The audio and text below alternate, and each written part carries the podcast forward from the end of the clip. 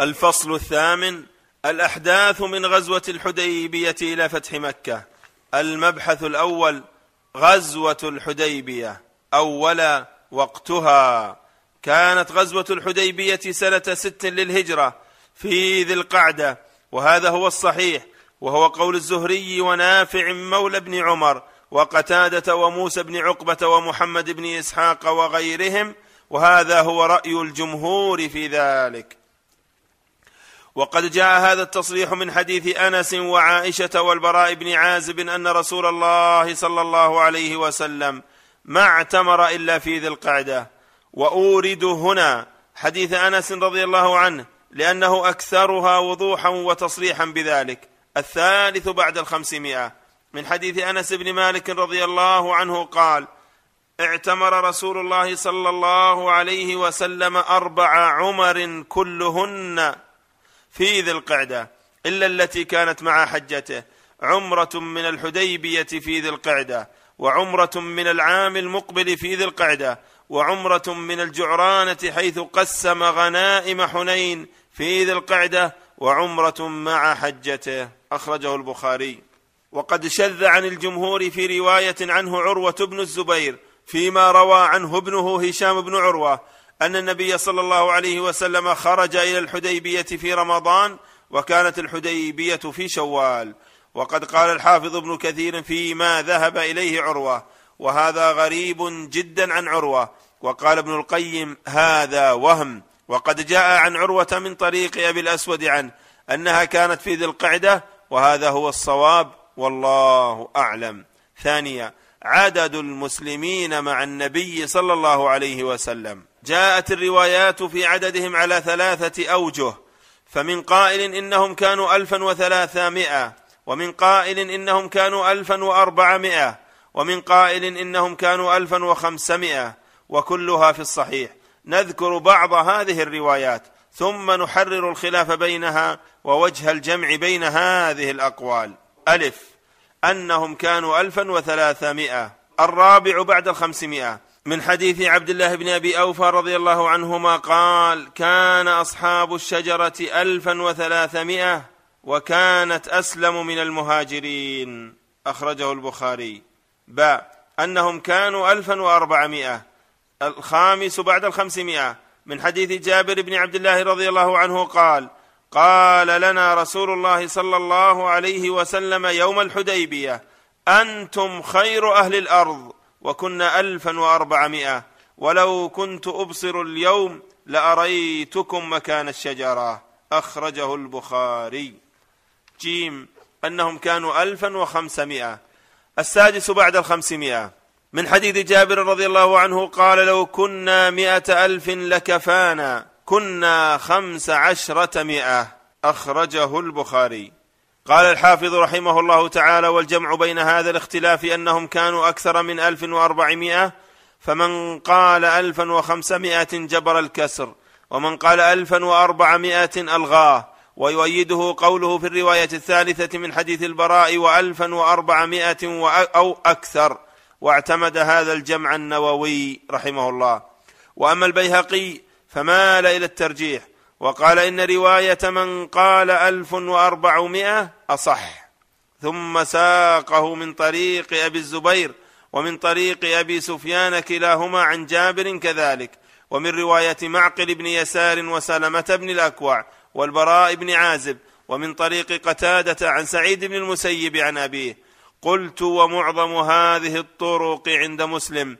ووقع عند ابن سعد في حديث معقل بن يسار زهاء ألف وأربعمائة وهو ظاهر في عدم التحديد. وأما قول عبد الله بن أبي أوفى ألفا وثلاثمائة فيمكن حمله على ما اطلع هو عليه واطلع غيره على زيادة ناس لم يطلع هو عليهم والزيادة من الثقة مقبولة.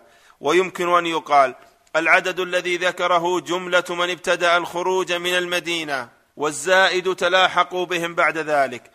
أو العدد الذي ذكره هو عدد المقاتلة والزيادة عليها من الأتباع من الخدم والنساء والصبيان الذين لم يبلغوا الحلم. وأما قول ابن إسحاق إنهم كانوا سبعمائة فلم يوافق عليه لأنه قاله استنباطا من قول جابر نحرنا البدنة عن عشرة وكانوا نحروا سبعين بدنة وهذا لا يدل على أنهم لم ينحروا غير البدن مع أن بعضهم لم يكن أحرم أصلا. وفي حديث المسور ومروان أنهم خرجوا مع النبي صلى الله عليه وسلم بضع عشرة مئة. فيجمع أيضا بأن الذين بايعوا كانوا كما تقدم وما زاد على ذلك كانوا غائبين عنها كمن توجه مع عثمان إلى مكة.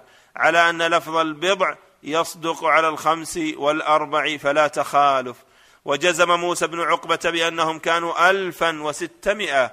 وفي حديث سلمة بن الأكوع عند ابن أبي شيبة الفا وسبعمائة وحكى ابن سعد أنهم كانوا الفا وخمسمائة وخمسة وعشرين وهذا إن ثبت تحرير بالغ. ثم وجدته موصولا عن ابن عباس عند ابن مردوي وفيه رد على ابن دحية حيث زعم أن سبب الاختلاف في عددهم أن الذي ذكر عددهم لم يقصد التحرير وإنما ذكره بالحدس والتخمين.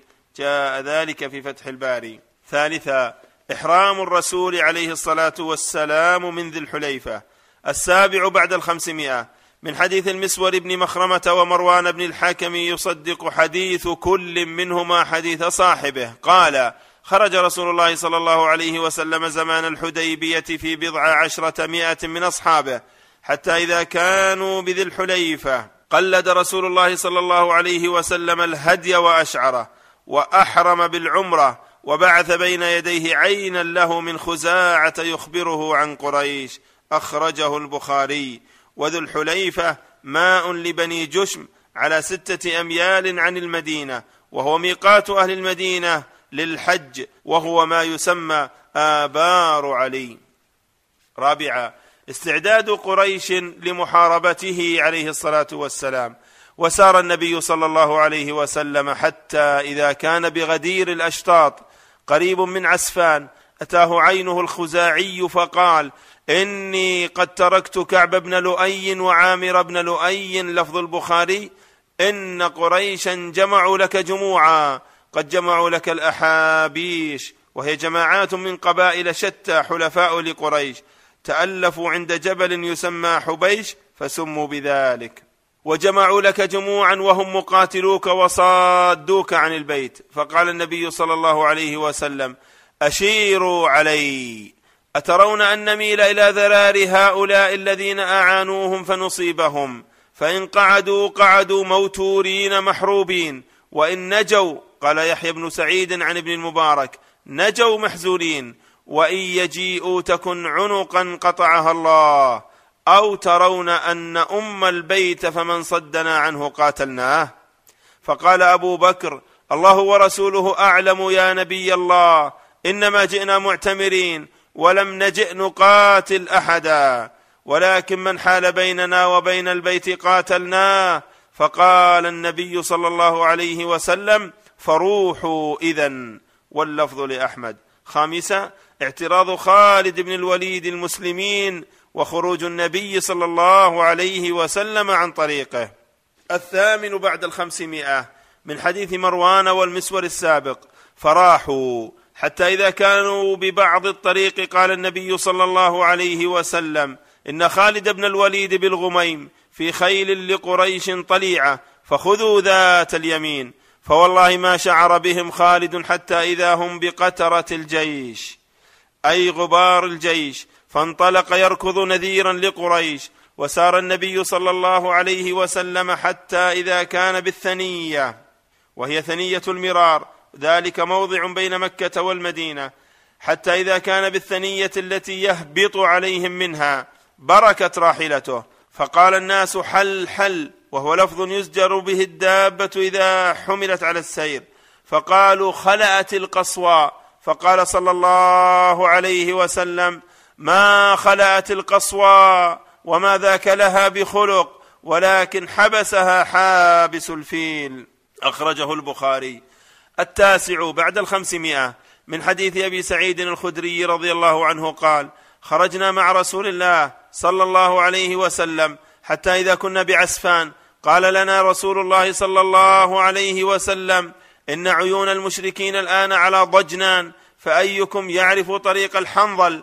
فقال رسول الله صلى الله عليه وسلم حين أمسى هل من رجل فينزل فيسعى فيسعى بين يدي الركاب. فقال رجل أنا يا رسول الله. فنزل فجعلت الحجارة تنكبه أي تناله وتصيبه والشجر يتعلق بثيابه. فقال رسول الله صلى الله عليه وسلم اركب. ثم نزل آخر فجعلت الحجارة تنكبه والشجر يعلق بثيابه. فقال رسول الله صلى الله عليه وسلم اركب ثم وقعنا على الطريق حتى سرنا في ثنية يقال لها الحنظل.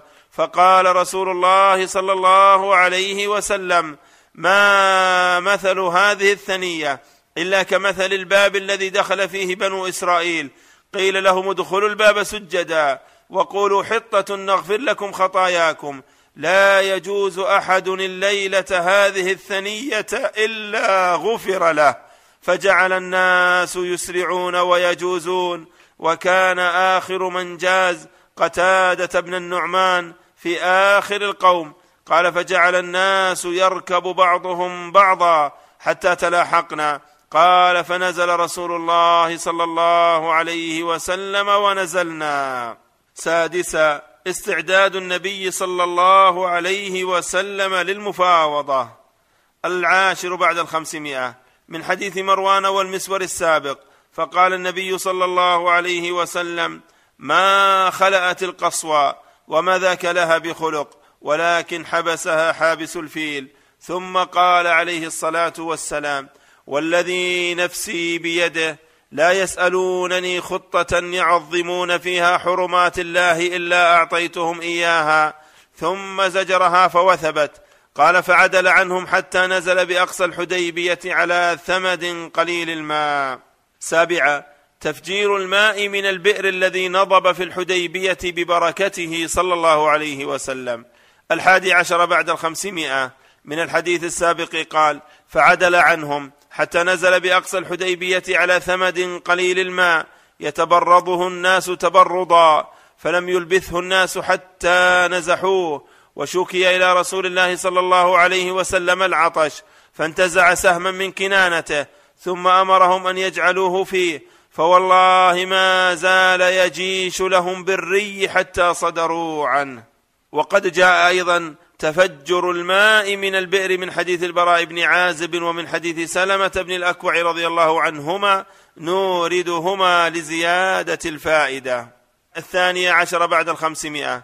من حديث البراء بن عازب رضي الله عنهما قال تعدون أنتم الفتح فتح مكة وقد كان فتح مكة فتحا ونحن نعد الفتح بيعة الرضوان يوم الحديبية كنا مع النبي صلى الله عليه وسلم أربع عشرة مئة والحديبية بئر فنزحناها فلم نترك فيها قطرة فبلغ ذلك النبي صلى الله عليه وسلم فأتى فجلس على شفيرها ثم دعا بإناء من ماء منها فتوضأ ثم مضمض ودعا ثم صبه فيها فتركها غير بعيد ثم إنها أصدرتنا نحن وركائبنا. وفي رواية أخرى قال بدل إناء من ماء منها إيتوني بدلو من مائها. وقال بدل فتركها غير بعيد دعوها ساعة. أخرجه البخاري. الثالث عشر بعد الخمسمائة. ومن حديث سلمة بن الأكوع رضي الله عنه قال قدمنا مع رسول الله صلى الله عليه وسلم الحديبية ونحن أربع عشرة مئه وعليها خمسون شاة لا ترويها.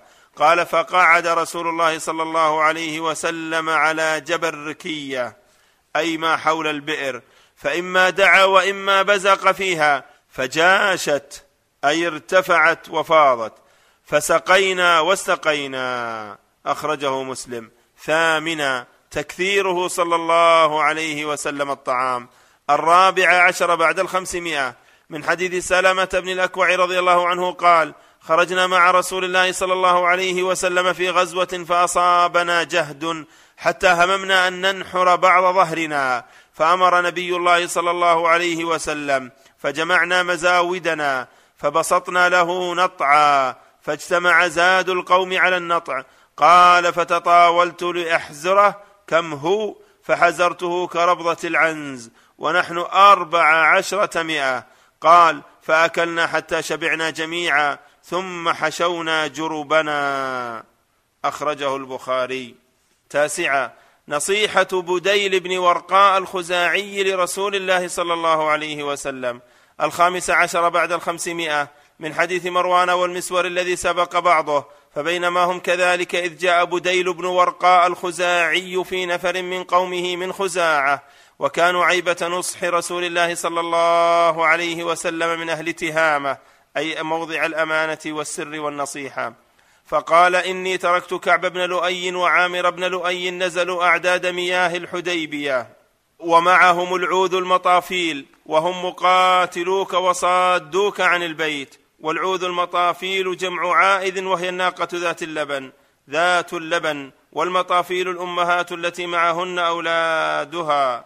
وهذا كناية أنهم خرجوا معهم يتزودون الألبان بتزود ألبانها لا يرجعون حتى يمنعوه.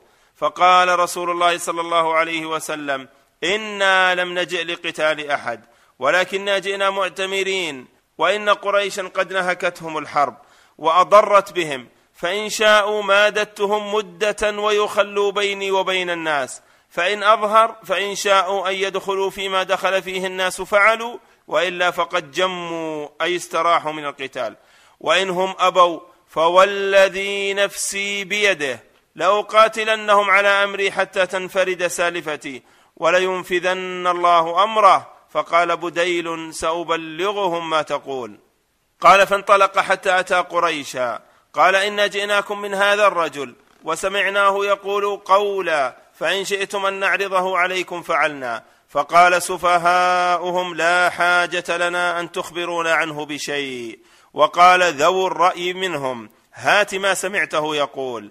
قال سمعته يقول كذا وكذا فحدثهم بما قال النبي صلى الله عليه وسلم.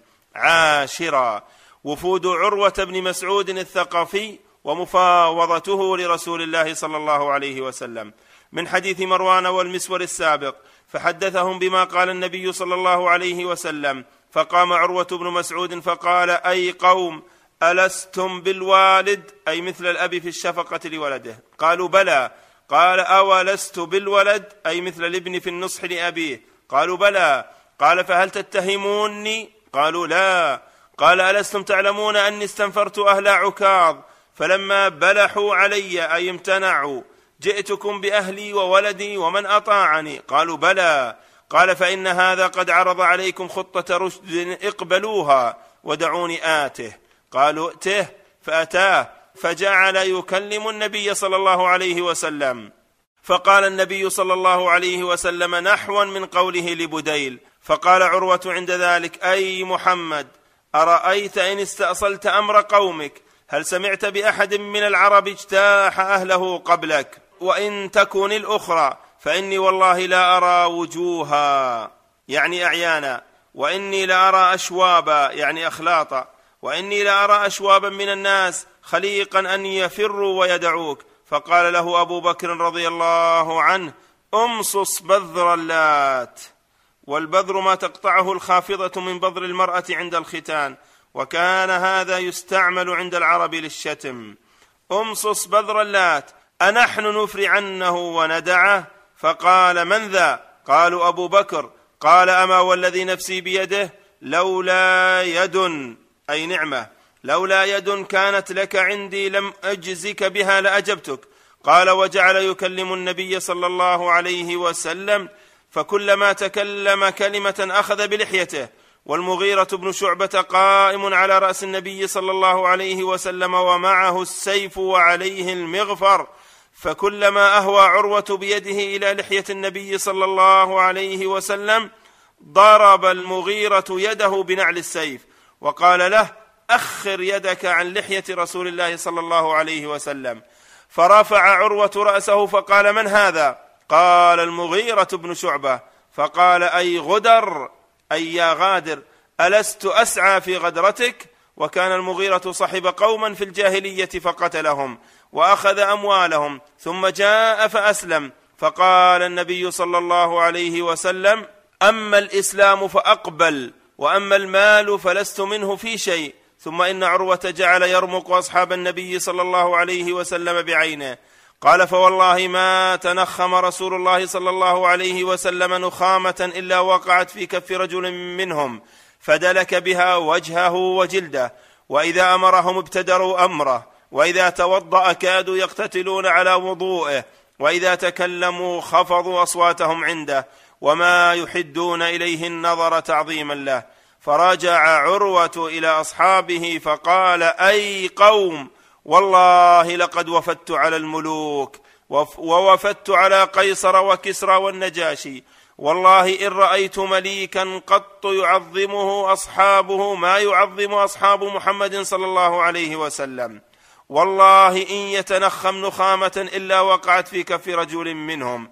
فدلك بها وجهه وجلده. وإذا أمرهم ابتدروا امره وإذا توضأ كادوا يقتتلون على وضوئه وإذا تكلموا أخفضوا أصواتهم عنده. وما يحدون إليه النظر تعظيما له وإنه قد عرض عليكم خطة رشد فاقبلوها. السادس عشر بعد الخمسمائة. من حديث المغيرة بن شعبة رضي الله عنه إنه كان قائما على رأس رسول الله صلى الله عليه وسلم. وعروة بن مسعود يكلمه فقال له المغيرة لتكفن يدك أو لا ترجع إليك يدك والمغيرة متقلد سيفا. فقال عروة من هذا؟ قال ابن أخيك المغيرة فقال يا غدر ما غسلت رأسي من غدرتك؟ الحادي عشر إرسال عثمان بن عفان إلى قريش من حديث مروان بن الحكم والمسور بن مخرمة قالا وقد كان رسول الله صلى الله عليه وسلم قبل ذلك بعث خراش بن أمية الخزاعي إلى مكة وحمله على جمل له يقال له الثعلب. فلما دخل مكة عقرت به قريش وأرادوا قتل خراش فمنعهم الأحابيش حتى أتى رسول الله صلى الله عليه وسلم. فدعا عمر ليبعثه إلى مكة فقال يا رسول الله إني أخاف قريشا على نفسي. وليس بها من بني عدي أحد يمنعني.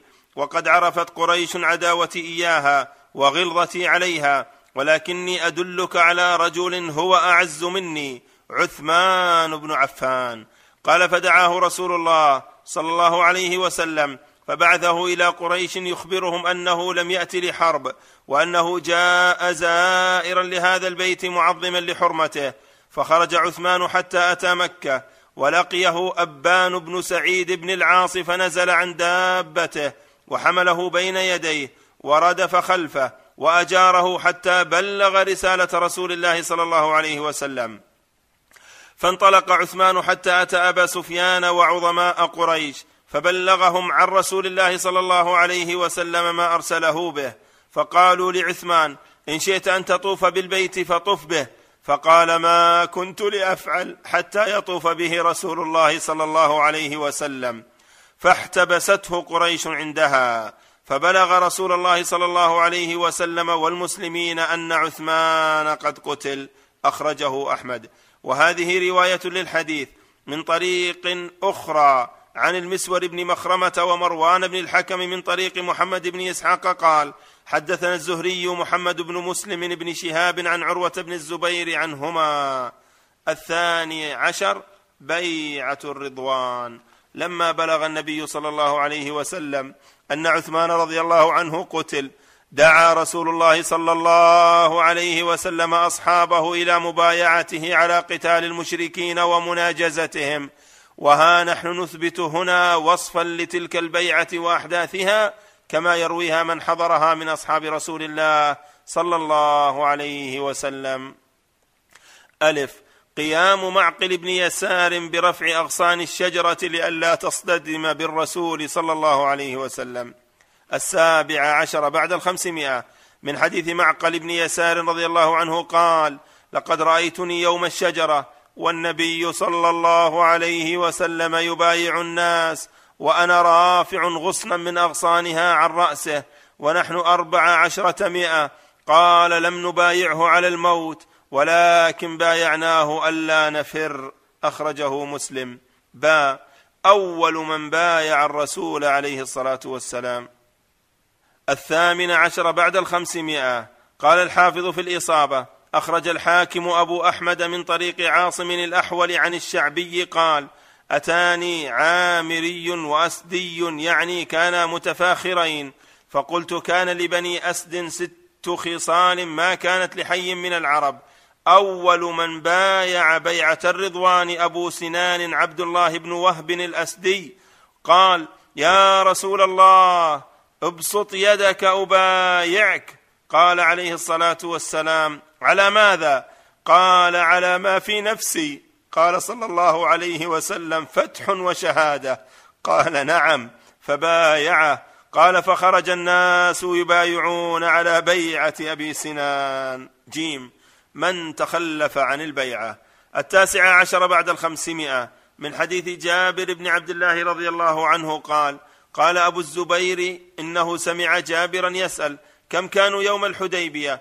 قال كنا أربع عشرة مئة. فبايعناه وعمر آخذ بيده تحت الشجرة وهي سمرة. فبايعناه غير جد بن قيس الأنصاري اختبأ تحت بطن بعيره. أخرجه مسلم. دال مبايعة سلمة بن الأكوع لرسول الله صلى الله عليه وسلم ثلاث مرات العشرون بعد الخمسمائة.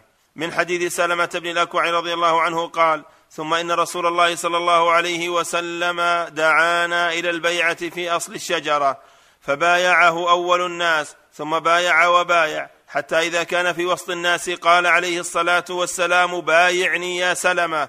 قال قلت يا رسول الله قد بايعتك أول الناس. قال عليه الصلاة والسلام وأيضا. قال ورآني رسول الله صلى الله عليه وسلم عزلا أي لا سلاح لي. فأعطاني جحفة أو درقا وهي الترس ثم بايع حتى إذا كان في آخر الناس قال ألا تبايع يا سلمة؟ قال قلت يا رسول الله قد بايعتك في أول الناس وأوساطهم. قال عليه الصلاة والسلام. وأيضا فبايعته الثالثة. فقال يا سلمة أين جحفتك أو درقتك التي أعطيتك؟ قال قلت يا رسول الله لقي لقيني عامر عزلا فأعطيته إياها فضحك رسول الله صلى الله عليه وسلم ثم قال إنك كالذي قال الأول اللهم ابغني حبيبا هو أحب إلي من نفسي.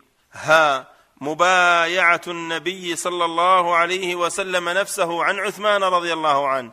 الحادي والعشرون بعد الخمسمائة. من حديث ابن عمر رضي الله عنهما كما رواه عنه عثمان بن وهب قال جاء رجل حج للبيت فرأى قوما جلوسا فقال من هؤلاء القعود؟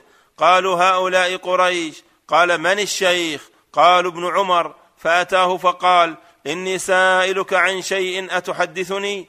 قال أنشدك بحرمة هذا البيت. أتعلم أن عثمان بن عفان فر يوم أحد؟ قال نعم. قال فتعلمه تغيب عن بدر فلم يشهدها؟ قال نعم. قال فتعلم أنه تخلف عن بيعة الرضوان فلم يشهدها؟ قال نعم. قال فكبر. قال ابن عمر تعال لأخبرك ولأبين لك عما سألتني عنه. أما فراره يوم أحد فأشهد أن الله عفى عنه. وأما تغيبه يوم بدر فإنه كان تحته بنت رسول الله صلى الله عليه وسلم وكانت مريضة. فقال له النبي صلى الله عليه وسلم إن لك أجر رجل ممن شهد بدرا وسهمه وأما تغيبه عن بيعة الرضوان فإنه لو كان أحد أعز ببطن مكة من عثمان بن عفان لبعثه مكانه. فبعث عثمان وكانت بيعة الرضوان بعدما ذهب عثمان إلى مكة. فقال النبي صلى الله عليه وسلم بيده اليمين هذه يد عثمان. فضرب بها على يده فقال عليه الصلاة والسلام هذه لعثمان. قال ابن عمر اذهب بها الآن معك. أخرجه البخاري. واو! بيعة عمر بن الخطاب رضي الله عنه الثاني والعشرون بعد الخمسمائة. قال نافع إن الناس يتحدثون أن ابن عمر أسلم قبل عمر وليس كذلك. ولكن عمر يوم الحديبية أرسل عبد الله إلى فرس له عند رجل من الأنصار يأتي به ليقاتل عليه. ورسول الله صلى الله عليه وسلم يبايع عند الشجرة وعمر لا يدري بذلك فبايعه عبد الله ثم ذهب إلى الفرس فجاء به إلى عمر وعمر يستلئم للقتال فأخبره أن رسول الله صلى الله عليه وسلم يبايع تحت الشجرة قال فانطلق فذهب معه. وفي رواية أخرى من طريق نافع عن ابن عمر رضي الله عنهما أن الناس كانوا مع النبي صلى الله عليه وسلم يوم الحديبية تفرقوا في ظلال الشجر فإذا الناس محدقون أي محيطون بالنبي صلى الله عليه وسلم. فقال يا عبد الله انظر ما شأن الناس قد أحدقوا برسول الله صلى الله عليه وسلم. فوجدهم يبايعون فبايع. ثم رجع إلى عمر فخرج فبايع. أخرجه البخاري. قال الحافظ ابن حجر ويمكن الجمع بينهما بأنه بعثه يحضر له الفرس. ورأى الناس مجتمعين فقال له انظر ما شأنهم.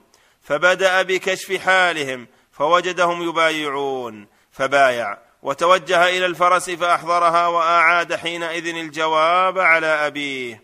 جاء ذلك في فتح الباري. زاي. على ما بايع الصحابة رسول الله صلى الله عليه وسلم يوم الحديبية. اختلف الصحابة في ذلك على ثلاثة أقوال. الأول قالوا بايعنا على الموت وهو قول سلمة بن الأكوع وعبد الله بن زيد بن عاصم. الثالث والعشرون بعد الخمسمائة من حديث سلمة بن الأكوع رضي الله عنه أن يزيد بن أبي عبيد رحمه الله قال قلت لسلمة بن الأكوع رضي الله عنه على أي شيء بايعتم رسول الله صلى الله عليه وسلم يوم الحديبية؟ قال على الموت. أخرجه البخاري. الرابع والعشرون بعد الخمسمائة. ومن حديث عبد الله بن زيد رضي الله عنه قال أتاه آت فقال هذاك ابن حنظلة يبايع الناس. فقال على ماذا؟ قال على الموت. قال لا أبايع على هذا أحدا بعد رسول الله صلى الله عليه وسلم. وكان شهد معه الحديبية أخرجه البخاري. الثاني قالوا إنهم بايعوه على عدم الفرار وهو قول جابر بن عبد الله ومعقل بن يسار. الخامس والعشرون بعد الخمسمائة. من حديث جابر بن عبد الله رضي الله عنه قال كنا يوم الحديبية ألفا وأربعمائة فبايعناه وعمر رضي الله عنه آخذ بيده تحت الشجرة وهي سمرة. قال فبايعناه على أن لا نفر ولم نبايعه على الموت. أخرجه مسلم.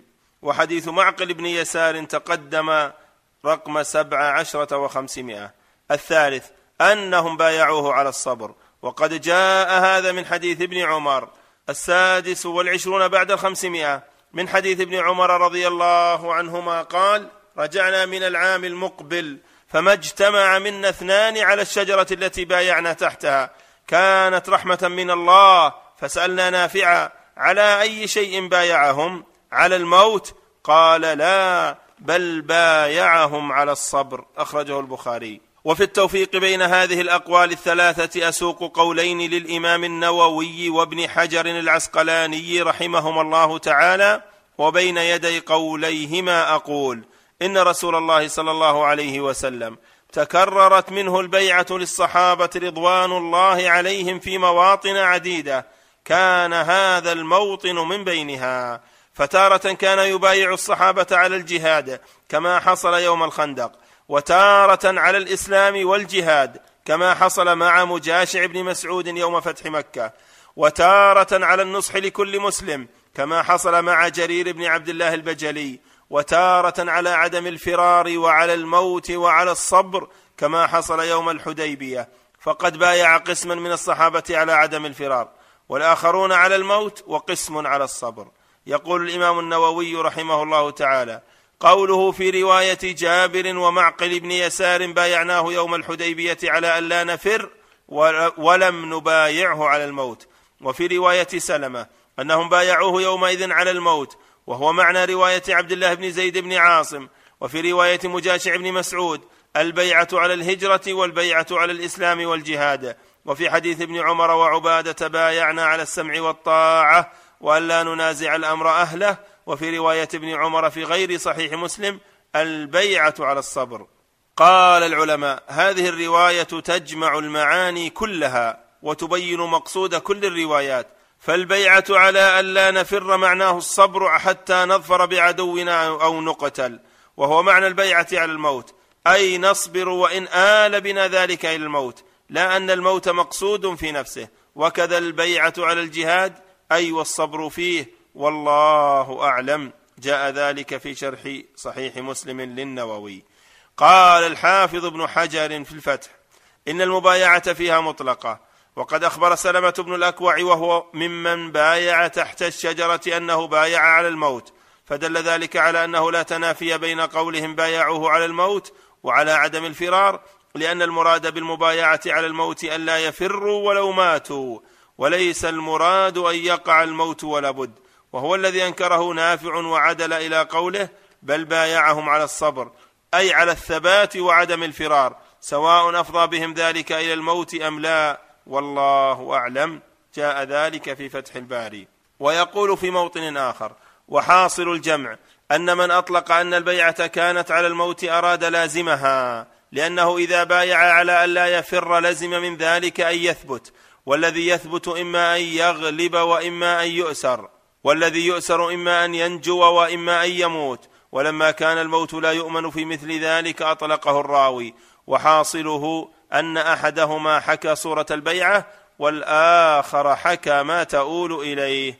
جاء ذلك في فتح الباري. وقال الإمام الترمذي في سننه في تعليقه على الحديث رقم الثالث والتسعين بعد الخمسمائة والألف. ومعنى كلا الحديثين صحيح. قد بايعه قوم من أصحابه على الموت وإنما قالوا لا نزال بين يديك حتى نقتل. وبايعه آخرون فقالوا لا نفر. سنن الترمذي. الثالث عشر إرسال سيد الأحابيش للتفاوض مع النبي صلى الله عليه وسلم. السابع والعشرون بعد الخمسمائة. من حديث المسور بن مخرمة ومروان بن الحكم الآن في الذكر فقال رجل من بني كنانة دعوني آتيه.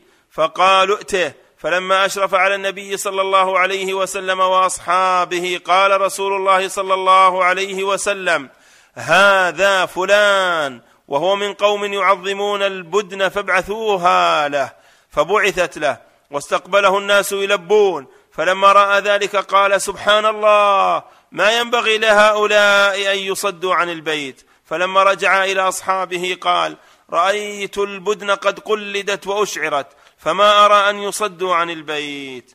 وقد صرح ابن إسحاق رحمه الله في روايته لهذا الحديث باسم ذلك الرجل وإسناد ذلك الحديث صحيح.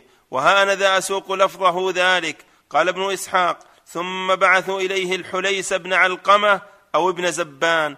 وكان يومئذ سيد الأحابيش وهو أحد بني الحارث بن عبد مناه بن كنانة. فلما رآه رسول الله صلى الله عليه وسلم قال إن هذا من قوم يتألهون فابعثوا الهدي في وجهه حتى يراه ويتألهون أن يعبدون الإله ويعظمونه. فلما رأى الهدي يسيل عليه من عرض الوادي أي من جانبه في قلائده أي ما يعلق في أعناق الهدي ليعلم أنه هدي.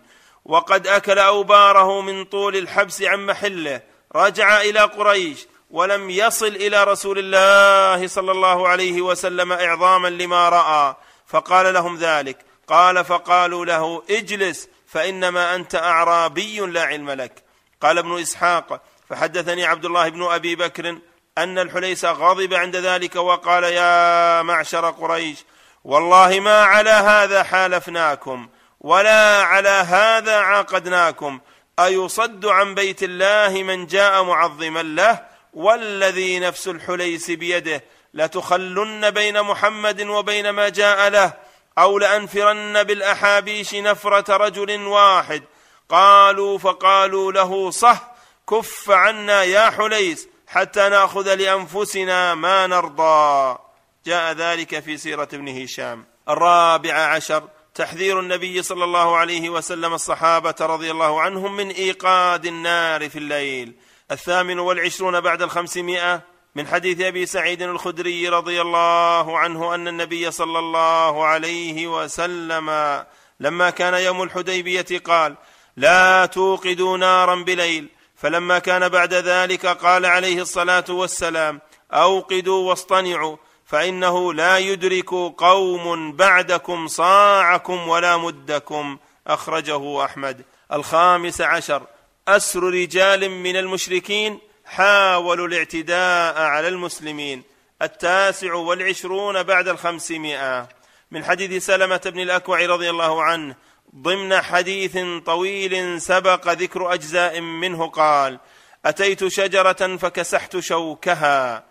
أي كنست ما تحتها من الشوك واضطجعت في أصلها فأتاني أربعة من أهل مكة من المشركين فجعلوا يقعون في رسول الله صلى الله عليه وسلم فأبغضتهم فتحولت إلى شجرة أخرى وعلقوا سلاحهم واضطجعوا فبينما هم كذلك إذ نادى مناد من أسفل الوادي يا للمهاجرين قتل ابن زنيم قال فاخترت سيفي ثم شددت على هؤلاء الأربعة وهم رقود فأخذت سلاحهم فجعلته ضغثا أي حزمة فجعلته ضغثا في يدي.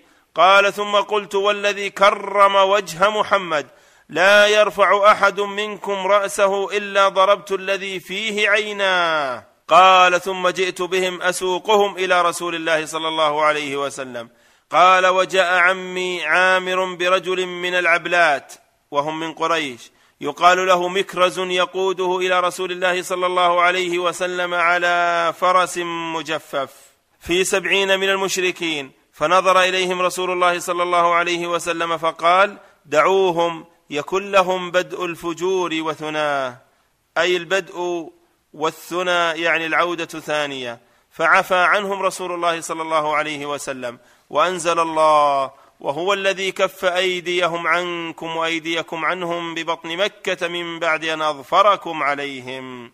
الثلاثون بعد الخمسمائة. من حديث أنس بن مالك رضي الله عنه أن ثمانين رجلا من أهل مكة هبطوا على رسول الله صلى الله عليه وسلم من جبل التنعيم متسلحين يريدون غرة النبي صلى الله عليه وسلم وأصحابه فأخذهم سلما فاستحياهم.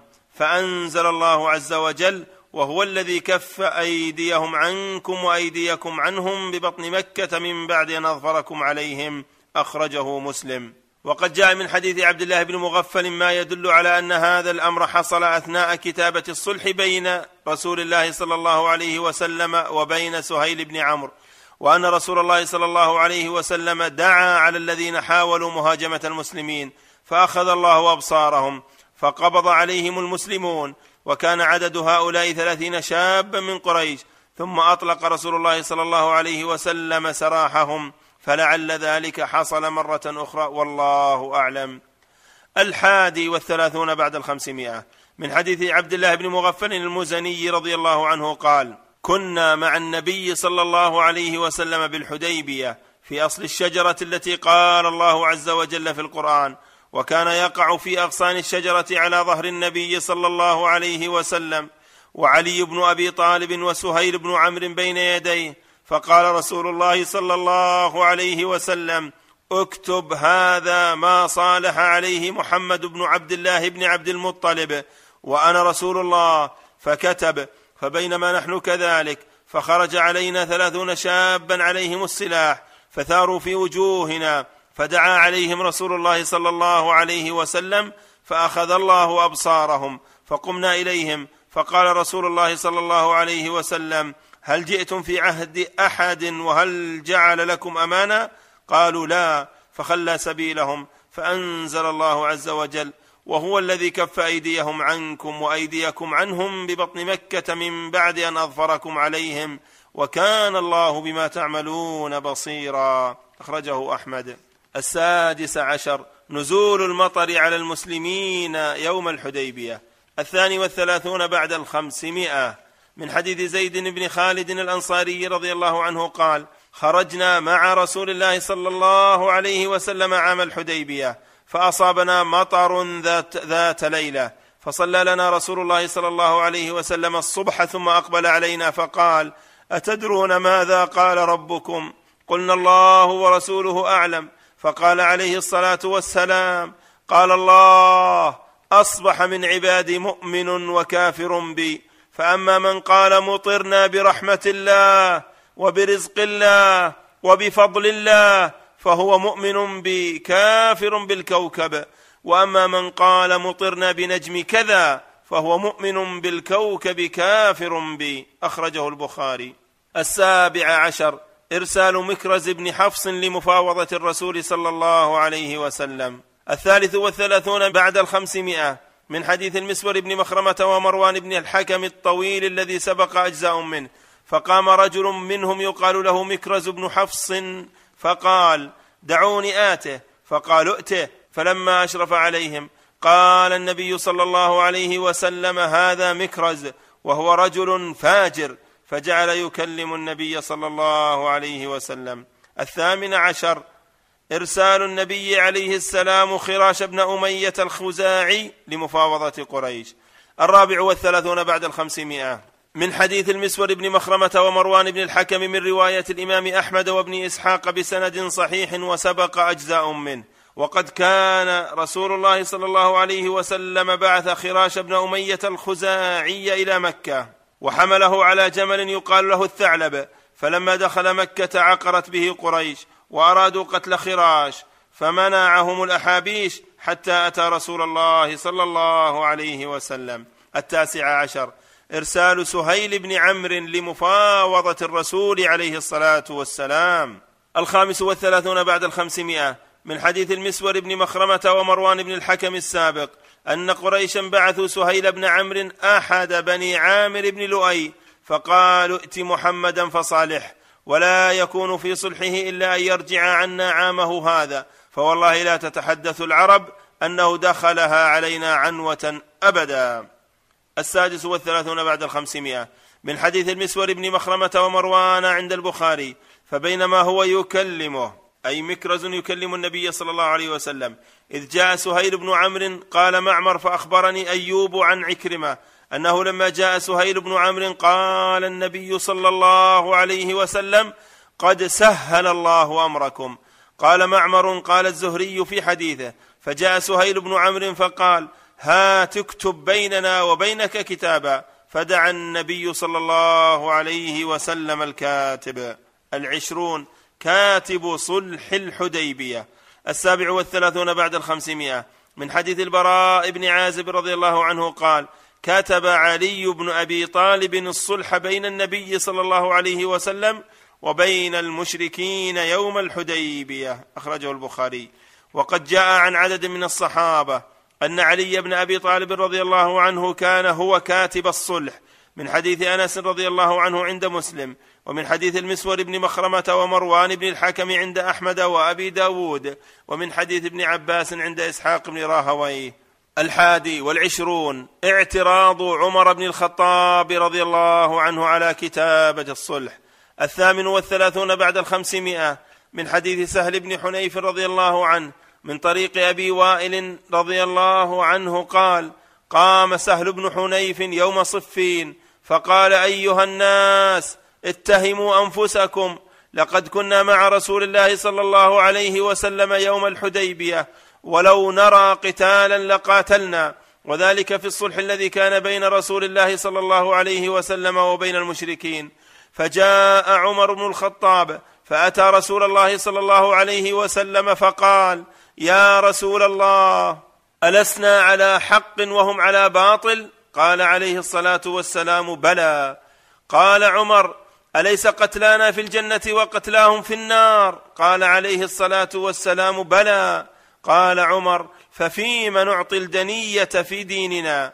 ففيم نعطي الدنية في ديننا ونرجع ولما يحكم الله بيننا وبينهم فقال عليه الصلاة والسلام يا ابن الخطاب إني رسول الله ولن يضيعني الله أبدا. قال فانطلق عمر فلم يصبر متغيظا. فأتى أبا بكر فقال يا أبا بكر ألسنا على حق وهم على باطل؟ قال بلى. قال أليس قتلانا في الجنة وقتلاهم في النار؟ قال بلى. قال فعلى ما نعطي الدنية في ديننا ونرجع ولما يحكم الله بيننا وبينهم. فقال أبو بكر رضي الله عنه يا ابن الخطاب إنه رسول الله. ولن يضيعه الله أبدا. قال فنزل القرآن على رسول الله صلى الله عليه وسلم بالفتح فأرسل إلى عمر فأقرأه إياه. فقال يا رسول الله أو فتح هو؟ قال عليه الصلاة والسلام نعم. فطابت نفسه ورجع.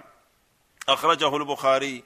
وقد جاءت قصة عمر هذه أيضا من حديث المسور بن مخرمة ومروان بن الحكم الوارد في الصحيحين. كما سبق التعليق عليه. وقد كان موقف بعض الصحابة شبيها بموقف عمر بن الخطاب ولكنهم لم يستطيعوا التعبير عن أنفسهم كما عبر عمر بن الخطاب رضي الله عنه. كما يتضح لنا من موقف سهل بن حنيف رضي الله عنه في الحديث الذي سأسوقه لاحقا.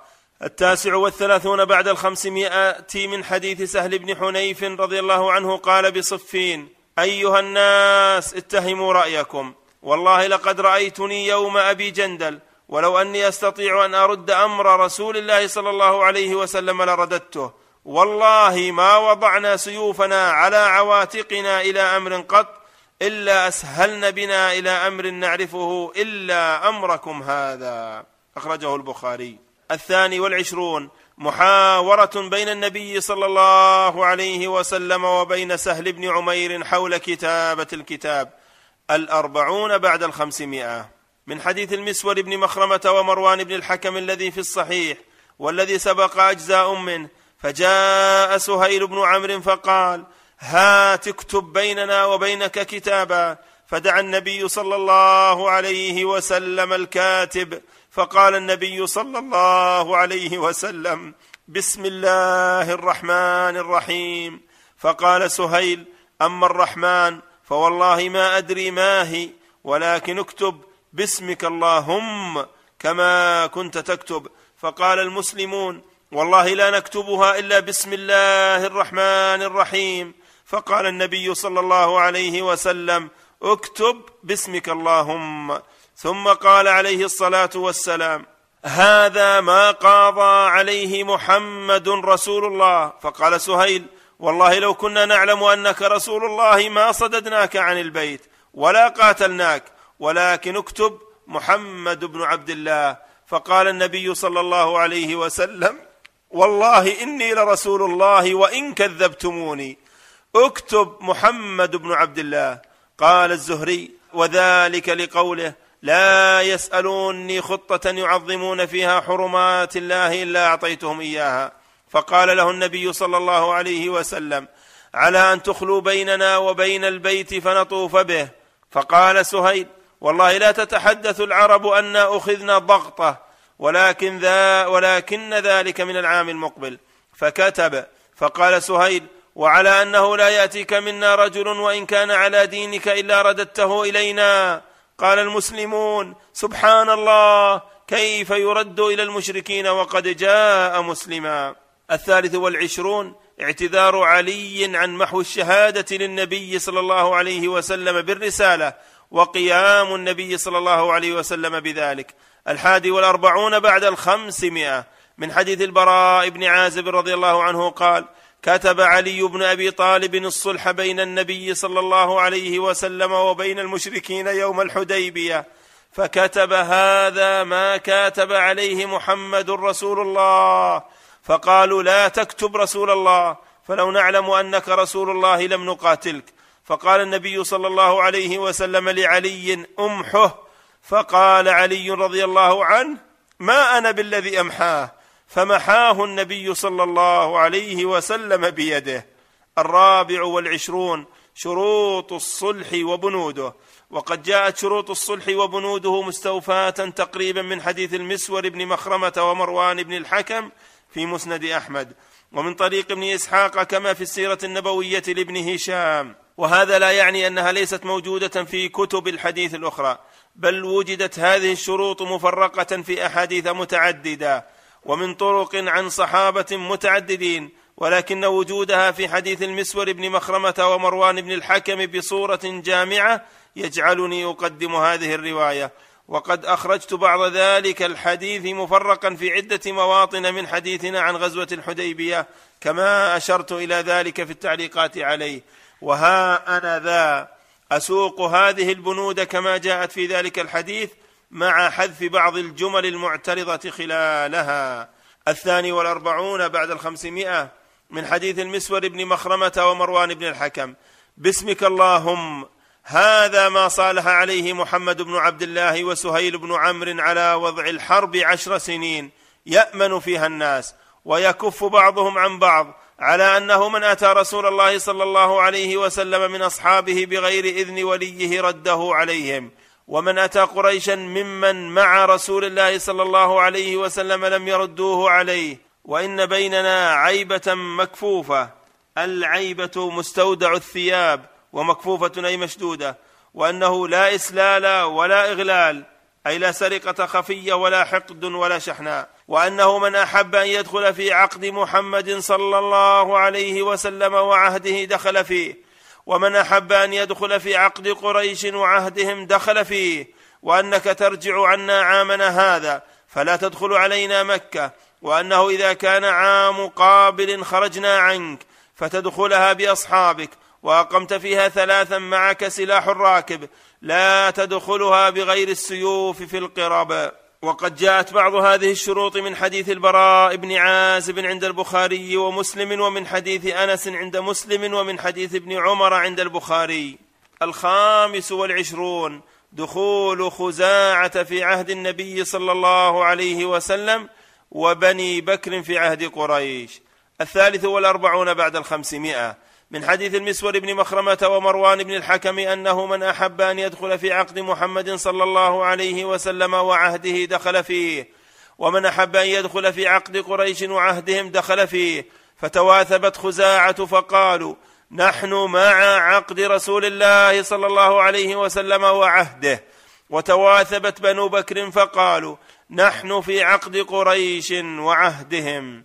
السادس والعشرون قصة أبي جندل ابن سهيل بن عمرو الرابع والأربعون بعد الخمسمائة من حديث مروان بن الحكم والمسور بن مخرمة الذي في الصحيح وسبقت منه أجزاء متعددة في أماكن شتى من هذه الغزوة وأشير إليها في أمكنتها ومما جاء فيها أنهم في أثناء كتابتهم لبنود الاتفاقية جاء أبو جندل بن سهيل بن عمرو فطالب والده برده التزاما بالشروط فبينما هم كذلك إذ دخل أبو جندل بن سهيل بن عمرو يرصف في قيوده وقد خرج من أسفل الكعبة حتى رمى بنفسه بين أظهر المسلمين. فقال سهيل هذا يا محمد أول ما أقاضيك عليه أن ترده إلي. فقال النبي صلى الله عليه وسلم إنا لم نقض الكتاب بعد. أي لم نفرغ من كتابته. قال فوالله إذا لم أصالحك على شيء أبدا. قال النبي صلى الله عليه وسلم فأجزه لي. قال ما أنا بمجيزه لك. قال عليه الصلاة والسلام بلى فافعل. قال ما أنا بفاعل. قال مكرز. بل قد أجزناه لك. قال أبو جندل أي معشر المسلمين أرد إلى المشركين وقد جئت مسلما. ألا ترون ما لقيت؟ وكان قد عذب عذابا شديدا في الله.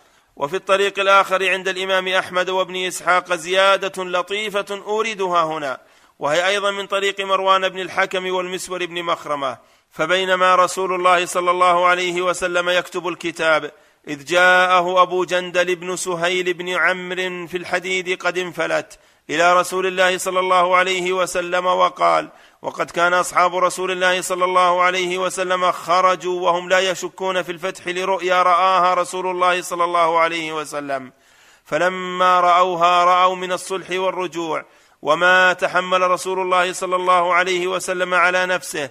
دخل الناس في ذلك أمر عظيم حتى كادوا أن يهلكوا. فلما رأى سهيل أبا جندل قام إليه فضرب وجهه ثم قال يا محمد قد لجت القضية أي وجبت. قد لجت القضية بيني وبينك قبل أن يأتيك هذا. قال عليه الصلاة والسلام صدقت. فقام إليه فأخذ بتلبيبه. أخذ بتلبيبه أي بمجمع ثوبه. قال وصرخ أبو جندل بأعلى صوته يا معاشر المسلمين أتردونني إلى أهل الشرك فيفتنوني في ديني؟ قال فزاد الناس شرا إلى ما بهم.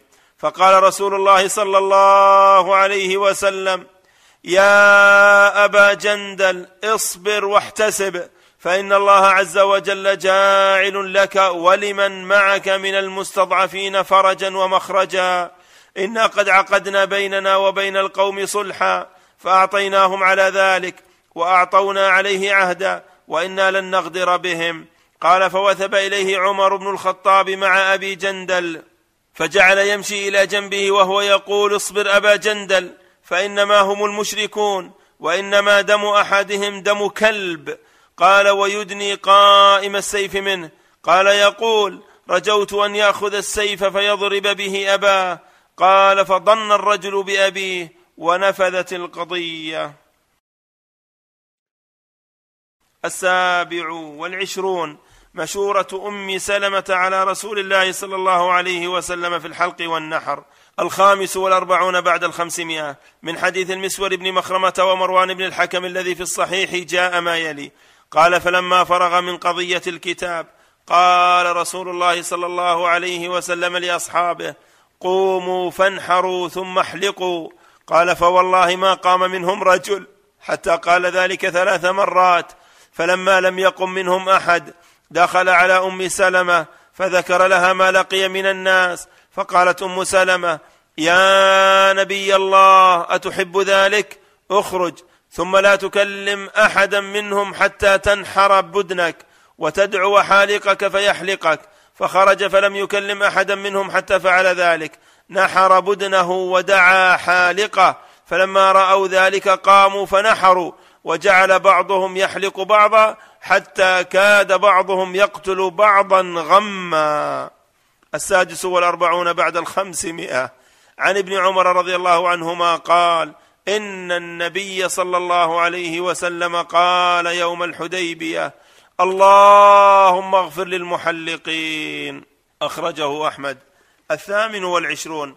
الشجرة التي بويع النبي صلى الله عليه وسلم تحتها وشأنها. السابع والأربعون بعد الخمسمائة. من حديث طارق بن عبد الرحمن قال انطلقت حاجا فمررت بقوم يصلون. قلت ما هذا المسجد؟ قالوا هذه الشجرة حيث بايع رسول الله صلى الله عليه وسلم بيعة الرضوان. فأتيت سعيد بن المسيب فأخبرته فقال سعيد حدثني أبي أنه كان في من بايع رسول الله صلى الله عليه وسلم تحت الشجرة قال فلما خرجنا من العام المقبل نسيناها فلم نقدر عليها. فقال سعيد إن أصحاب محمد صلى الله عليه وسلم لم يعلموها وعلمتموها أنتم فأنتم أعلم. أخرجه البخاري. التاسع والعشرون. قوله تعالى فمن كان منكم مريضا أو به أذى من رأسه ففدية الثامن والأربعون بعد الخمسمائة. من حديث كعب بن عجرة رضي الله عنه قال كنا مع رسول الله صلى الله عليه وسلم بالحديبية ونحن محرمون وقد حصرنا المشركون. قال وكانت لي وفرة فجعلت الهوام تساقط من رأسي. فمر بي النبي صلى الله عليه وسلم فقال أيؤذيك هوام رأسك؟ قلت نعم. وأنزلت هذه الآية فمن كان منكم مريضا أو به أذى من رأسه ففدية من صيام أو صدقة أو نسك. أخرجه البخاري. الثلاثون منزلة أهل الحديبية. التاسع والأربعون بعد الخمسمائة. من حديث جابر بن عبد الله رضي الله عنهما قال كنا يوم الحديبية ألفا وأربعمائة فقال لنا النبي صلى الله عليه وسلم وأنتم اليوم خير أهل الأرض وقال جابر لو كنت أبصر لأريتكم موضع الشجرة أخرجه البخاري. الخمسون بعد الخمسمائة. ومن حديث جابر أيضا قال إن عبدا لحاطب جاء إلى رسول الله صلى الله عليه وسلم يشكو حاطبا فقال يا رسول الله ليدخلن حاطب النار. فقال رسول الله صلى الله عليه وسلم كذبت لا يدخلها. فإنه شهد بدرا والحديبية. أخرجه مسلم. الحادي والخمسون بعد الخمسمائة. ومن حديث جابر بن عبد الله أيضا قال أخبرتني أم مبشر أنها سمعت النبي صلى الله عليه وسلم يقول عند حفصة لا يدخل النار إن شاء الله من أصحاب الشجرة أحد الذين بايعوا تحتها. قالت بلى يا رسول الله فانتهرها. فقالت حفصة وإن منكم إلا واردها. فقال النبي صلى الله عليه وسلم قد قال الله عز وجل ثم ننجي الذين اتقوا ونذر الظالمين فيها جثيا. أخرجه مسلم. الحادي والثلاثون فتيان الصحابة يستقون الماء. الثاني والخمسون بعد الخمسمائة. من حديث جابر رضي الله عنهما قال أقبلنا مع رسول الله صلى الله عليه وسلم عام الحديبية حتى إذا كنا بالسقيا. وهي قرية على بعد مائه ميل من نحو المدينة. قال معاذ من يسقينا في أسقيتنا؟ قال فخرجت في فتيان معي حتى أتينا الاثايه والاثايه موضع بطريق الجحفة. حتى أتينا الاثايه فأسقينا واستقينا. قال فلما كان بعد عتمة الليل إذا رجل ينازعه بعيره الماء فإذا رسول الله صلى الله عليه وسلم فأخذت راحلته فأنختها. قال فتقدم فصلى العشاء وأنا عن يمينه ثم صلى ثلاث عشرة ركعة. الثاني والثلاثون الفتح هو صلح الحديبية. الثالث والخمسون بعد الخمسمائة. من حديث البراء بن عازب رضي الله عنه قال تعدون أنتم الفتح فتح مكة. وقد كان فتح مكة فتحا ونحن نعد الفتح بيعة الرضوان يوم الحديبية. الرابع والخمسون بعد الخمسمائة. من حديث مجمع بن جارية رضي الله عنه قال شهدنا الحديبية فلما انصرفنا وجدنا رسول الله صلى الله عليه وسلم واقفا عند كراع الغميم وقد جمع الناس قرأ عليهم إنا فتحنا لك فتحا مبينا. فقال رجل يا رسول الله أو فتح هو؟ قال عليه الصلاة والسلام إي والذي نفسي بيده إنه لفتح. أخرجه أبو داود. وفي هذا يقول الحافظ ابن حجر في الفتح وهذا موضع وقع فيه اختلاف قديم والتحقيق أنه يختلف ذلك باختلاف المراد من الآيات. فقوله تعالى انا فتحنا لك فتحا مبينا. المراد بالفتح هنا الحديبية لأنها كانت مبدأ الفتح المبين على المسلمين لما ترتب على الصلح الذي وقع منه الأمن ورفع الحرب وتمكن من يخشى الدخول في الإسلام. والوصول إلى المدينة من ذلك كما وقع لخالد بن الوليد وعمرو بن العاص وغيرهما ثم تبعت الأسباب بعضها بعضا إلى أن كمل الفتح. وقد ذكر ابن إسحاق في المغازي عن الزهري قال لم يكن في الإسلام فتح قبل فتح الحديبية أعظم منه وإنما كان الكفر حيث القتال فلما أمن الناس كلهم كلم بعضهم بعضا وتفاوضوا في الحديث والمنازعة ولم يكن أحد في الإسلام يعقل شيئا إلا بادر إلى الدخول فيه. فلقد دخل في تلك السنتين مثل من كان دخل في الإسلام قبل ذلك أو أكثر. قال ابن هشام ويدل عليه أنه صلى الله عليه وسلم خرج في الحديبية في ألف وأربعمائة ثم خرج بعد سنتين إلى فتح مكة في عشرة آلاف. انتهى. وهذه الآية نزلت منصرفه عليه السلام من الحديبية. وأما قوله تعالى في هذه السورة وأثابهم فتحا قريبا فالمراد بها فتح خيبر على الصحيح لأنها هي التي وقعت فيها المغانم الكثيرة للمسلمين. وقد روى أحمد وأبو داود والحاكم من حديث مجمع بن حارثة قال شهدنا الحديبية فلما انصرفنا وجدنا رسول الله صلى الله عليه وسلم واقفا عند كراع الغميم وقد جمع الناس قرأ عليهم إنا فتحنا لك فتحا مبينا الآية. فقال رجل يا رسول الله أو فتح هو؟ قال عليه الصلاة والسلام إي والذي نفسي بيده إنه لفتح. ثم قسمت خيبر على أهل الحديبية. وروى سعيد بن منصور بإسناد صحيح عن الشعبي في قوله إنا فتحنا لك فتحا مبينا. قال صلح الحديبية. وغفر له ما تقدم وما تأخر وتبايعوا بيعة الرضوان وأطعموا نخيل خيبر وظهرت الروم على فارس وفرح المسلمون بنصر الله.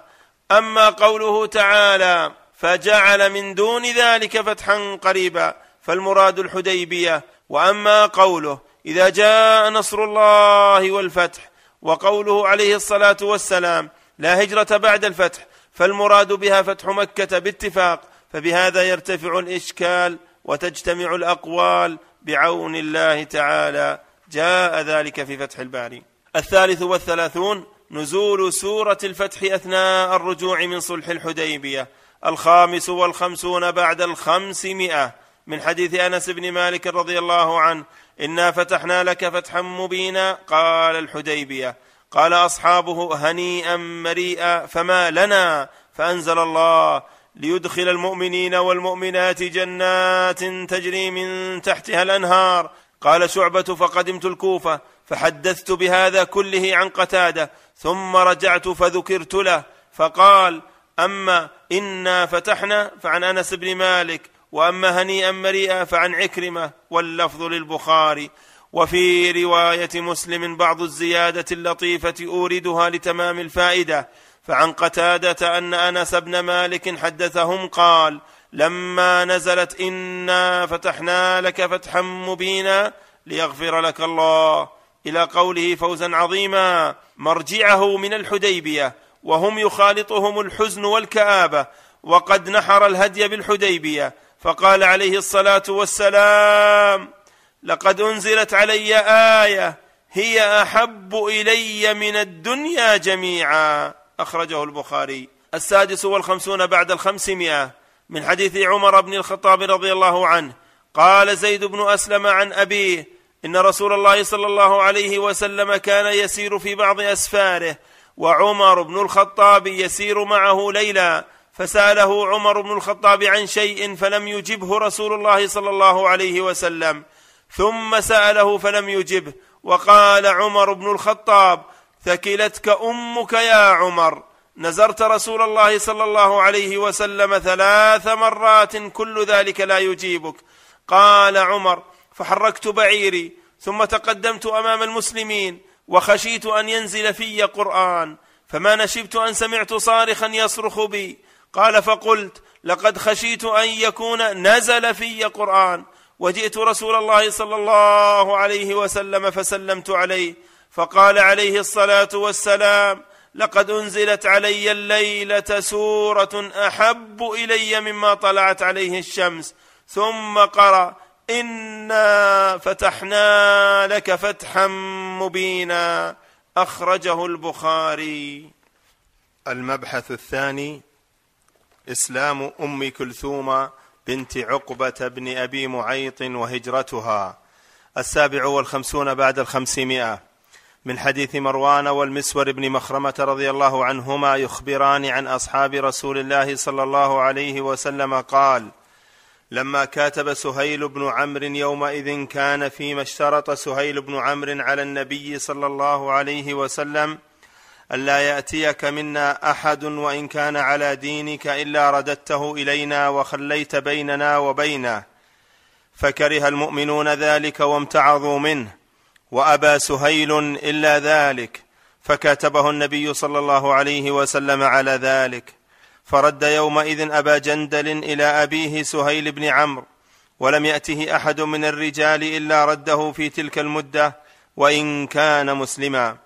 وجاءت المؤمنات مهاجرات وكانت أم كلثوم بنت عقبة بن أبي معيط ممن خرج إلى رسول الله صلى الله عليه وسلم يومئذ وهي عاتق فجاء أهلها يسألون النبي صلى الله عليه وسلم أن يرجعها إليهم فلم يرجعها إليهم لما أنزل الله فيهن ولا هم يحلون لهن أخرجه البخاري.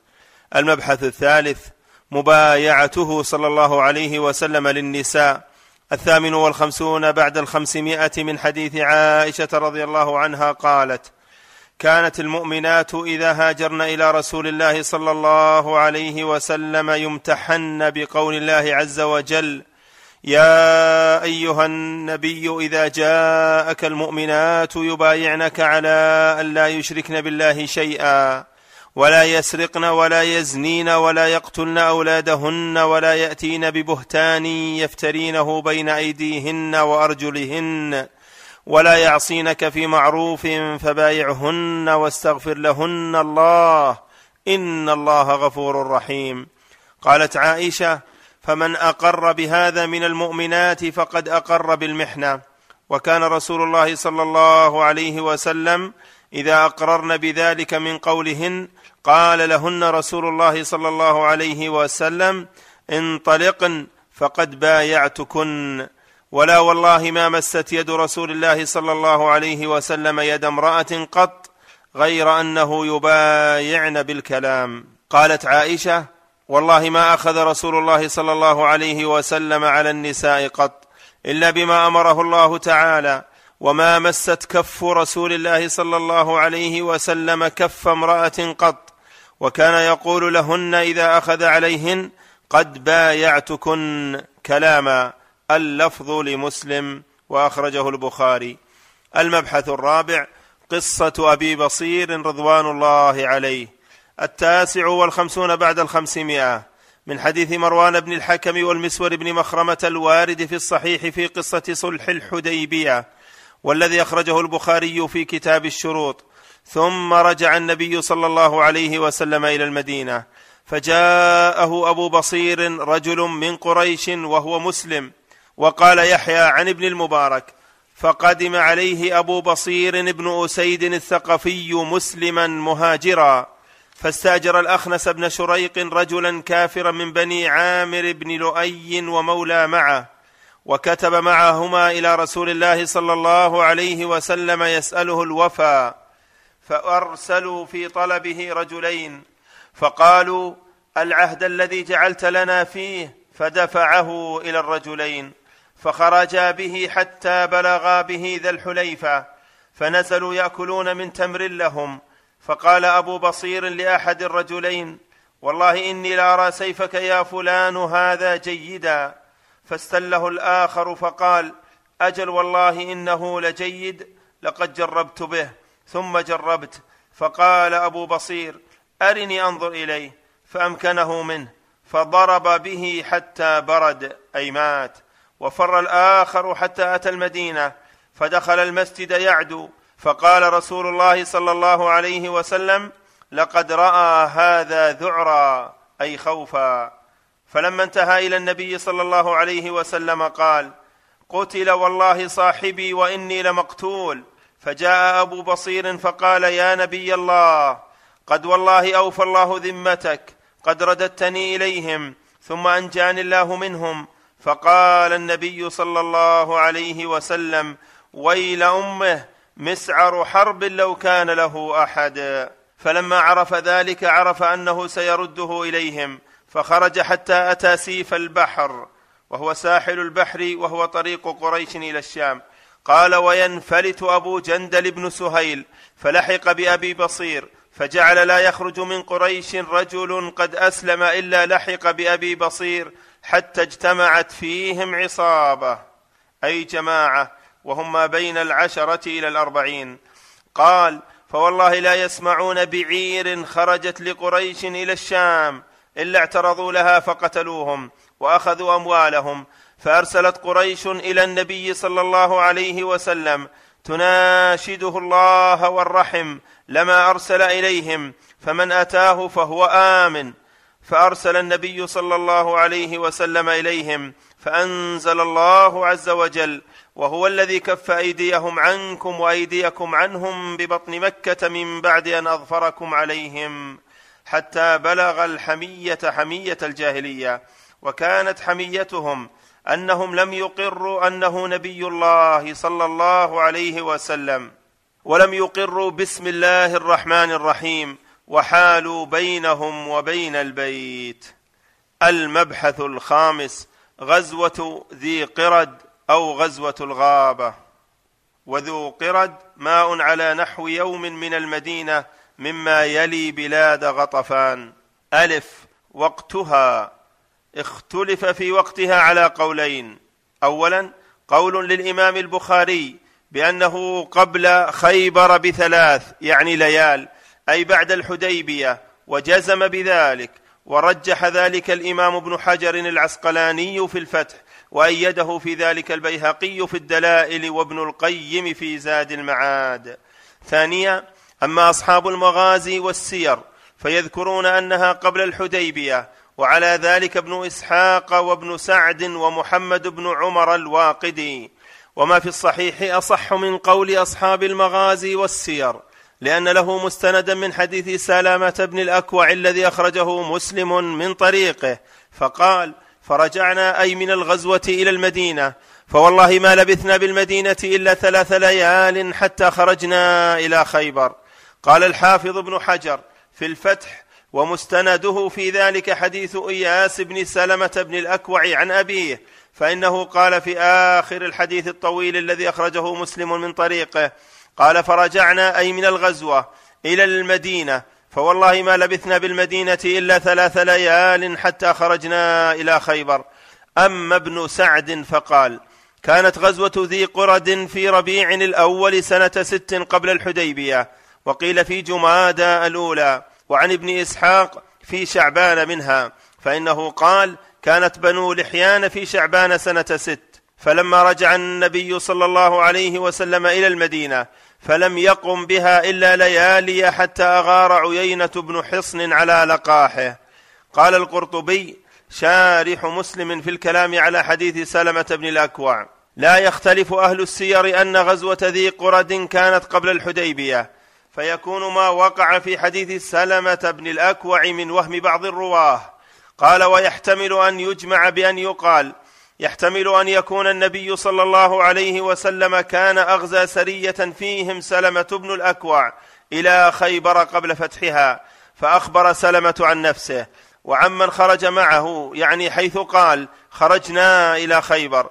قال ويؤيده أن ابن إسحاق ذكر أن النبي صلى الله عليه وسلم أغزى إليها عبد الله بن رواحة قبل فتحها مرتين. انتهى. قال الحافظ وسياق الحديث يأبى هذا الجمع فإن فيه بعد قوله وحين خرجنا إلى خيبر مع رسول الله صلى الله عليه وسلم فجعل عامر يرتجز بالقول وفيه قول النبي صلى الله عليه وسلم من السائق؟ وفيه مبارزة علي لمرحب وقتل عامر وغير ذلك مما وقع في غزوة خيبر حين خرج إليها النبي صلى الله عليه وسلم. فعلى هذا ما في الصحيح من التاريخ لغزوة ذي قرد أصح مما ذكره أهل السير. ويحتمل في طريق الجمع أن تكون إغارة عيينة بن حصن على اللقاح وقعت مرتين الأولى التي ذكرها ابن إسحاق وهي قبل الحديبية والثانية بعد الحديبية قبل الخروج إلى خيبر. وكان رأس الذين أغاروا عبد الرحمن بن عيينة كما في سياق سلمة عند مسلم. ويؤيده أن الحاكم ذكر في الإكليل أن الخروج إلى ذي قرد تكرر ففي الأولى خرج إليها زيد بن حارثة قبل أحد وفي الثانية خرج إليها النبي صلى الله عليه وسلم في ربيع الآخر سنة خمس والثالثة هذه المختلف فيها انتهى. فإذا ثبت هذا قوي هذا الجمع الذي ذكرته والله أعلم جاء ذلك في فتح الباري. ثانيا أحداثها. الستون بعد الخمسمائة. من حديث سلمة بن الأكوع رضي الله عنه من طريق يزيد بن أبي عبيد قال قال سمعت سلمة بن الأكوع يقول خرجت قبل أن يؤذن بالأولى. أي الصلاة الأولى يريد بها صلاة الصبح. وكانت لقاح رسول الله صلى الله عليه وسلم ترعى بذي قرد. قال فلقيني غلام لعبد الرحمن بن عوف فقال أخذت لقاح رسول الله صلى الله عليه وسلم. فقلت من أخذها؟ قال غطفان. قال فصرخت ثلاث صرخات يا صباحا يا صباحا يا صباحا. قال فأسمعت ما بين لابتي المدينة ثم اندفعت على وجهي حتى أدركتهم بذي قرد وقد أخذوا يسقون من الماء فجعلت أرميهم بنبلي وكنت راميا وأقول أنا ابن الأكوع واليوم يوم الرضع. معناه اليوم يوم هلاك اللئام. فارتجز حتى استنقذت اللقاح منهم واستلبت منهم ثلاثين برده قال وجاء النبي صلى الله عليه وسلم والناس فقلت يا نبي الله إني قد حميت القوم الماء وهم عطاش فابعث إليهم الساعة. فقال عليه الصلاة والسلام يا ابن الأكوع ملكت فاسجح اسجح أي أحسن وارفق والسجاحه السهولة. أخرجه البخاري. قال ثم رجعنا ويردفني رسول الله صلى الله عليه وسلم على ناقته حتى دخلنا المدينة. أخرجه البخاري. الحادي والستون بعد الخمسمائة. ومن حديث إياس بن سلمة بن الأكوع عن أبيه في حديث طويل سبق ذكر أجزاء منه في صلح الحديبية. سأشير إلى رقمها في التعليق على الحديث. قال ثم خرجنا راجعين إلى المدينة فنزلنا منزلا بيننا وبين بني لحيان جبل وهم المشركون. فاستغفر رسول الله صلى الله عليه وسلم لمن رقي هذا الجبل الليلة كأنه طليعة للنبي صلى الله عليه وسلم وأصحابه. قال سلمة فرقيت تلك الليلة مرتين أو ثلاثة ثم قدمنا المدينة. فبعث رسول الله صلى الله عليه وسلم بظهره. ظهر الإبل هي التي تعد للركوب وحمل الأثقال. فبعث رسول الله صلى الله عليه وسلم بظهره مع رباح غلام رسول الله صلى الله عليه وسلم وأنا معه. والظهر من الإبل ما تعد للركوب. وخرجت معه بفرس طلحة أنديه مع الظهر. وأنديه معناه أنه يورد الماشية الماء فتسقي قليلا ثم ترسل إلى المرعى. فلما أصبحنا إذا عبد الرحمن الفزاري قد أغار على ظهر رسول الله صلى الله عليه وسلم فاستاقه أجمع وقتل راعيه. قال فقلت يا رباح خذ هذا الفرس فأبلغه طلحة بن عبيد الله وأخبر رسول الله صلى الله عليه وسلم أن المشركين قد أغاروا على سرحه. قال ثم قمت على أكمة فاستقبلت المدينة فناديت ثلاثا يا صباحا يا صباحا يا صباحا. ثم خرجت في آثار القوم أرميهم بالنبل وأرتجز. أقول أنا ابن الأكوع واليوم يوم الرضع. فألحق رجلا منهم فأصك سهما في رحله حتى خلص نسل السهم إلى كتفه. قال قلت خذها وأنا ابن الأكوع واليوم يوم الرضع. قال فوالله ما زلت أرميهم وأعقر بهم أي أقتل رواحلهم. فإذا رجع إلي فارس أتيت شجرة فجلست في أصلها ثم رميته فعقرت به حتى إذا تضايق الجبل فدخلوا في تضايقه. علوت الجبل فجعلت أرديهم بالحجارة.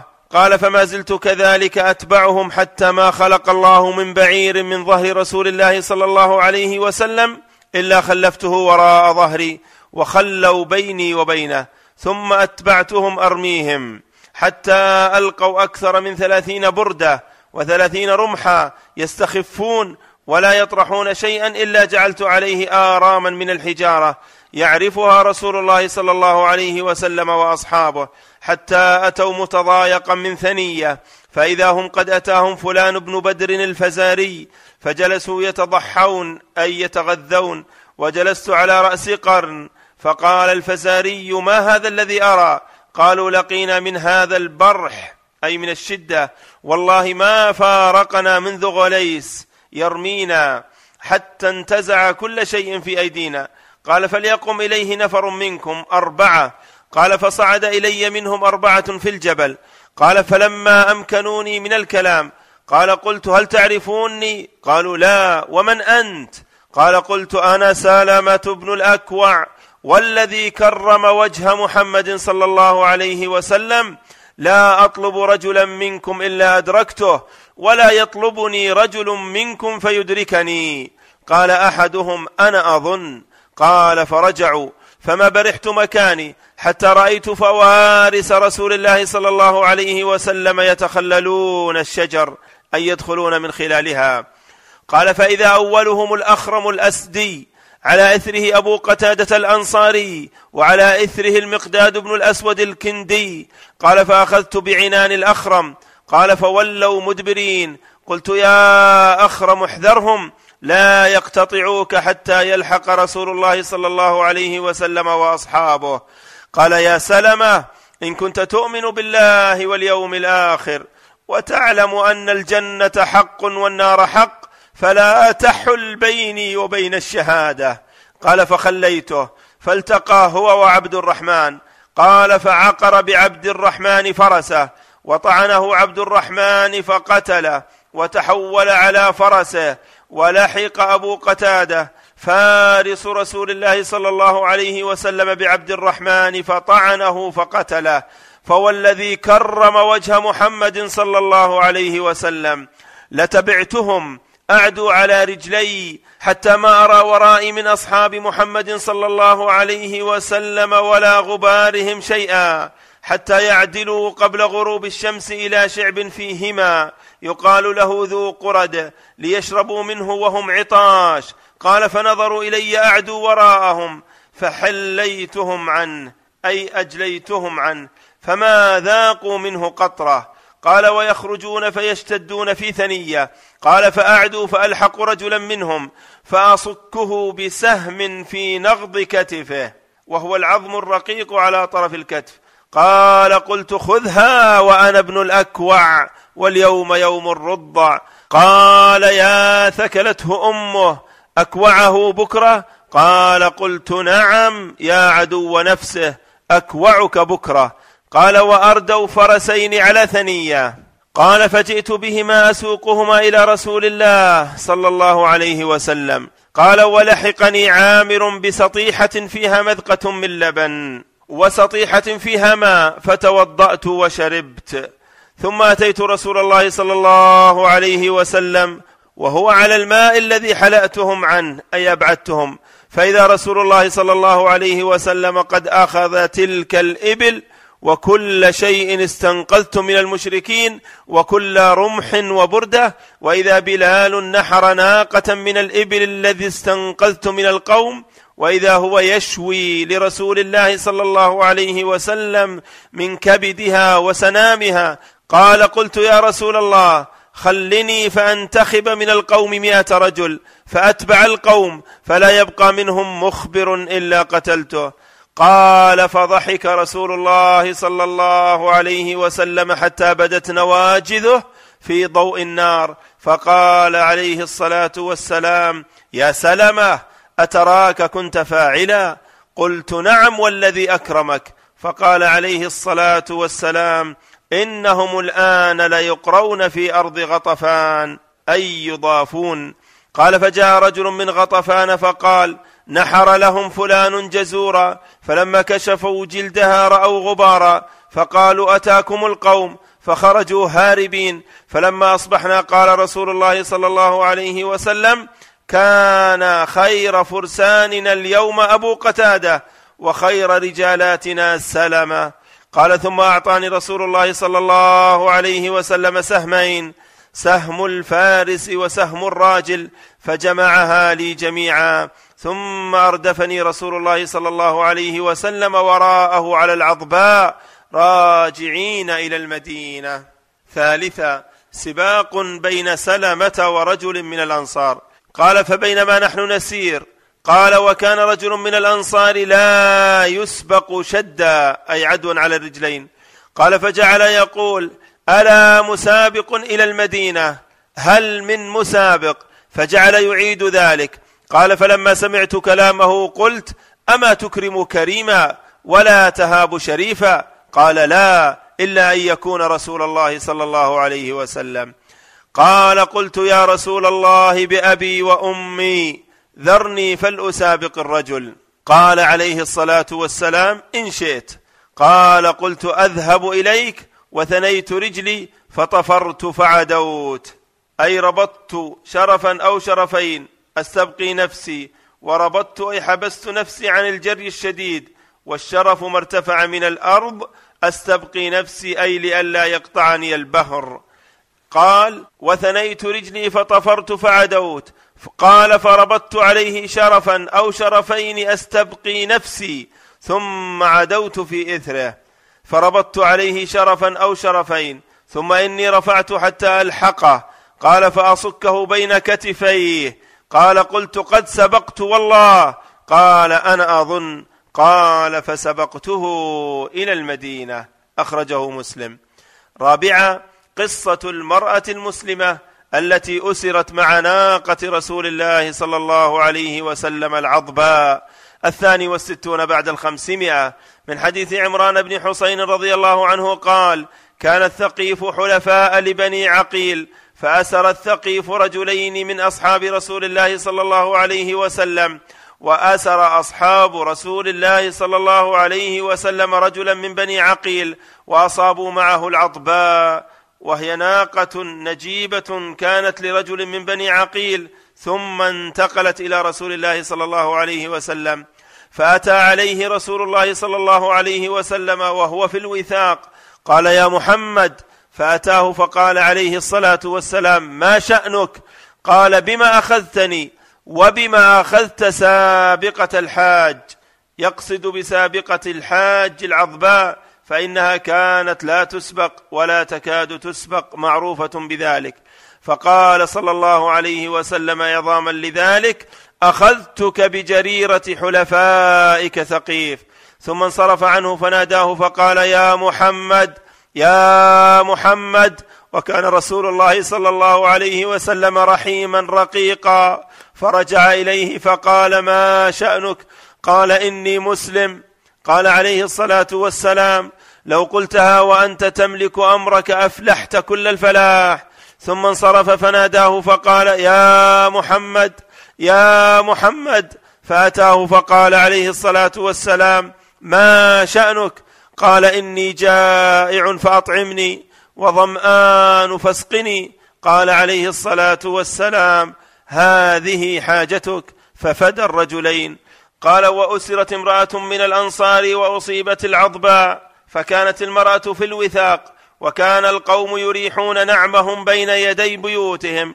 فانفلتت ذات ليلة من الوثاق. فأتت الإبل. فجعلت إذا دنت من البعير راغا فتتركه. حتى تنتهي إلى العضباء فلم ترغ. قال وناقة منوقة أي مذللة. فقعدت في عجزها ثم زجرتها فانطلقت ونذروا بها. أي علموا وأحسوا بهربها فطلبوها فأعجزتهم. وقال ونذرت لله إن نجاها الله عليها لتنحرنها. فلما قدمت المدينة رآها الناس. فقالوا العظباء ناقة رسول الله صلى الله عليه وسلم. فقالت إنها نذرت إن نجاها الله عليها لتنحرنها. فأتوا رسول الله صلى الله عليه وسلم فذكروا ذلك له. فقال عليه الصلاة والسلام سبحان الله بئس ما جزتها. نذرت لله إن نجاها عليها لتنحرنها. لا وفاء لنذر في معصية. ولا فيما لا يملك العبد أخرجه مسلم. المبحث السادس غزوة خيبر. أولا وقتها اختلف أهل السير في وقتها على قولين. الأول قول ابن إسحاق في المغازي وموسى بن عقبة بأنها كانت في آخر شهر المحرم من السنة السابعة للهجرة. وقال ابن القيم والجمهور على أنها في السابعة وأيده أيضا الحافظ ابن حجر في الفتح ويؤيد هذا القول ما أورده ابن إسحاق في المغازي. قال حدثني الزهري عن عروة عن مروان بن الحكم والمسور بن مخرمة انهما قالا انصرف رسول الله صلى الله عليه وسلم من الحديبية فنزلت عليه سورة الفتح فيما بين مكة والمدينة فأعطاه الله فيها خيبر بقوله وعدكم الله مغانم كثيرة تأخذونها فعجل لكم هذه. يعني خيبر فقدم المدينة في ذي الحجة فأقام بها حتى سار إلى خيبر في المحرم ورجاله ثقات وسنده حسن. ويؤيده أيضا ما جاء في حديث سلمة بن الأكوع أنها كانت بعد غزوة ذي قرد بثلاث ليال كما جاء في نص الحديث بقوله قال فسبقته إلى المدينة. قال فوالله ما لبثنا إلا ثلاث ليال حتى خرجنا إلى خيبر مع رسول الله صلى الله عليه وسلم. الثاني قول مالك بأنها كانت في السنة السادسة وأيده ابن حزم في ذلك. قال الحافظ ابن حجر في الفتح وهذه الأقوال متقاربة والراجح منها ما ذكره ابن إسحاق ويمكن الجمع بينها بأن من أطلق سنة ست بناء على أن ابتداء السنة من شهر الهجرة الحقيقي وهو ربيع الأول. جاء ذلك في فتح الباري. ثانيا استخلاف النبي صلى الله عليه وسلم سباع بن عرفطة الغفاري أثناء غيابه. الثالث والستون بعد الخمسمائة من حديث أبي هريرة رضي الله عنه قال قال الهيثم بن عراك عن أبيه إن أبا هريرة قدم المدينة في رهط من قومه والنبي صلى الله عليه وسلم بخيبر وقد استخلف سباع بن عرفطة على المدينة قال فانتهيت إليه وهو يقرأ في صلاة الصبح في الركعة الأولى بكاف ها يا عين صاد وفي الثانية ويل للمطففين. قال فقلت لنفسي ويل لفلان إذا اكتال. اكتال بالوافي وإذا كال كال بالناقص. قال فلما صلى زودنا شيئا حتى أتينا خيبر. قال فكلم رسول الله صلى الله عليه وسلم المسلمين فأشركونا في سهامهم. أخرجه أحمد. ثالثا حداء عامر بن الأكوع بجيش المسلمين. الرابع والستون بعد الخمسمائة من حديث سالمة بن الأكوع رضي الله عنه قال خرجنا مع النبي صلى الله عليه وسلم إلى خيبر فسرنا ليلا فقال رجل من القوم لعامر يا عامر ألا تسمعنا من هنيهاتك؟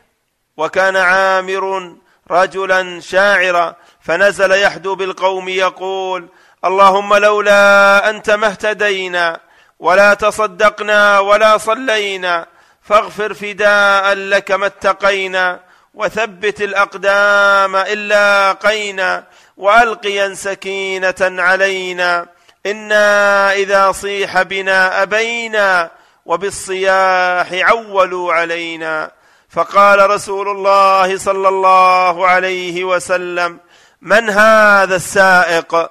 قالوا عامر بن الأكوع قال عليه الصلاة والسلام يرحمه الله. قال رجل من القوم وجبت يا نبي الله لولا امتعتنا به. أخرجه البخاري. وفي رواية أخرى لسلمة بن الأكوع رضي الله عنه انفرد بها الإمام مسلم في صحيحه من ضمن حديث طويل ذكر فيه سلمة قصة غزوة الحديبية وغزوة ذي قرد وغزوة خيبر وقد سبق أجزاء منه في مواطن متعددة أشرنا إليها في أمكنتها. قال سلمة بعد مسابقته للأنصاري وسبقه له. قال فسبقته إلى المدينة قال فوالله ما لبثنا إلا ثلاث ليال حتى خرجنا إلى خيبر مع رسول الله صلى الله عليه وسلم. قال فجعل عمي عامر يرتجز بالقوم. تالله لولا الله ما اهتدينا ولا تصدقنا ولا صلينا ونحن عن فضلك ما استغنينا. فثبت الأقدام إلا قينا وأنزلا سكينة علينا. فقال رسول الله صلى الله عليه وسلم من هذا؟ قال أنا عامر. قال عليه الصلاة والسلام غفر لك ربك. قال وما استغفر رسول الله صلى الله عليه وسلم لإنسان يخصه إلا استشهد. قال فنادى عمر بن الخطاب وهو على جمله يا نبي الله لولا ما متعتنا بعامر. الخامس والستون بعد الخمسمائة وقد جاء من حديث دهر الأسلمي رضي الله عنه أنه سمع رسول الله صلى الله عليه وسلم يقول في مسيره إلى خيبر لعامر بن الأكوع وهو عم سلمة بن عمرو بن الأكوع وكان اسم الأكوع سنان. قال عليه الصلاة والسلام انزل يا ابن الأكوع فخذ لنا من هناتك. قال فنزل يرتجز برسول الله صلى الله عليه وسلم فقال والله لولا الله ما اهتدينا ولا تصدقنا ولا صلينا إنا إذا قوم بغوا علينا وإن أرادوا فتنة أبينا فأنزلا سكينة علينا وثبت الأقدام إلا قينا زاد الطبري في روايته فقال رسول الله صلى الله عليه وسلم يرحمك الله. فقال عمر وجبت والله يا رسول الله لو أمتعتنا به فقتل يوم خيبر شهيدا. أخرجه أحمد. رابعا طعام جيش المسلمين في طريقهم إلى خيبر. السادس والستون بعد الخمسمائة. من حديث سويد بن النعمان رضي الله عنه أنه خرج مع النبي صلى الله عليه وسلم عام خيبر حتى إذا كنا بالصهباء وهي من أدنى خيبر صلى العصر ثم دعا بالازواد فلم يؤت إلا بالسويق فأمر به فثري فآكل وأكلنا ثم قام إلى المغرب فمضمض ومضمضنا ثم صلى ولم يتوضأ. أخرجه البخاري. خامسا مفاجأة المسلمين لأهل خيبر وقوله عليه الصلاة والسلام الله أكبر خربت خيبر. السابع والستون بعد الخمسمائة. من حديث أنس بن مالك رضي الله عنه أن رسول الله صلى الله عليه وسلم غزا خيبر. قال فصلينا عندها صلاة الغداة بغلس. فركب نبي الله صلى الله عليه وسلم. وركب أبو طلحة وأنا رديف أبي طلحة. فأجرى نبي الله صلى الله عليه وسلم في زقاق خيبر وإن ركبتي لتمس فخذ نبي الله صلى الله عليه وسلم. فلما دخل القرية قال عليه الصلاة والسلام الله أكبر خربت خيبر إنا إذا نزلنا بساحة قوم فساء صباح المنذرين. قالها ثلاث مرار. قال وقد خرج القوم إلى أعمالهم فقالوا محمد. قال عبد العزيز وقال بعض أصحابنا والخميس. قال وأصبناها عنوة لفظ مسلم وأما لفظ البخاري فيقول إن رسول الله صلى الله عليه وسلم أتى خيبر ليلا وكان إذا أتى قوما بليل لم يقربهم حتى يصبح. فلما أصبح خرجت اليهود بمساحيهم ومكاتلهم. فلما رأوه قالوا محمد والله محمد والخميس. فقال النبي صلى الله عليه وسلم خربت خيبر إنا إذا نزلنا بساحة قوم فساء صباح المنذرين.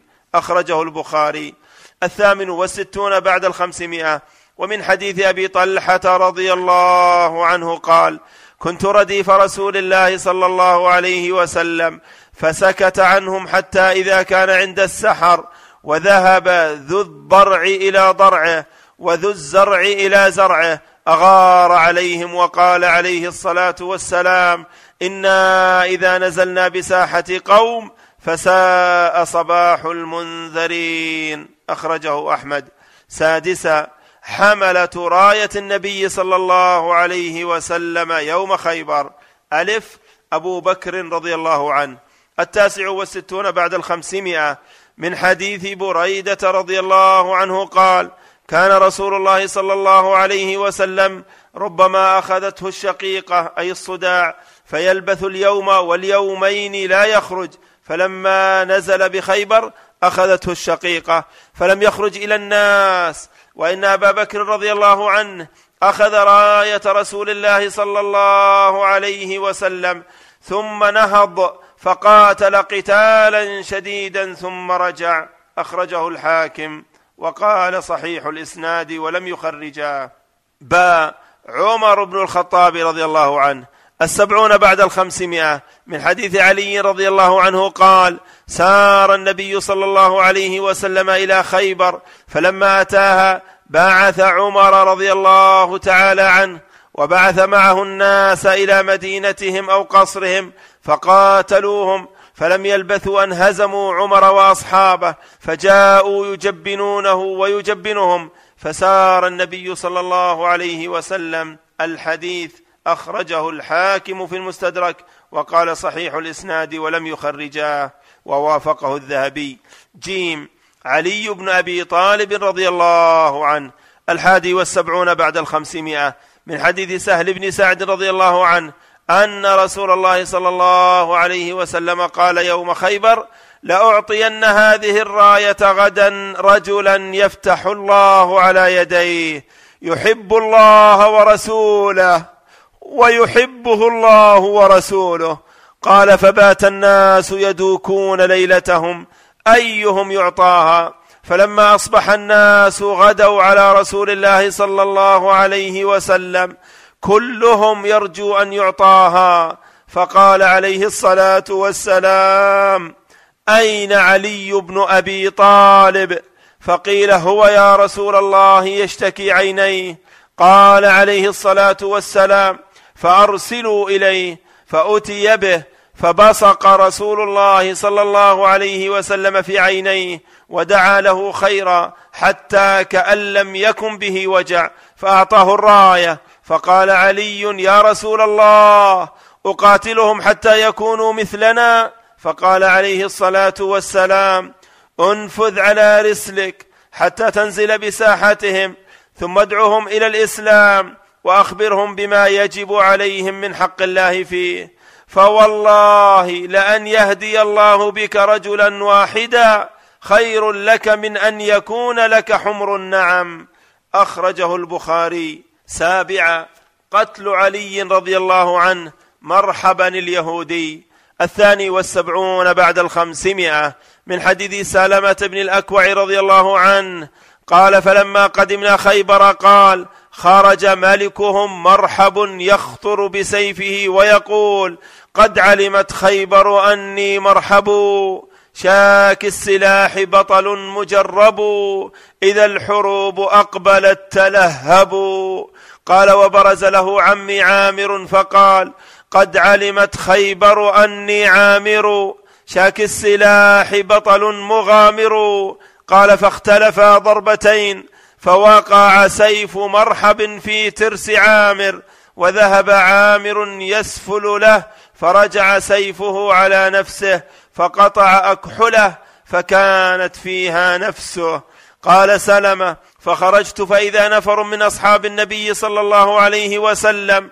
يقولون بطل عمل عامر قتل نفسه. قال فأتيت النبي صلى الله عليه وسلم وأنا أبكي. فقلت يا رسول الله بطل عمل عامر؟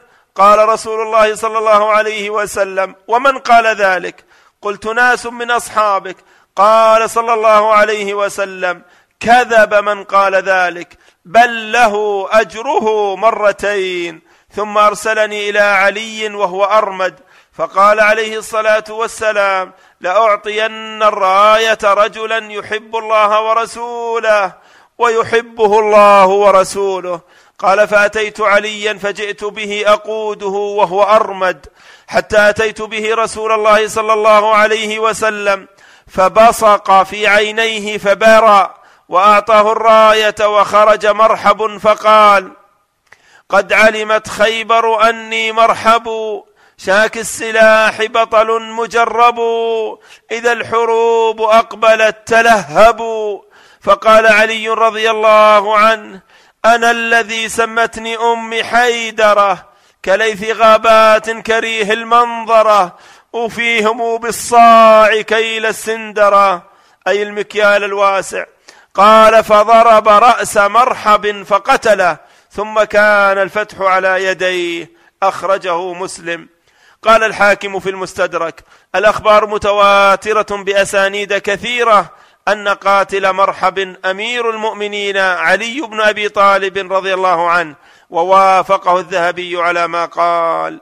قلت هذا هو الراجح. لا أن الذي قتله محمد بن مسلمة الأنصاري جاء من حديث جابر في عبد الله رضي الله عنه وأخرجه أحمد والحاكم وابن إسحاق كما جاء في السيرة وإسناده صحيح.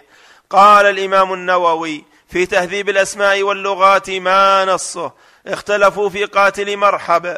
فقيل علي بن أبي طالب وقال ابن عبد البر في كتابه الدرر في مختصر السير قال محمد بن إسحاق إن محمد بن مسلمة هو الذي قتل مرحبا اليهودي بخيبر.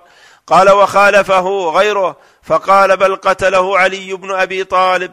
قال ابن عبد البر هذا هو الصحيح عندنا. ثم روى ذلك بإسناده عن بريدة وسلامة بن الأكوع. وقال الشافعي في المختصر نفل النبي صلى الله عليه وسلم يوم خيبر محمد بن مسلمة سلب مرحب ذكره في أول باب جامع السير. وهذا تصريح منه بأن قاتله محمد بن مسلمة. وقال ابن الأثير الصحيح الذي عليه أكثر السير والحديث أن عليا هو قاتله. قال المصنف رحمه الله قلت وفي صحيح مسلم بإسناده عن سلمة بن الأكوع التصريح بأن عليا هو قاتله. انتهى. قلت وقد يحتمل الجمع بين حديث جابر وحديث ابن سلمة بما ذكره الواقدي من أن محمدا بن سلمة قطع رجليه وأن عليا أجهز عليه. جاء ذلك في الفتح الرباني. قلت ما في صحيح مسلم مقدم على حديث جابر من وجهين. الأول أنه أصح إسنادا وأوثق رجالا. الثاني أن جابرا لم يشهد خيبر كما ذكره ابن إسحاق ومحمد بن عمر وغيرهما. وقد شهدها سلمة وبريدة وأبو رافع رضي الله عنهم وهم أعلم ممن لم يشهدها. وما قيل من أن محمد بن مسلمة ضرب ساقي مرحب فقطعهما ولم يجهز عليه ومر به علي فأجهز عليه. يأباه حديث سلمة وأبي رافع والله أعلم. سيف علي في أسنان مرحب الثالث والسبعون بعد الخمسمائة. من حديث أم سلمة رضي الله عنها وكانت في غزوة خيبر قالت سمعت وقع السيف في أسنان مرحب. قال الهيثمي في المجمع رواه الطبراني ورجاله ثقات. ثامنا قصة الأعرابي الشهيد. الرابع والسبعون بعد الخمسمائة من حديث شداد بن الهادي رضي الله عنه أن رجلا من الأعراب جاء إلى النبي صلى الله عليه وسلم فآمن به واتبعه ثم قال أهاجر معك. فأوصى به النبي صلى الله عليه وسلم بعض أصحابه فلما كانت غزوة خيبر أو حنين غنم النبي صلى الله عليه وسلم سبيا فقسم وقسم له فأعطى أصحابه ما قسم له وكان يرعى ظهرهم فلما جاء دفعوه إليه فقال ما هذا؟ قالوا قسم قسمه لك النبي صلى الله عليه وسلم فأخذه فجاء به إلى النبي صلى الله عليه وسلم فقال ما هذا؟ قال عليه الصلاة والسلام قسمته لك. قال ما على هذا اتبعتك ولكني اتبعتك على أن أرمى إلى هنا وأشار إلى حلقه بسهم فأموت فأدخل الجنة. فقال عليه الصلاة والسلام إن تصدق الله يصدق فلبثوا قليلا ثم نهضوا في قتال العدو فأتي به النبي صلى الله عليه وسلم يحمل قد أصابه سهم حيث أشار. فقال النبي صلى الله عليه وسلم أهو هو؟ قالوا نعم. قال عليه الصلاة والسلام صدق الله فصدقه. ثم كفنه النبي صلى الله عليه وسلم في جبة النبي صلى الله عليه وسلم. ثم قدمه فصلى عليه. فكان فيما ظهر من صلاته. قوله صلى الله عليه وسلم اللهم هذا عبدك خرج مهاجرا في سبيلك فقتل شهيدا أنا شهيد على ذلك. أخرجه النسائي. تاسع بطل إلى النار. الخامس والسبعون بعد الخمسمائة.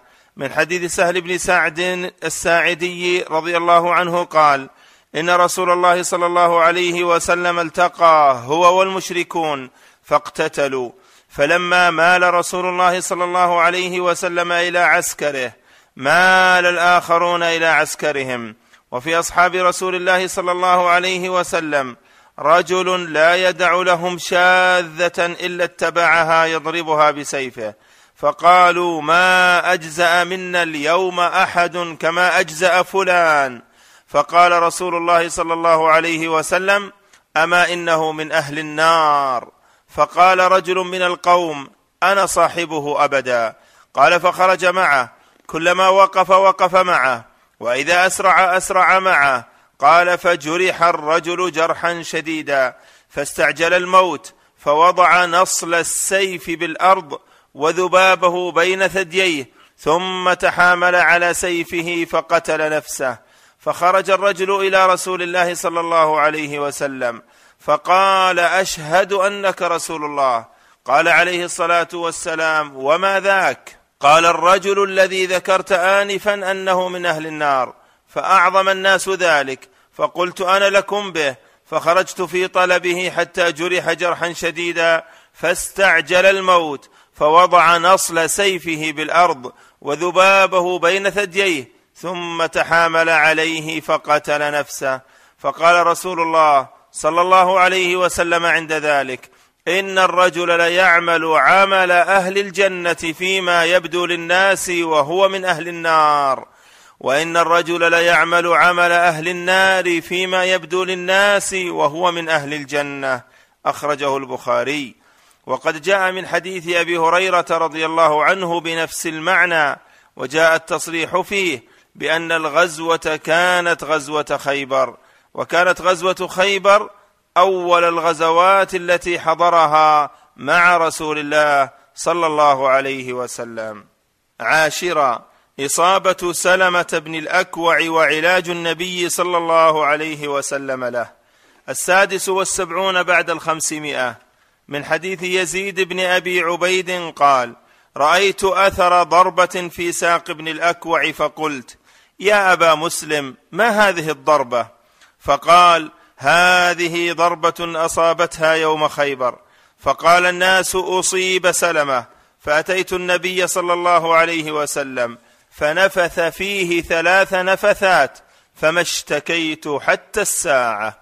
أخرجه البخاري. الحادي عشر قصة الرجل الذي غل في سبيل الله. السابع والسبعون بعد الخمسمائة. من حديث زيد بن خالد الجهني رضي الله عنه أن رجلا من أصحاب النبي صلى الله عليه وسلم توفي يوم خيبر فذكروا لرسول الله صلى الله عليه وسلم فقال عليه الصلاة والسلام صلوا على صاحبكم. فتغيرت وجوه الناس لذلك. فقال صلى الله عليه وسلم إن صاحبكم غل في سبيل الله. ففتشنا متاعه فوجدنا خرزا من خرز يهود لا يساوي درهمين اللفظ لأبي داود. الثاني عشر تحريم الحمر الأهلية. الثامن والسبعون بعد الخمسمائة. من حديث علي بن أبي طالب رضي الله عنه أن رسول الله صلى الله عليه وسلم نهى عن متعة النساء يوم خيبر وعن أكل اللحوم الإنسية. أخرجه البخاري. قلت وقد جاء الحديث في النهي عن أكل لحوم الأهلية من طريق أكثر من صحابي. فقد جاء من حديث أنس بن مالك وابن عمر وجابر بن عبد الله وابن أبي أوفى والبراء بن عازب وابن عباس وكل ذلك في الصحيح من حديث رسول الله صلى الله عليه وسلم.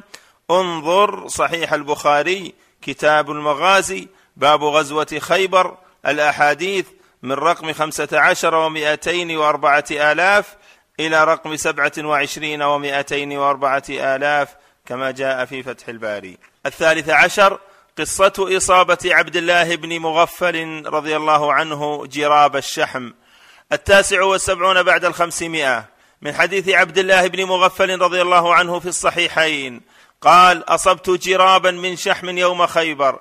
قال فالتزمته. فقلت لا أعطي اليوم أحدا من هذا شيئا. قال فالتفت فإذا رسول الله صلى الله عليه وسلم مبتسما. واللفظ لمسلم وفي اللفظ المتفق عليه رمي إلينا جراب فيه طعام وشحم يوم خيبر فوثبت لآخذه.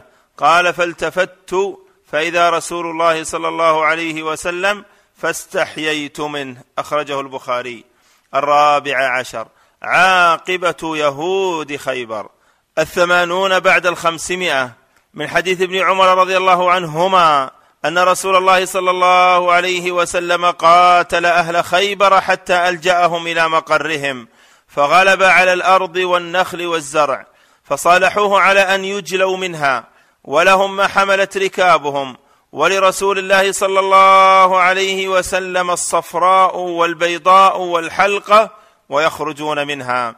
فاشترط عليهم ألا يكتموا شيئا ولا يغيبوا شيئا فإن فعلوا فلا ذمة لهم ولا عصمة. فغيبوا مسكا فيه مال وحليا لحيي بن أخطب. كان احتمله معه إلى خيبر حين أجليت النظير. فقال رسول الله صلى الله عليه وسلم لعم حيي سعيه ما فعل مسك حيي الذي جاء به من النظير. فقال أذهبته النفقات والحروب. فقال رسول الله صلى الله عليه وسلم العهد قريب والمال أكثر من ذلك. فدفعه رسول الله صلى الله عليه وسلم إلى الزبير فمسه بعذاب. وكان حيي قبل ذلك قد دخل خربة. فقال قد رأيت حييا يطوف في خربة ها هنا. فذهبوا فطافوا فوجدوا المسك في الخربة فقتل رسول الله صلى الله عليه وسلم ابني أبي الحقيق وأحدهما زوج صفية بنت حيي بن أخطب وسبى رسول الله صلى الله عليه وسلم نساءهم وذراريهم وقسم أموالهم للنكث الذي نكثوا وأراد أن يجليهم منها فقالوا يا محمد دعنا نكون في هذه الأرض نصلحها. ونقوم عليها ولم يكن لرسول الله صلى الله عليه وسلم ولا لأصحابه غلمان يقومون عليها وكانوا لا يتفرغون أن يقوموا عليها. فأعطاهم خيبر على أن لهم الشطر من كل نخل وزرع وشيء ما بدا لرسول الله صلى الله عليه وسلم. وكان عبد الله بن رواحة يأتيهم كل عام يخرصها عليهم ويضمنهم الشطر قالوا فشكوا إلى رسول الله صلى الله عليه وسلم شدة خرصه وأرادوا أن يرشوه فقال يا أعداء الله اتطعموني السحت؟ والله لقد جئتكم من عند أحب الناس إلي ولأنتم أبغض الناس إلي من عدتكم من القردة والخنازير ولا يحملني بغضي إياكم وحبي إياه على الا أعدل عليكم. فقالوا بهذا قامت السماوات والأرض. قال ورأى رسول الله صلى الله عليه وسلم بعين صفية خضرة فقال يا صفية ما هذه الخضرة؟ فقالت كان رأسي في حجر ابن أبي الحقيق وأنا نائمة فرأيت كأن قمرا وقع في حجري فأخبرته بذلك فلطمني وقال تمنين ملك يثرب؟ قالت وكان رسول الله صلى الله عليه وسلم من أبغض الناس إلي قتل زوجي وأبي فما زال يعتذر إلي ويقول إن اباك ألب علي العرب وفعل وفعل حتى ذهب ذلك من نفسي. وكان رسول الله صلى الله عليه وسلم يعطي كل امرأة من نسائه ثمانين وسقا من تمر كل عام وعشرين وسقا من شعير. فلما كان زمان عمر بن الخطاب رضي الله عنه غشوا المسلمين وألقوا ابن عمر رضي الله عنهما من فوق بيت ففدغوا يديه. فقال عمر بن الخطاب رضي الله عنه من كان له سهم من خيبر فليحضر حتى نقسمها بينهم. فقسمها بينهم وقال رئيسهم لا تخرجنا دعنا نكون فيها كما أقرنا رسول الله صلى الله عليه وسلم وأبو بكر. فقال عمر لرئيسهم أتراه سقط عني قول رسول الله صلى الله عليه وسلم. كيف بك إذا رقصت بك راحلتك تخوم الشام يوما ثم يوما ثم يوما؟ وقسمها عمر بين من كان شهد خيبر من أهل الحديبية. الحديث أخرجه أبو داود واللفظ لابن حبان. الخامس عشر تثبيت اليهود في أرضهم لزراعتها مقابل شطر الإنتاج. الحادي والثمانون بعد الخمسمائة. من حديث ابن عمر رضي الله عنهما قال أعطى رسول الله صلى الله عليه وسلم خيبر اليهود أن يعملوها ويزرعوها ولهم شطر ما يخرج منها. أخرجه البخاري. وقد سبق شيء من التفصيل في ذلك. من حديث ابن عمر رضي الله عنهما السابق لهذا الحديث والذي أخرج أبو داود في سننه مقطعا منه. وأورده كاملا البيهقي وابن حبان كما بينته.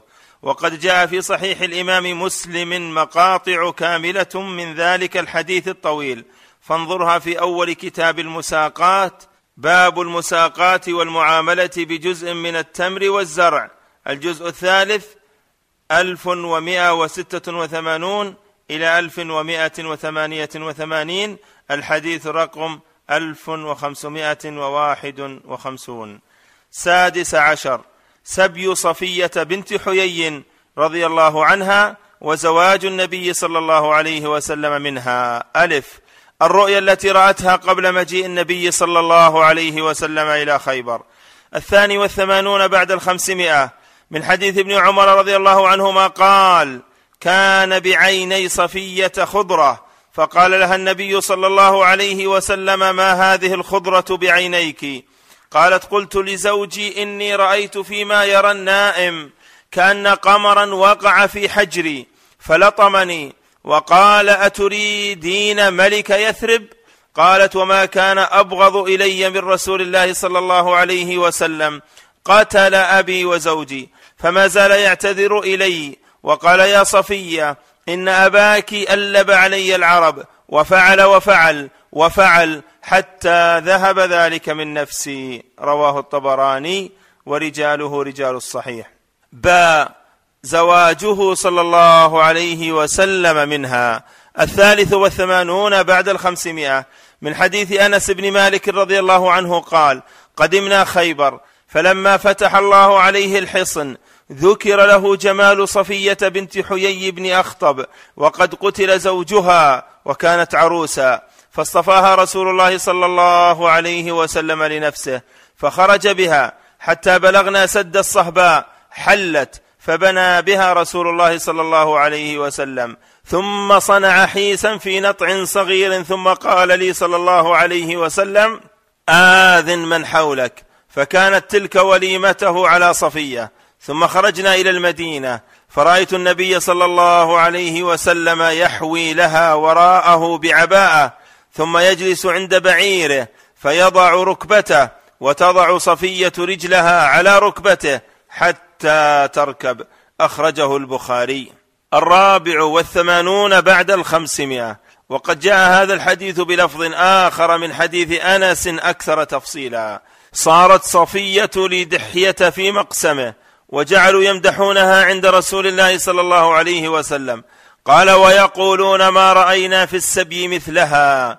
قال فبعث إلى دحية فأعطاه بها ما أراد ثم دفعها إلى أمي فقال عليه الصلاة والسلام أصلحيها. قال ثم خرج رسول الله صلى الله عليه وسلم من خيبر حتى إذا جعلها في ظهره نزل ثم ضرب عليها القبة فلما أصبح قال رسول الله صلى الله عليه وسلم من كان عنده فضل زاد فليأتنا به. قال فجعل الرجل يجيء بفضل التمر وفضل السويق حتى جعلوا من ذلك سوادا حيسا. فجعلوا يأكلون من ذلك الحيس أي الكوم المرتفع ويشربون من حياض إلى جنبهم من ماء السماء. قال فقال أنس فكانت تلك وليمة رسول الله صلى الله عليه وسلم عليها. قال فانطلقنا حتى إذا رأينا جدر المدينة هششنا إليها أي نشطنا وخففنا. فرفعنا مطينا أي أسرعنا بها. ورفع رسول الله صلى الله عليه وسلم مطيته. قال وصفية خلفه قد أردفها رسول الله صلى الله عليه وسلم. قال فعثرت مطية رسول الله صلى الله عليه وسلم فصرع وصرعت. قال فليس أحد من الناس ينظر إليه ولا إليها. حتى قام رسول الله صلى الله عليه وسلم فسترها. قال فأتينا. فقال لم تضر. قال فدخلنا المدينة. فخرج جواري نسائه يترأينها ويشمتن بصرعتها. أي يظهرن السرور بوقعتها. أخرجه مسلم. الخامس والثمانون بعد الخمسمائة. ومن حديث أنس رضي الله عنه أيضا قال أقام النبي صلى الله عليه وسلم بين خيبر والمدينة ثلاث ليال يبنى عليه بصفية. فدعوت المسلمين إلى وليمته وما كان فيها من خبز ولا لحم وما كان فيها إلا أن أمر بلالا بالأنطاع فبسطت فألقى عليها التمر والإقط والسمن فقال المسلمون إحدى أمهات المؤمنين أو ما ملكت يمينه. قالوا إن حجبها فهي إحدى أمهات المؤمنين وإن لم يحجبها فهي مما ملكت يمينه. فلما ارتحل واطأ خلفه ومد الحجاب. أخرجه البخاري. جيم مهرها السادس والثمانون بعد الخمسمائة. من حديث أنس رضي الله عنه قال سبى النبي صلى الله عليه وسلم صفية فأعتقها وتزوجها فقال ثابت لأنس ما أصدقها؟ قال أصدقها نفسها فأعتقها. أخرجه البخاري. السابع عشر وضع السم للنبي صلى الله عليه وسلم في الشاة التي قدمت له هدية. السابع والثمانون بعد الخمسمائة. من حديث أنس بن مالك رضي الله عنه قال إن امرأة يهودية أتت رسول الله صلى الله عليه وسلم بشاة مسمومة فأكل منها فجيء بها إلى رسول الله صلى الله عليه وسلم فسألها عن ذلك قالت أردت لأقتلك؟ فقال صلى الله عليه وسلم ما كان ليسلطك على ذلك أو علي؟ قال قالوا ألا تقتلها؟ قال لا. فما زلت أعرفها في لهوات رسول الله صلى الله عليه وسلم واللهوات هي اللحمة الحمراء المعلقة في أصل الحنك كأنه بقي للسم علامة سوادا وغيره أخرجه البخاري. الثامن والثمانون بعد الخمسمائة. من حديث أبي هريرة رضي الله عنه قال لما فتحت خيبر أهديت لرسول الله صلى الله عليه وسلم شاة فيها سم فقال رسول الله صلى الله عليه وسلم اجمعوا لي من ها هنا من اليهود. فجمعوا له. فقال لهم رسول الله صلى الله عليه وسلم إني سائلكم عن شيء فهل أنتم صادقون عنه؟ فقالوا نعم يا أبا القاسم. فقال لهم رسول الله صلى الله عليه وسلم من أبوكم؟ قالوا أبونا فلان. قال رسول الله صلى الله عليه وسلم كذبتم بل أبوكم فلان. فقالوا صدقت وبررت. فقال عليه الصلاة والسلام هل أنتم صادقون عن شيء إن أنا سألتكم عنه؟ فقالوا نعم يا أبا القاسم وإن كذبناك عرفت كما عرفته في أبينا. فقال لهم رسول الله صلى الله عليه وسلم من أهل النار؟ فقالوا نكون فيها يسيرا ثم تخلفون فيها. فقال لهم رسول الله صلى الله عليه وسلم اخسأوا فيها والله لا نخلفكم فيها أبدا. ثم قال لهم صلى الله عليه وسلم هل أنتم صادقون عن شيء إن سألتكم عنه؟ فقالوا نعم. فقال عليه الصلاة والسلام هل جعلتم في هذه الشاة سما؟ فقالوا نعم. فقال عليه الصلاة والسلام ما حملكم على ذلك؟ فقالوا أردنا إن كنت كذابا أن نستريح منك وإن كنت نبيا لم يضرك أخرجه البخاري. وهذا يثبت أن المرأة ما فعلت فعلتها إلا بأمر من رؤساء اليهود وزعمائهم وبإقرار منهم كما جاء في هذا الحديث الصحيح. هل قتل رسول الله صلى الله عليه وسلم المرأة التي وضعت السم؟ قال القاضي عياض. واختلفت الآثار والعلماء هل قتلها النبي صلى الله عليه وسلم أم لا. فوقع في مسلم أنهم قالوا ألا نقتلها؟ قال عليه الصلاة والسلام لا. ومثله عن أبي هريرة وجابر وعن جابر من رواية أبي سلمة أنه قتلها. وفي رواية ابن عباس أنه دفعها إلى أولياء بشر بن البراء بن معرور وكان أكل منها فمات بها. فقتلوها وفي لفظ قتلها وصلبها وفي جامع معمر عن الزهري لما اسلمت تركها. قال معمر كذا قال الزهري أسلمت والناس يقولون قتلها ولم تسلم. وقال السهيلي قيل إنه صفح عنها. قال القاضي وجه الجمع بين هذه الروايات والأقاويل أنه لم يقتلها حين اطلع على سمها وقيل له اقتلها فقال لا. فلما مات بشر بن البراء بن معرور من ذلك سلمها لأوليائه فقتلوها قصاصا. فصح قولهم لم يقتلها أي في الحال وصح قولهم قتلها أي بعد ذلك والله أعلم. الثامن عشر تقسيم الغنائم يوم خيبر. ألف كيفية القسمة. التسعون بعد الخمسمائة. من حديث ابن عمر رضي الله عنهما قال قسم رسول الله صلى الله عليه وسلم يوم خيبر للفرس سهمين وللراجل سهما. قال فسره نافع فقال إذا كان مع الرجل فرس فله ثلاثة أسهم فإن لم يكن له فرس فله سهم. أخرجه البخاري ومسلم. الحادي والتسعون بعد الخمسمائة. من حديث بشير بن أبي حثمة قال قسم رسول الله صلى الله عليه وسلم خيبر نصفين نصفا لنوائبه وحاجته ونصفا بين المسلمين قسمها بينهم على ثمانية عشر سهما. أخرجه أبو داود. باء سهم ذوي القربى. الثاني والتسعون بعد الخمسمائة. من حديث جبير بن مطعم رضي الله عنه أنه جاء هو وعثمان بن عفان يكلمان رسول الله صلى الله عليه وسلم فيما قسم الخمس بين بني هاشم وبني المطلب. فقلت يا رسول الله قسمت لإخواننا بني المطلب ولم تعطنا شيئا وقرابتنا وقرابتهم منك واحدة. فقال النبي صلى الله عليه وسلم إنما بنو هاشم وبنو المطلب واحد. قال جبير ولم يقسم لبني عبد شمس ولا لبني نوفل من ذلك الخمس. كما قسم لبني هاشم وبني المطلب. قال وكان أبو بكر يقسم الخمس نحو قسم رسول الله صلى الله عليه وسلم غير أنه يعطي قربى رسول الله صلى الله عليه وسلم ما كان النبي صلى الله عليه وسلم يعطيهم. قال وكان عمر بن الخطاب يعطيهم منه وعثمان بعده اللفظ لأبي داود. جيم إعطاء العبيد من الغنائم وعدم الإسهام لهم. الثالث والتسعون بعد الخمسمائة.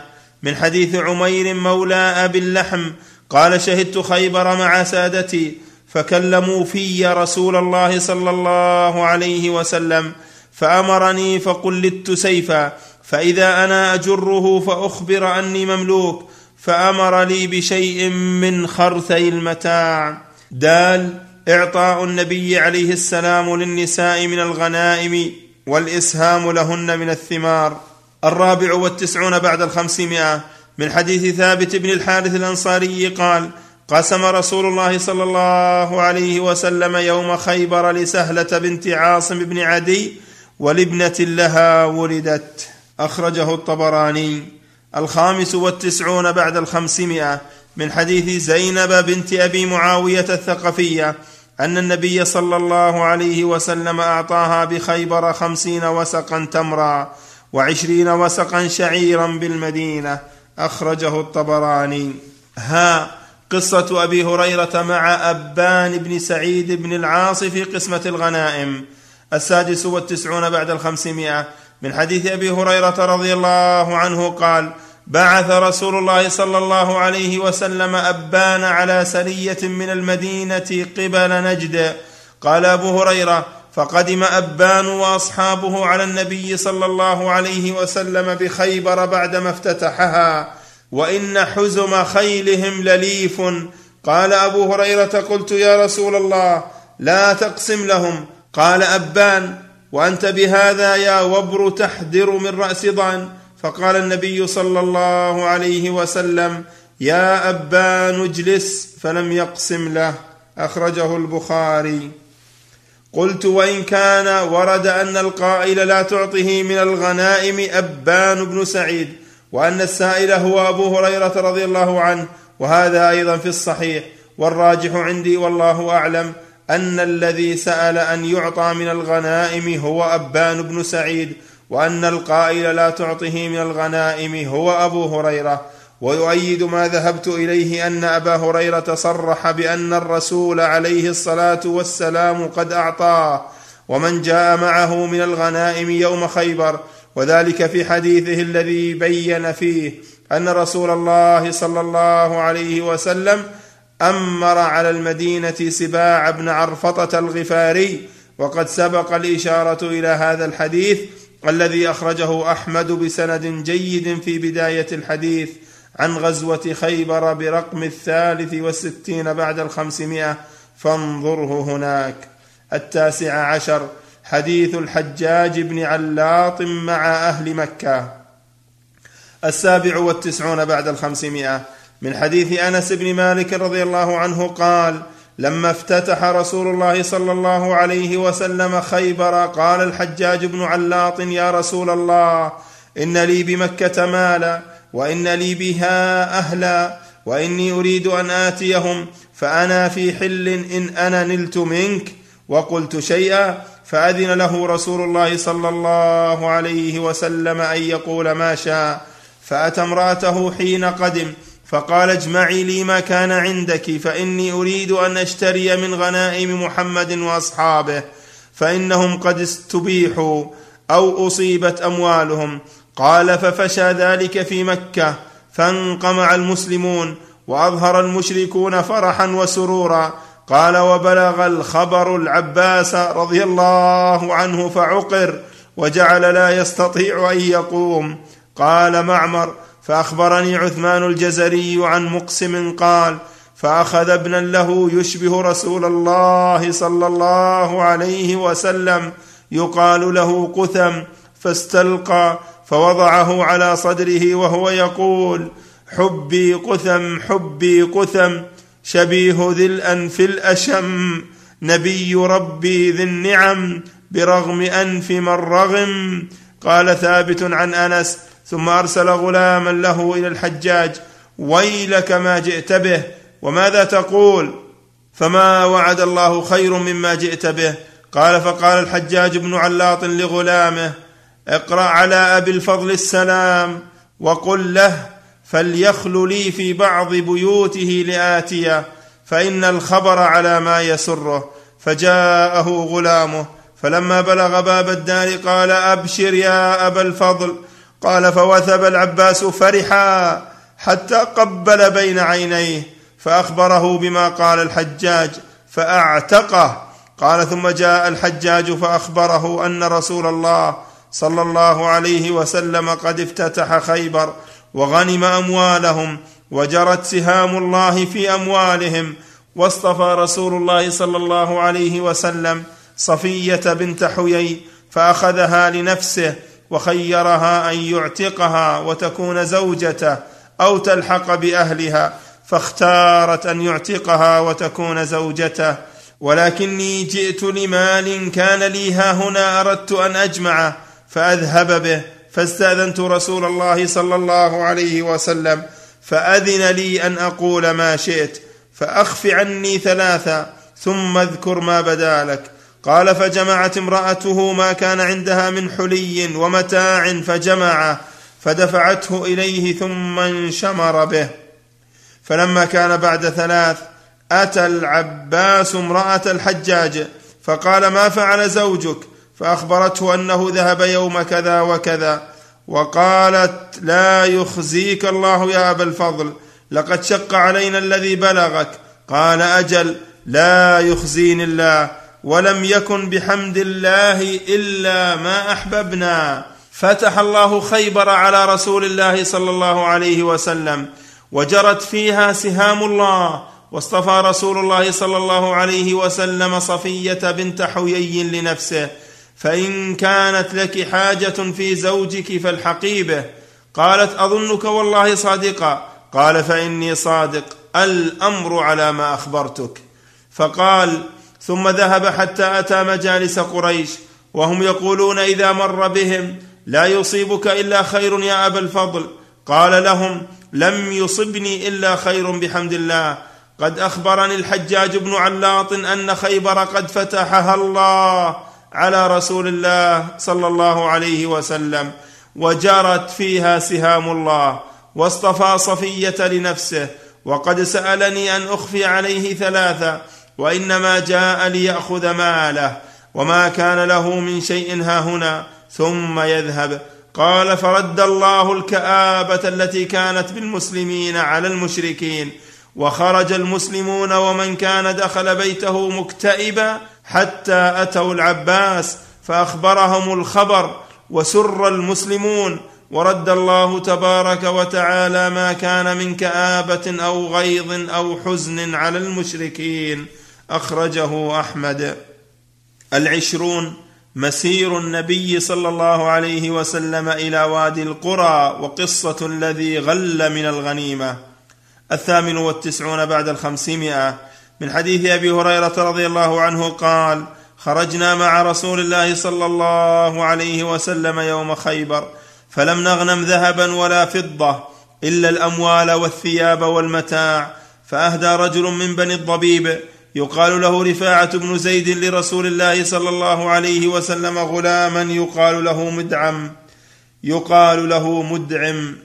فوجه رسول الله صلى الله عليه وسلم إلى وادي القرى حتى إذا كان بوادي القرى بينما مدعم يحط رحلا لرسول الله صلى الله عليه وسلم إذا سهم عائر فقتله. فقال الناس هنيئا له الجنة. فقال رسول الله صلى الله عليه وسلم كلا والذي نفسي بيده إن الشملة التي أخذها يوم خيبر من الغنائم لم تصبها المقاسم لتشتعل عليه نارا.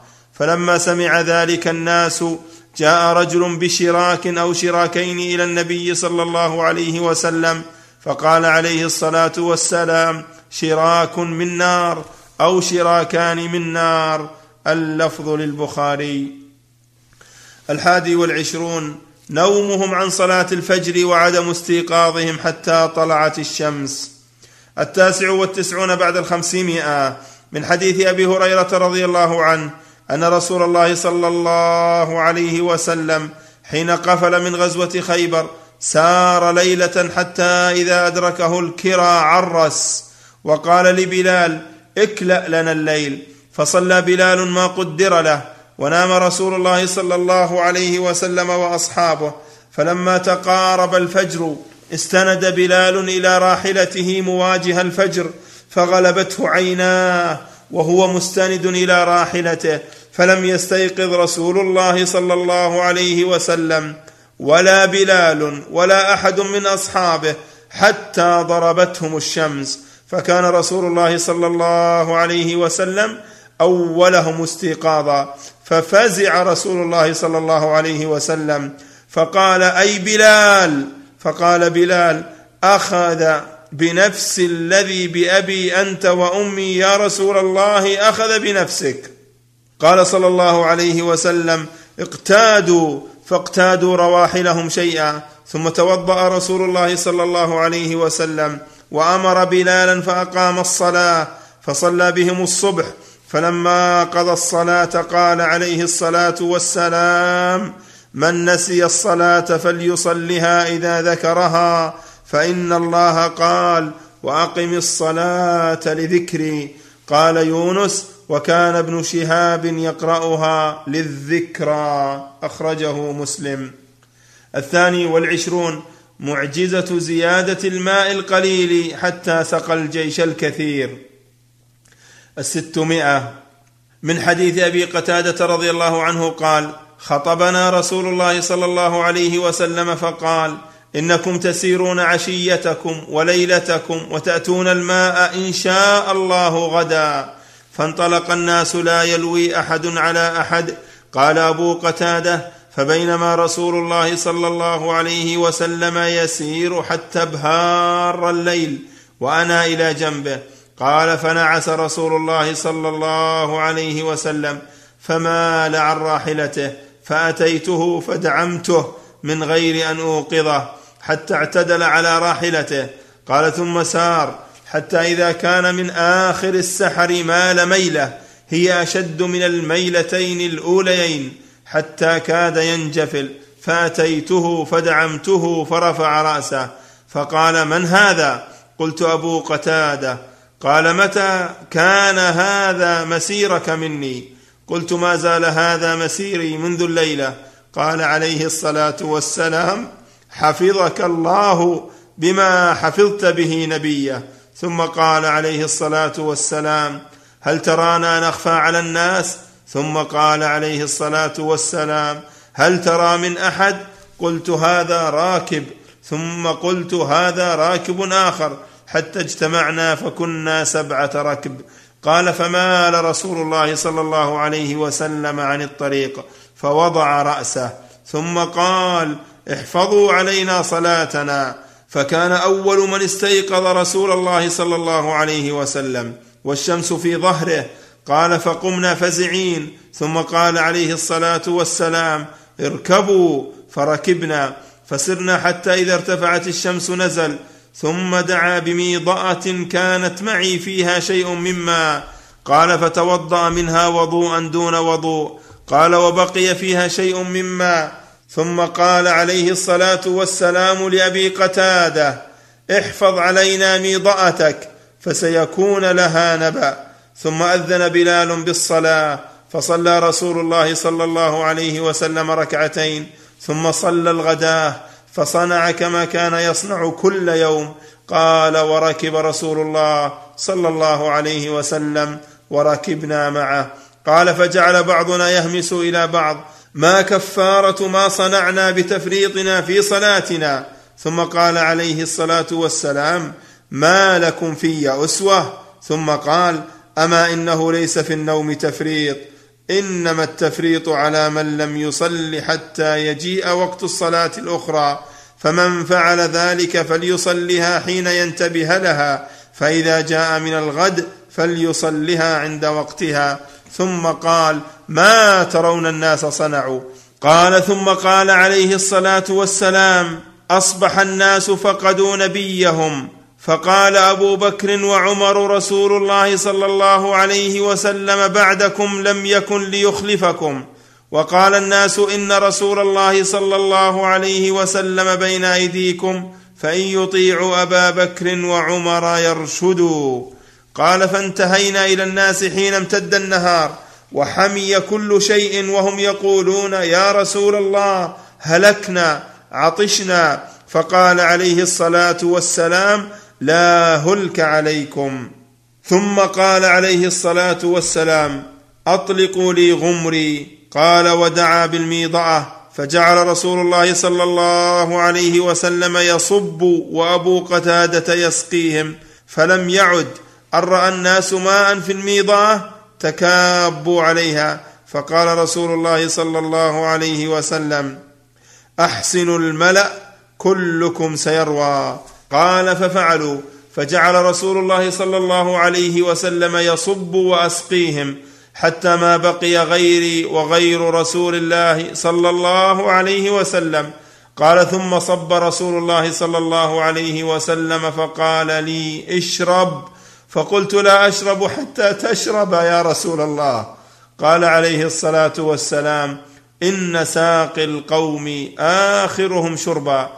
قال فشربت وشرب رسول الله صلى الله عليه وسلم. قال فأتى الناس الماء جامين رواء. قال فقال عبد الله بن رباح إني لاحدث هذا الحديث في مسجد الجامع إذ قال عمران بن حصين انظر أيها الفتى كيف تحدث فإني أحد الركب تلك الليلة. قال قلت فأنت أعلم بالحديث. فقال فمن أنت؟ قلت من الأنصار. قال حدث فأنتم أعلم بحديثكم. قال فحدثت القوم. فقال عمران لقد شهدت تلك الليلة وما شعرت أن أحدا حفظه كما حفظته. واللفظ لمسلم. أخرجه البخاري. الثالث والعشرون. عودة مهاجر الحبشة وقسمة الرسول صلى الله عليه وسلم لهم من الغنائم. الأول بعد الستمائة. من حديث أبي موسى الأشعري رضي الله عنه قال بلغنا مخرج رسول الله صلى الله عليه وسلم ونحن باليمن فخرجنا مهاجرين إليه أنا وأخوان لي أنا أصغرهما أحدهما أبو بردة والآخر أبو رهم إما قال بضعا وإما قال ثلاثة وخمسين أو اثنين وخمسين رجلا من قومي قال فركبنا سفينة فألقتنا سفينتنا إلى النجاشي بالحبشة فوافقنا جعفر بن أبي طالب وأصحابه عنده فقال جعفر إن رسول الله صلى الله عليه وسلم بعثنا ها هنا وأمرنا بالإقامة فأقيموا معنا فأقمنا معه حتى قدمنا جميعا. قال فوافقنا رسول الله صلى الله عليه وسلم حين افتتح خيبر فأسهم لنا أو أعطانا منها. وما قسم لأحد غاب عن فتح خيبر منها شيئا إلا لمن شهد معه إلا لأصحاب سفينتنا مع جعفر وأصحابه. فقسم لهم معهم. قال فكان ناس من الناس يقولون لنا يعني لأهل السفينة نحن سبقناكم بالهجرة فضل أهل هجرة الحبشة. قال فدخلت أسماء بنت عميس هي ممن قدم معنا على حفصة زوج النبي صلى الله عليه وسلم زائرة وقد كانت هاجرت إلى النجاشي في من هاجر إليه فدخل عمر على حفصة وأسماء عندها فقال عمر حين رأى أسماء من هذا قالت أسماء بنت عميس قال عمر الحبشية هذه البحرية هذه؟ فقالت أسماء نعم. فقال عمر سبقناكم بالهجرة. فنحن أحق برسول الله صلى الله عليه وسلم منكم. فغضبت وقالت كلمة كذبت يا عمر كلا والله كنتم مع رسول الله صلى الله عليه وسلم يطعم جائعكم ويعظ جاهلكم وكنا في دار أو في أرض البعداء البغضاء في الحبشة وذلك في الله وفي رسوله صلى الله عليه وسلم. وأيم الله لا أطعم طعاما ولا أشرب شرابا حتى أذكر ما قلت لرسول الله صلى الله عليه وسلم. ونحن كنا نؤذى ونخاف وسأذكر ذلك لرسول الله صلى الله عليه وسلم وأسأله. والله لا أكذب ولا أزيغ ولا أزيد على ذلك. قالت فلما جاء النبي صلى الله عليه وسلم قالت يا نبي الله إن عمر قال كذا وكذا. فقال رسول الله صلى الله عليه وسلم ليس بأحق بي منكم وله ولأصحابه هجرة واحدة ولكم أنتم أهل السفينة هجرتان. قالت فلقد رأيت أبا موسى وأصحاب السفينة يأتوني أرسالا يسألوني عن هذا الحديث ما من الدنيا شيء هم أفرح ولا أعظم في أنفسهم مما قال لهم رسول الله صلى الله عليه وسلم. قال أبو بردة فقالت أسماء لقد رأيت أبا موسى وإنه يستعيد هذا الحديث مني. أخرجه البخاري واللفظ لمسلم. الرابع والعشرون النهي عن رفع الصوت بالتكبير. الثاني بعد الستمائة من حديث أبي موسى الأشعري رضي الله عنه قال لما غزا رسول الله صلى الله عليه وسلم خيبر أو قال لما توجه رسول الله صلى الله عليه وسلم أشرف الناس على واد فرفعوا أصواتهم بالتكبير الله أكبر الله أكبر. فقال رسول الله صلى الله عليه وسلم أربعوا على أنفسكم إنكم لا تدعون أصم ولا غائبا إنكم تدعون سميعا قريبا وهو معكم. وأنا خلف دابة رسول الله صلى الله عليه وسلم فسمعني وأنا أقول لا حول ولا قوة إلا بالله. فقال لي يا عبد الله بن قيس قلت لبيك يا رسول الله. قال عليه الصلاة والسلام ألا أدلك على كلمة من كنز من كنوز الجنة؟ قلت بلى يا رسول الله فداك أبي وأمي. قال لا حول ولا قوة إلا بالله. أخرجه البخاري ومسلم. الخامس والعشرون. رد المهاجرين المنائح التي أعطاهم إياها الأنصار. الثالث بعد الستمائة. من حديث أنس بن مالك رضي الله عنه قال لما قدم المهاجرون من مكة إلى المدينة قدموا وليس بأيديهم شيء. وكان الأنصار أهل الأرض والعقار فقاسمهم الأنصار على أن أعطوهم أنصاف ثمار أموالهم كل عام ويكفونهم العمل والمؤونة. وكانت أم أنس بن مالك وهي تدعى أم سليم وكانت أم عبد الله بن أبي طلحة كان أخا لأنس لأمه وكانت أعطت أم أنس رسول الله صلى الله عليه وسلم عذاقا لها فأعطاها رسول الله صلى الله عليه وسلم أم أيمن مولاته أم أسامة بن زيد. قال ابن شهاب فأخبرني أنس بن مالك أن رسول الله صلى الله عليه وسلم لما فرغ من قتال أهل خيبر وانصرف إلى المدينة رد المهاجرون إلى الأنصار منائحهم التي كانوا منحوهم من ثمارهم. قال فرد رسول الله صلى الله عليه وسلم إلى أم عذاقها وأعطى رسول الله صلى الله عليه وسلم أم أيمن مكانهن من حائطه. قال ابن شهاب وكان من شأن أم أيمن أم أسامة بن زيد أنها كانت وصيفة لعبد الله بن عبد المطلب وكانت من الحبشة.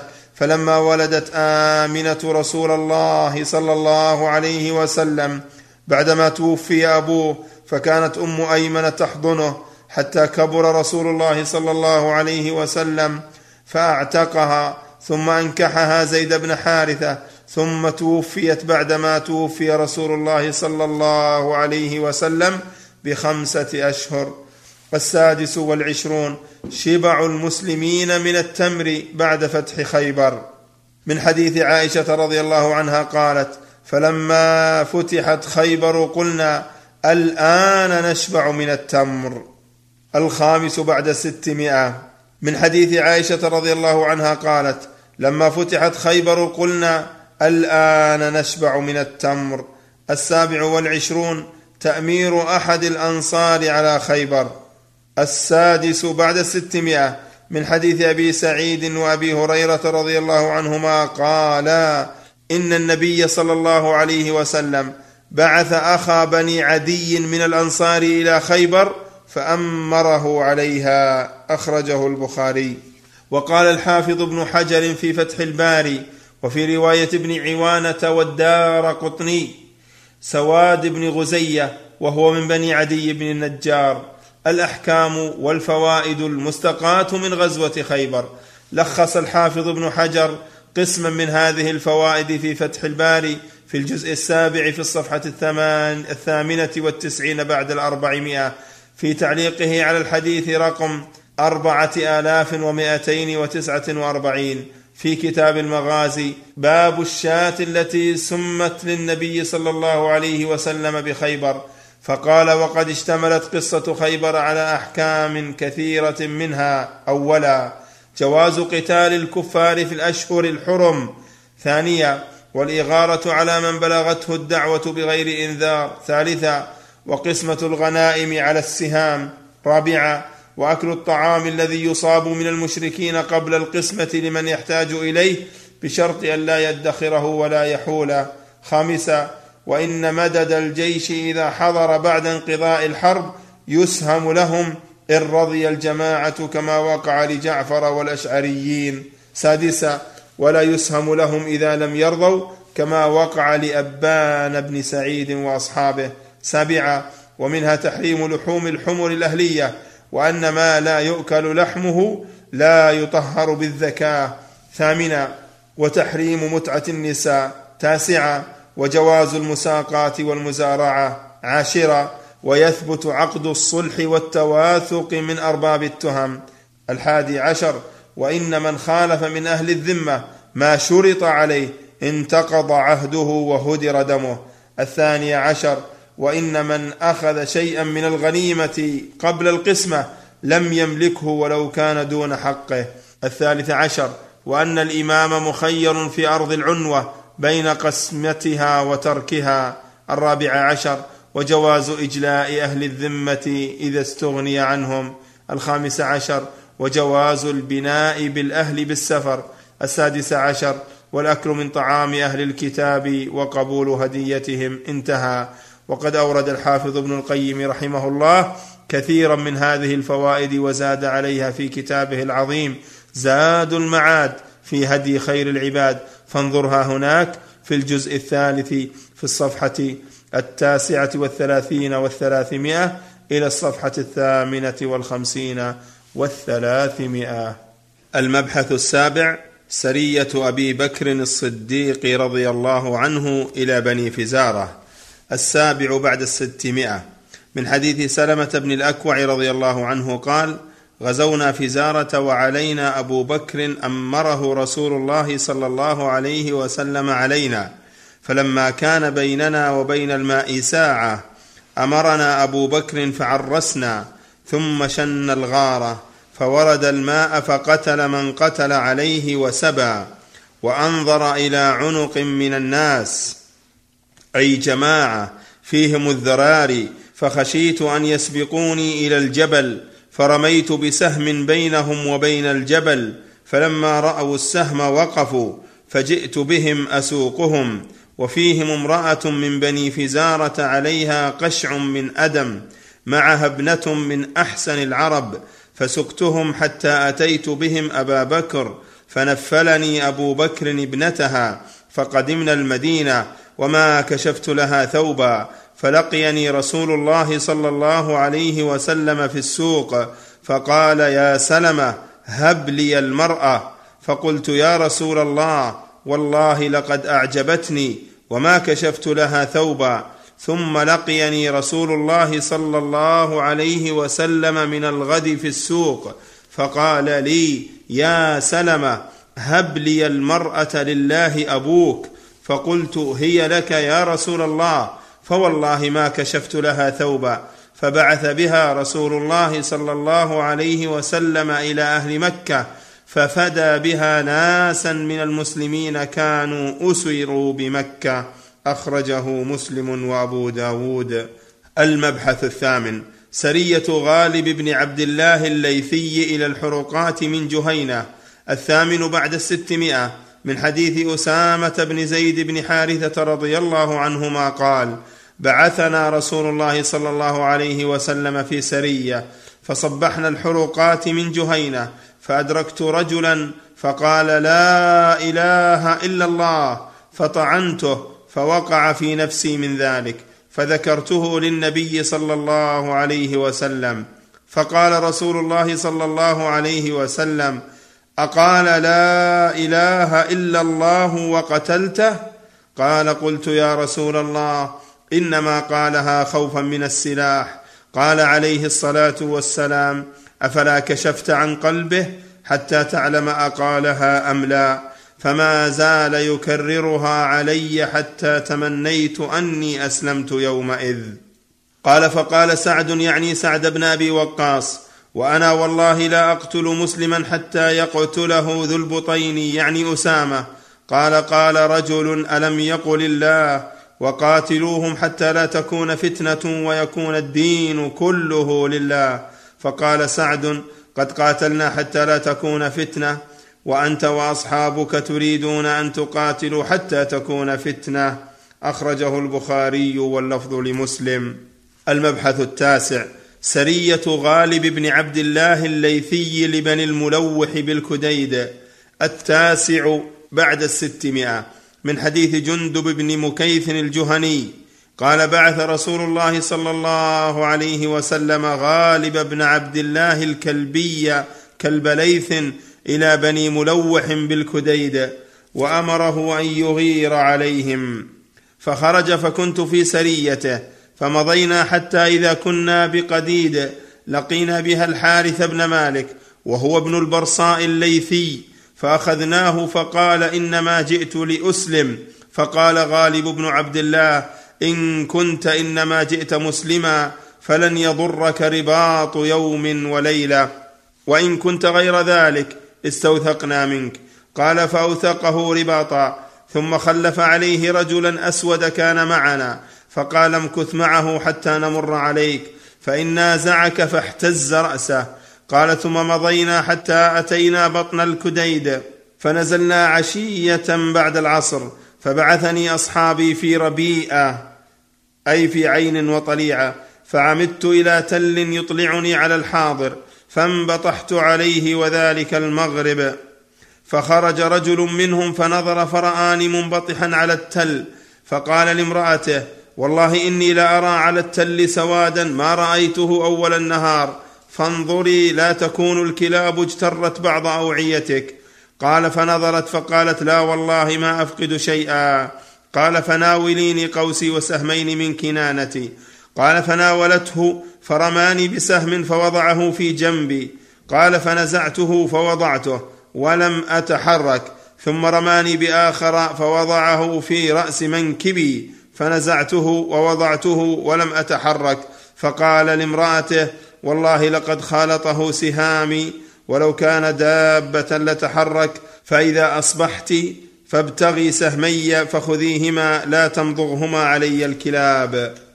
قال وأمهلناهم حتى راحت رائحتهم حتى إذا احتلبوا وعطنوا أو سكنوا وذهبت عتمة من الليل شننا عليهم الغارة. فقتلنا من قتلنا منهم واستقنا النعم فوجهنا قافلين وخرج صريخ القوم إلى قومهم مغوثا وخرجنا سراعا حتى نمر بالحارث بن البرصاء وصاحبه فانطلقنا به معنا.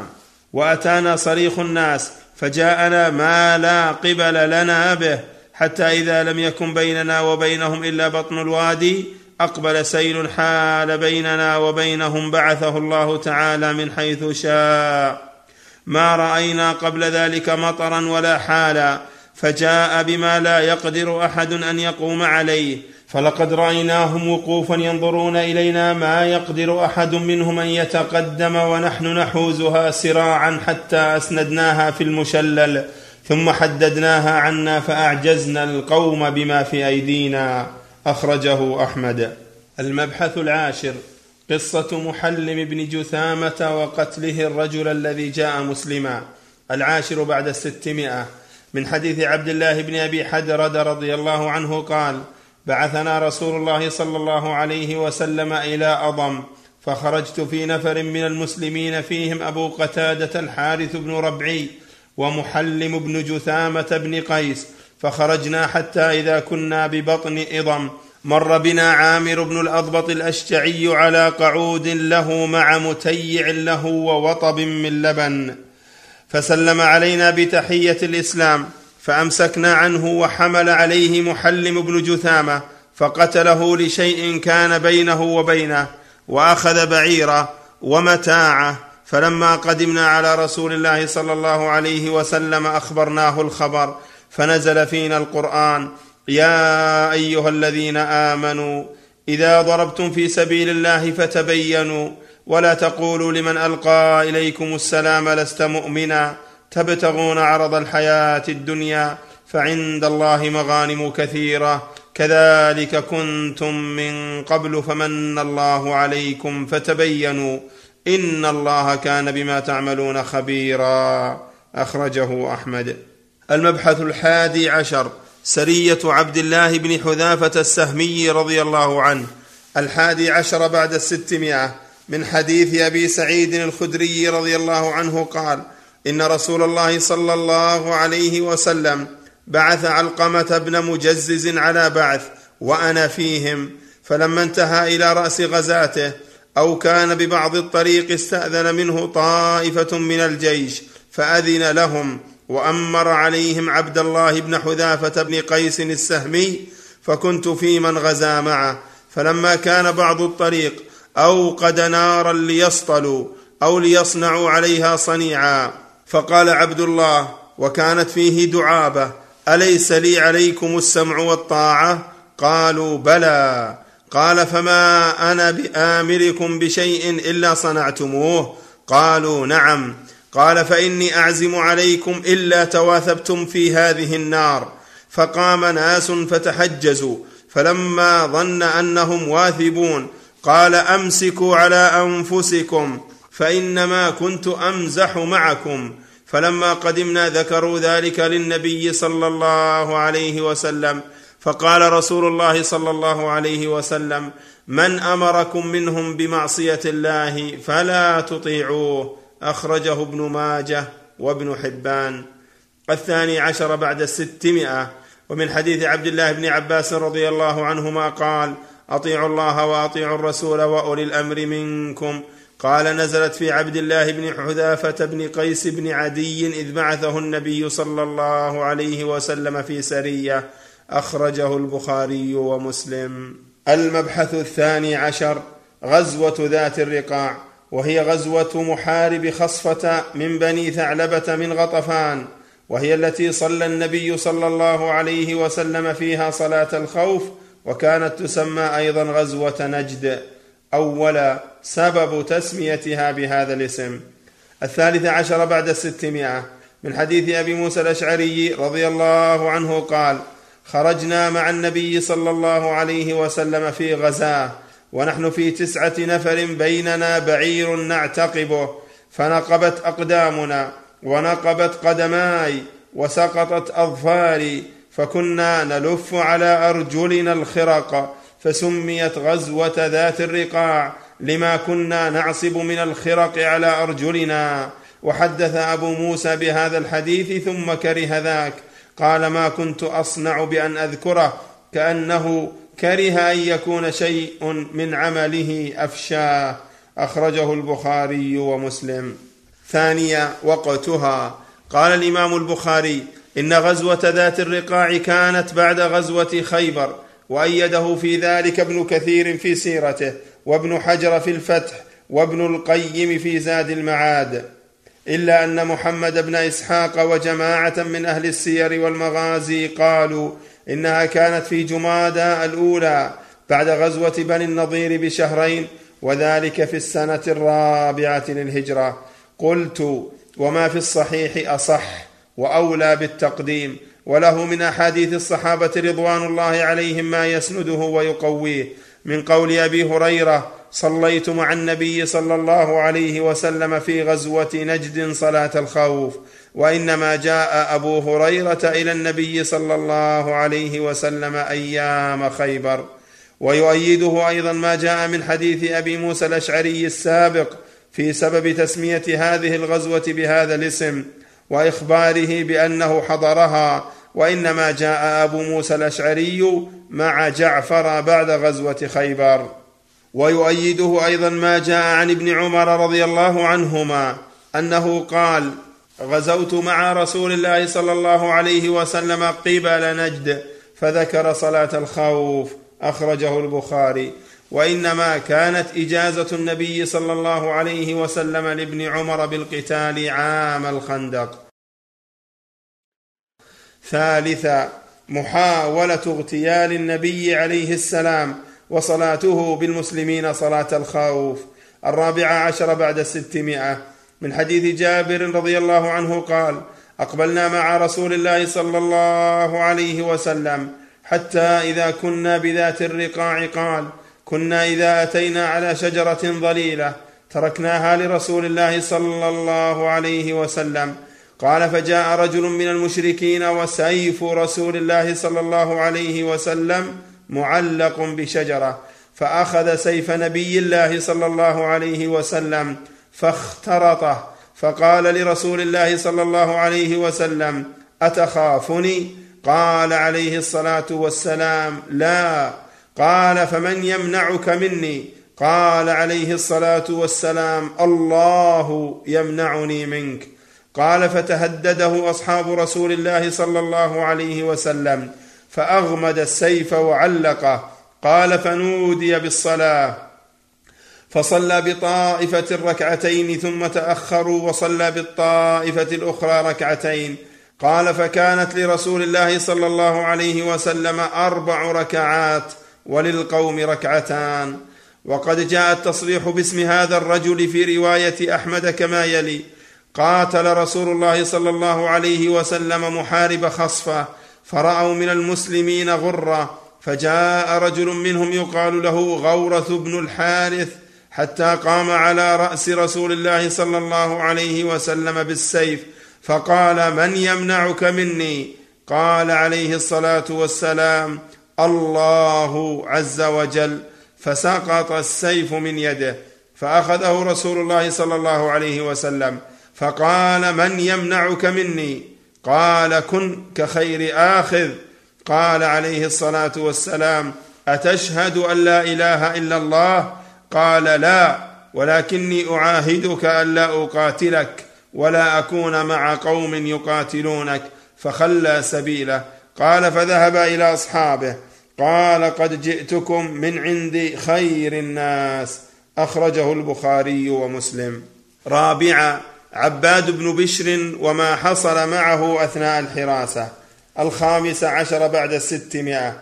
من حديث جابر بن عبد الله رضي الله عنهما قال خرجنا مع رسول الله صلى الله عليه وسلم في غزوة ذات الرقاع فأصيبت امرأة من المشركين فلما انصرف رسول الله صلى الله عليه وسلم قافلا وجاء زوجها وكان غائبا فحلف الا ينتهي حتى يهريق دما في أصحاب محمد صلى الله عليه وسلم فخرج يتبع أثر النبي صلى الله عليه وسلم. فنزل النبي صلى الله عليه وسلم منزلا فقال عليه الصلاة والسلام من رجل يكلأنا أي يحرسنا؟ فانتدب رجل من المهاجرين ورجل من الأنصار فقال نحن يا رسول الله قال فكونا بفم الشعب قال وكانوا نزلوا إلى شعب الوادي فلما خرج الرجلان إلى فم الشعب قال الأنصاري للمهاجر أي الليل أحب إليك أن أكفيكه أوله أو آخره؟ قال اكفني أوله. فاضطجع المهاجري فنام وقام الأنصاري يصلي وأتى الرجل فلما رأى شخص الرجل عرف أنه ربيئه القوم أي عينهم وطليعتهم فرماه بسهم فوضعه فيه فنزعه فوضعه وثبت قائما ثم رماه بسهم آخر فوضعه فيه فنزعه فوضعه وثبت قائما ثم عاد له بثالث فوضعه فيه فنزعه فوضعه ثم ركع وسجد ثم أهب صاحبه أي ايقظه فقال اجلس فقد أوتيت. فوثب فلما راهما الرجل عرف أن قد نذروا به فلما رأى المهاجري ما بالأنصاري من الدماء قال سبحان الله ألا أهببتني؟ قال كنت في سورة أقرأها فلم أحب أن أقطعها حتى أنفذها فلما تابع الرمي ركعت فأريتك. وأيم الله لولا أن أضيع ثغرا أمرني رسول الله صلى الله عليه وسلم بحفظه لقطع نفسي قبل أن أقطعها وأنفذها. أخرجه أحمد وأبو داود. خامسا قصة جمل جابر بن عبد الله رضي الله عنه السادس عشر بعد الستمائة. من حديث جابر بن عبد الله رضي الله عنهما قال خرجت مع رسول الله صلى الله عليه وسلم في غزاة فابطا بي جملي فأتى علي رسول الله صلى الله عليه وسلم فقال لي يا جابر. قلت نعم. قال ما شأنك؟ قلت ابطا بي جملي وأعيا فتخلفت. فنزل فحجنه بمحجنه ثم قال اركب فركبت فلقد رأيتني أكفه عن رسول الله صلى الله عليه وسلم. فقال أتزوجت؟ فقلت نعم. فقال ابكرا أم ثيبا؟ فقلت بل ثيب. قال فهلا جارية تلاعبها وتلاعبك؟ فقلت إن لي أخوات. فأحببت أن أتزوج امرأة تجمعهن وتمشطهن وتقوم عليهن. قال أما إنك قادم فإذا قدمت فالكيس الكيس. ثم قال عليه الصلاة والسلام أتبيع جملك؟ قلت نعم فاشتراه مني بأوقية. ثم قدم رسول الله صلى الله عليه وسلم وقدمت بالغداة فجئت المسجد فوجدته على باب المسجد. فقال عليه الصلاة والسلام الآن حين قدمت؟ قلت نعم. قال عليه الصلاة والسلام فدع جملك وادخل فصل ركعتين. قال فدخلت فصليت ثم رجعت فأمر بلالا أن يزن لي أوقية فوزن لي بلال فأرجح في الميزان. قال فانطلقت فلما وليت قال عليه الصلاة والسلام ادع لي جابرا فدعيت فقلت الآن يرد علي الجمل ولم يكن شيء أبغض إلي منه. فقال عليه الصلاة والسلام خذ جملك ولك ثمنه. أخرجه البخاري. ولم يأتي في لفظ الصحيحين التصريح باسم الغزوة التي حصلت فيها قصة جابر. ولكن جاء من نفس الطريق طريق وهب بن كيسان عن جابر التصريح بأن الغزوة هي غزوة ذات الرقاع. وذلك عند ابن هشام في السيرة في الجزء الثاني في الصفحة السادسة بعد المئتين إلى السابعة بعد المئتين. عن ابن إسحاق حدثني وهب بن كيسان عن جابر وهذا سند صحيح لأن ابن إسحاق صرح بالتحديث فزالت عنه شبهة التدليس. فوائد حديث جابر. أولا في الحديث جواز المساومة لمن يعرض سلعته للبيع. ثانيا وفيه أن القبض ليس شرطا في صحة البيع. ثالثا وجواز التحدث بالعمل الصالح للإتيان بالقصة على وجهها لا على وجه تزكية النفس وإرادة الفخر. رابعا وفيه تفقد الإمام والكبير لأصحابه وسؤاله عما ينزل بهم وإعانتهم بما تيسر من حال أو مال أو دعاء. خامسا وفيه جواز الضرب للدابة للمسير وإن كانت غير مكلفة إذا لم تكن قادرة. سادسا وفيه توقير التابع لرئيسه. سابعا وفيه الوكالة في وفاء الدين والشراء بالنسيئة. ثامنا وفيه جواز الزيادة في الثمن عند الأداء والرجحان في الوزن لكن برضا المالك. تاسعا وفيه فضيلة لجابر حيث ترك حظ نفسه وامتثل أمر النبي صلى الله عليه وسلم له ببيع جمله مع احتياجه إليه عاشرا وفيه معجزة ظاهرة للنبي صلى الله عليه وسلم. المبحث الثالث عشر عمرة القضاء أو عمرة القضية أو عمرة القصاص أو عمرة الصلح. اولا وقتها قال الحافظ في الفتح روى يعقوب بن سفيان في تاريخه بسند حسن عن ابن عمر قال كانت عمرة القضية في ذي القعدة سنة سبع وفي مغازي سليمان التيمي قال لما رجع النبي صلى الله عليه وسلم من خيبر بث سراياه وأقام بالمدينة حتى استهل ذو القعدة فنادى في الناس أن تجهزوا إلى العمرة. وكذلك قال نافع كانت في ذي القعدة سنة سبع وقال ذلك أيضا موسى بن عقبة ثم خرج رسول الله صلى الله عليه وسلم من العام المقبل من عام الحديبية معتمرا في ذي القعدة سنة سبع. وقال ذلك ابن إسحاق وأبو الأسود عن عروة وسليمان التيمي جميعا في مغازيهم. إنه صلى الله عليه وسلم خرج إلى عمرة القضاء في ذي القعدة. ثانيا مقالة قريش أن الحمى في يثرب قد اوهنت قوى المسلمين السابع عشر بعد الستمائة من حديث ابن عباس رضي الله عنهما قال قدم رسول الله صلى الله عليه وسلم وأصحابه فقال المشركون إنه يقدم عليكم وفد وهنتهم حمى يثرب فأمرهم رسول الله صلى الله عليه وسلم أن يرملوا الأشواط الثلاثة وأن يمشوا ما بين الركنين ولم يمنعه أن يأمرهم أن يرملوا الأشواط كلها إلا الإبقاء عليهم. وزاد ابن سلمة عن سعيد بن جبير عن ابن عباس قال لما قدم النبي صلى الله عليه وسلم لعامه الذي استأمن قال ارملوا ليرى المشركون قوتكم والمشركون من قبل قعيقعان. أخرجه البخاري ومسلم.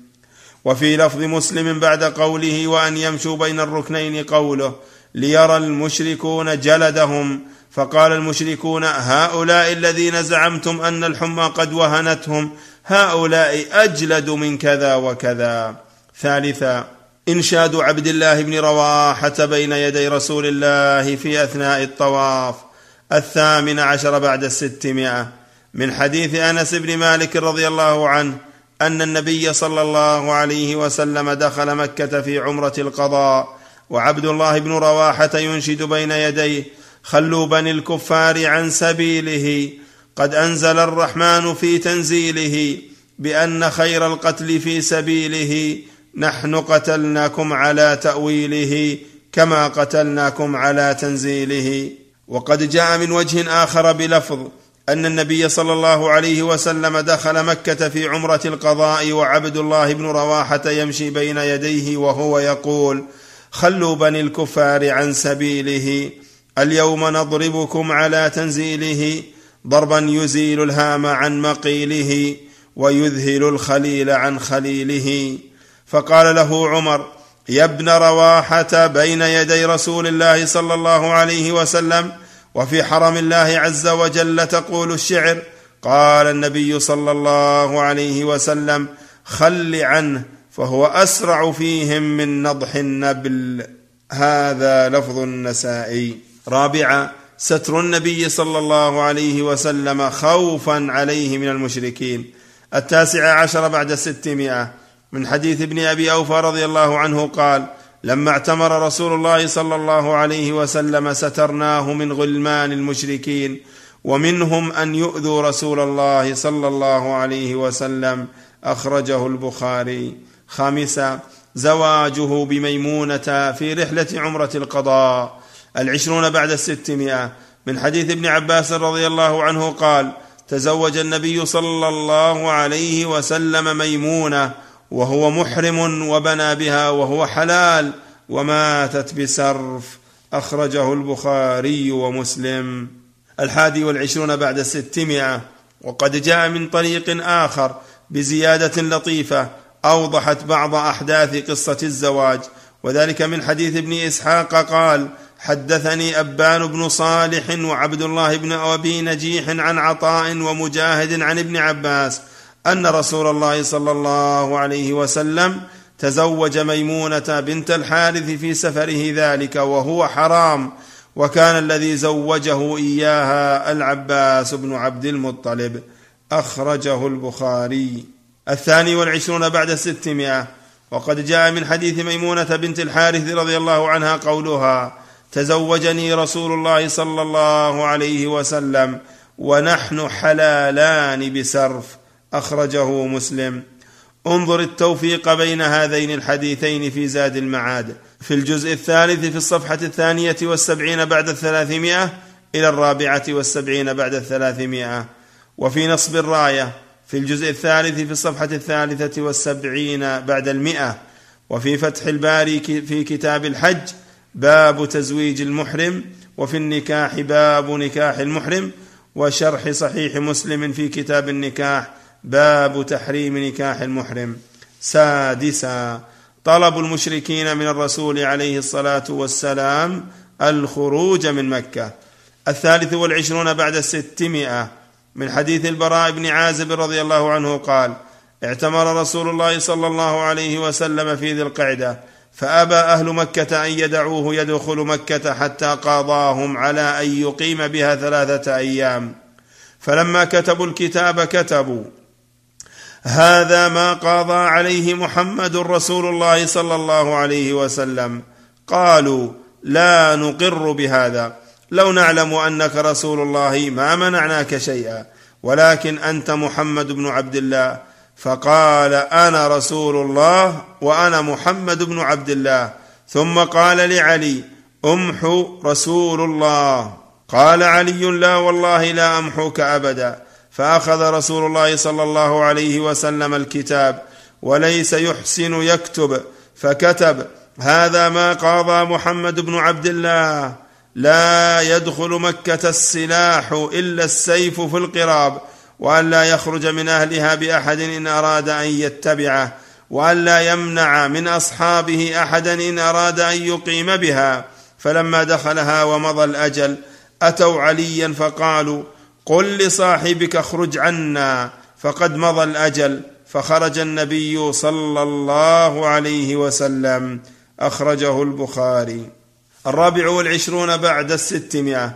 ومن حديث ابن عباس رضي الله عنه فأقام رسول الله صلى الله عليه وسلم بمكة ثلاثا فأتاه حويطب بن عبد العزى ابن أبي قيس بن عبد ود بن نصر بن مالك بن حسل في نفر من قريش في اليوم الثالث. وكانت قريش قد وكلته بإخراج رسول الله صلى الله عليه وسلم من مكة فقالوا له إنه قد انقضى أجلك فاخرج عنا. فقال النبي صلى الله عليه وسلم وما عليكم لو تركتموني فأعرست بين أظهركم وصنعنا لكم طعاما فحضرتموه. قالوا لا حاجة لنا في طعامك فاخرج عنا. فخرج رسول الله صلى الله عليه وسلم وخلف أبا رافع مولاه على ميمونة حتى أتاه بها بسرف فبنى بها رسول الله صلى الله عليه وسلم هنالك. ثم انصرف رسول الله صلى الله عليه وسلم إلى المدينة في ذي الحجة. سابعا خروج ابنة حمزة بن عبد المطلب خلف النبي عليه الصلاة والسلام. الخامس والعشرون بعد الستمائة. من حديث البراء بن عازب قال فقالوا قل لصاحبك اخرج عنا فقد مضى الأجل. فخرج النبي صلى الله عليه وسلم فتبعته ابنة حمزة تنادي يا عم يا عم.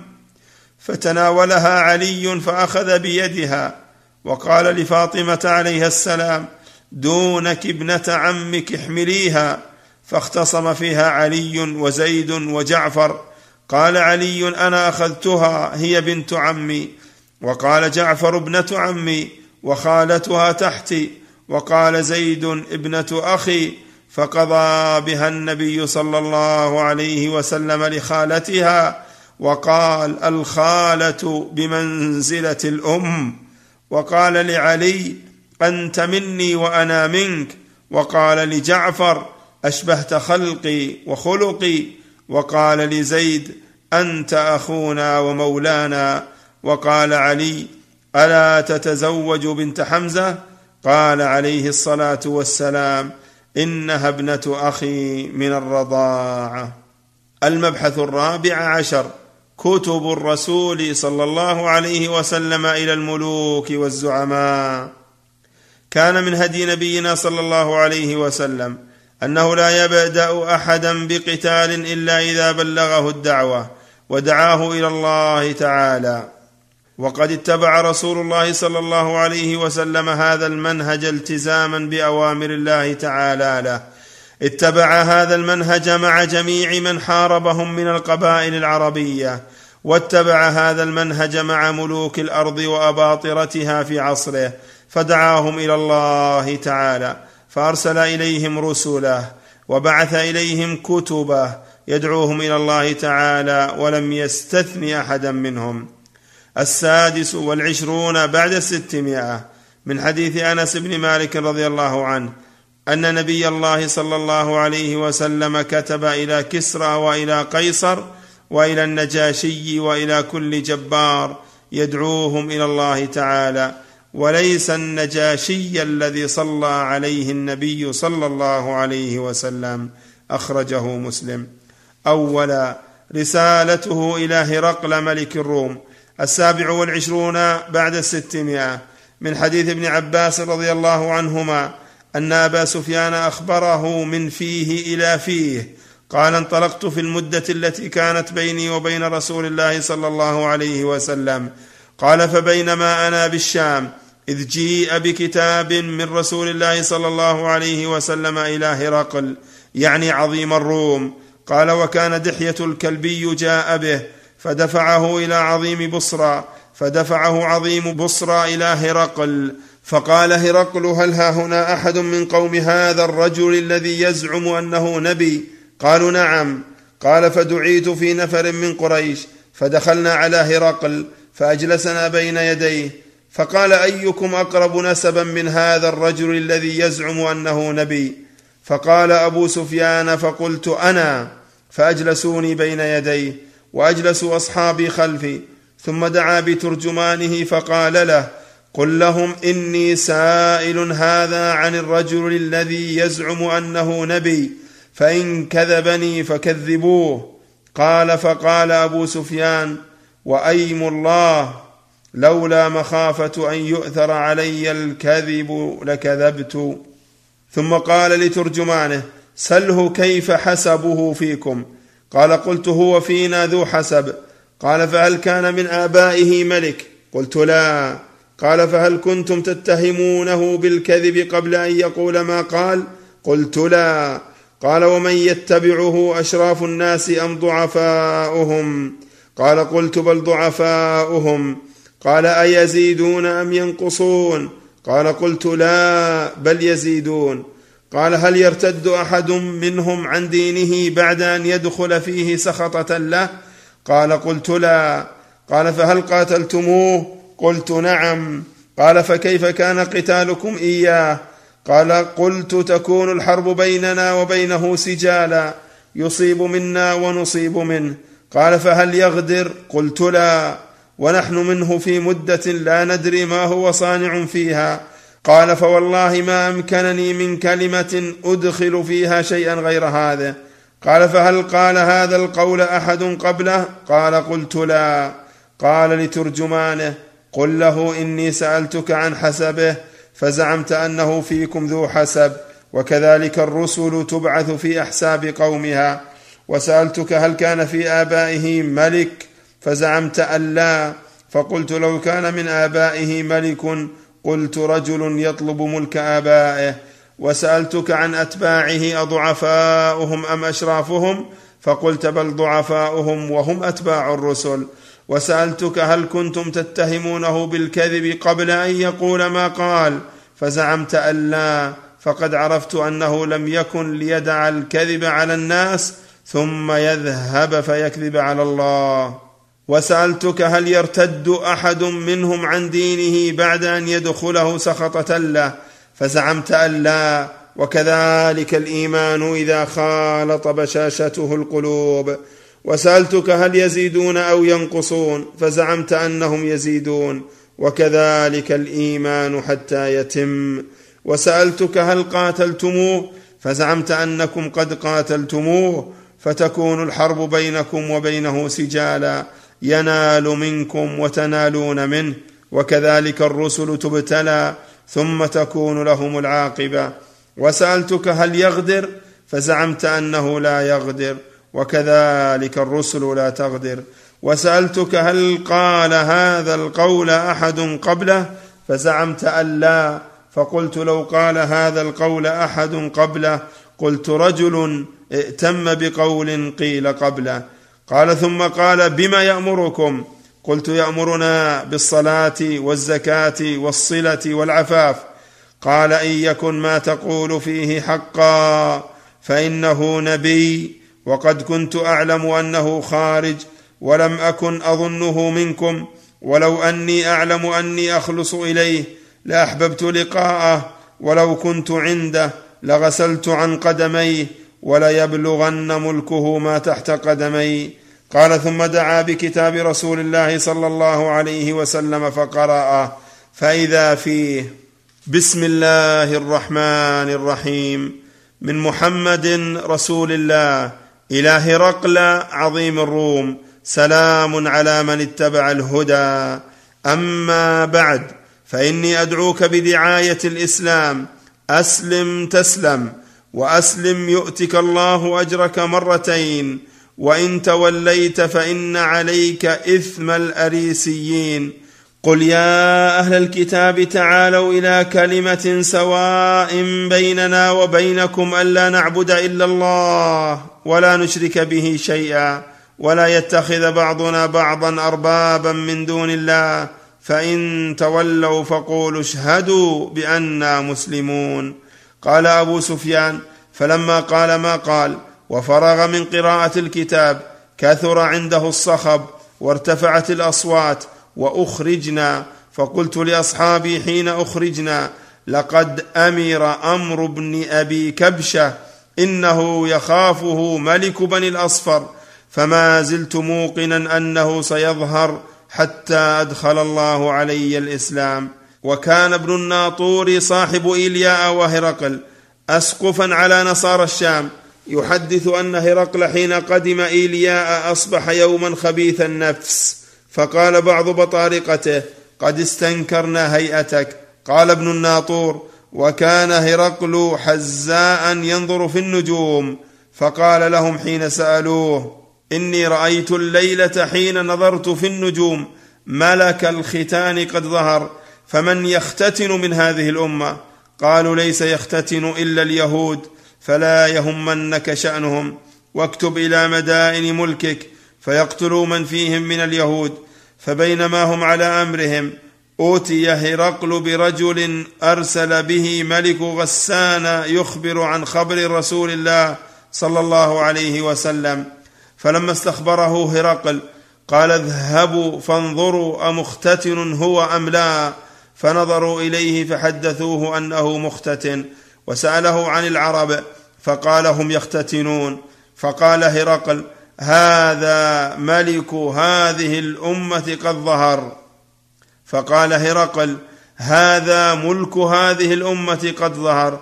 ثم كتب هرقل إلى صاحب له برومية وكان نظيره في العلم وسار هرقل إلى حمص فلم يرم حمص حتى أتاه كتاب من صاحبه يوافق رأي هرقل على خروج النبي صلى الله عليه وسلم وأنه نبي.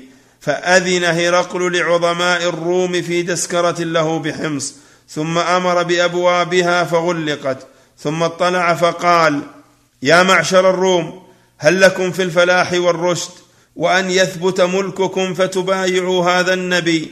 فحاصوا حيصة حمر الوحش إلى الأبواب فوجدوها قد غلقت فلما رأى هرقل نفرتهم وأيس من الإيمان قال ردوهم علي وقال إني قلت مقالتي آنفا أختبر بها شدتكم على دينكم فقد رأيت فسجدوا له ورضوا عنه فكان ذلك آخر شأن هرقل أخرجه البخاري ومسلم.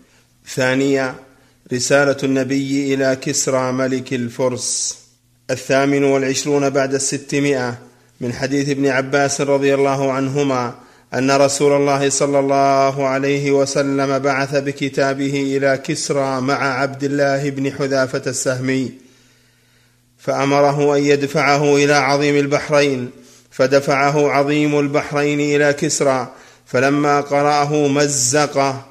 فحسبت ابن المسيب قال فدعا عليهم رسول الله صلى الله عليه وسلم أن يمزقوا كل ممزق.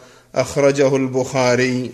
التاسع والعشرون بعد الستمائه من مرسلات سعيد بن المسيب رضي الله عنه قال كتب رسول الله صلى الله عليه وسلم إلى كسرى وقيصر والنجاشي كتابا واحدا. بسم الله الرحمن الرحيم.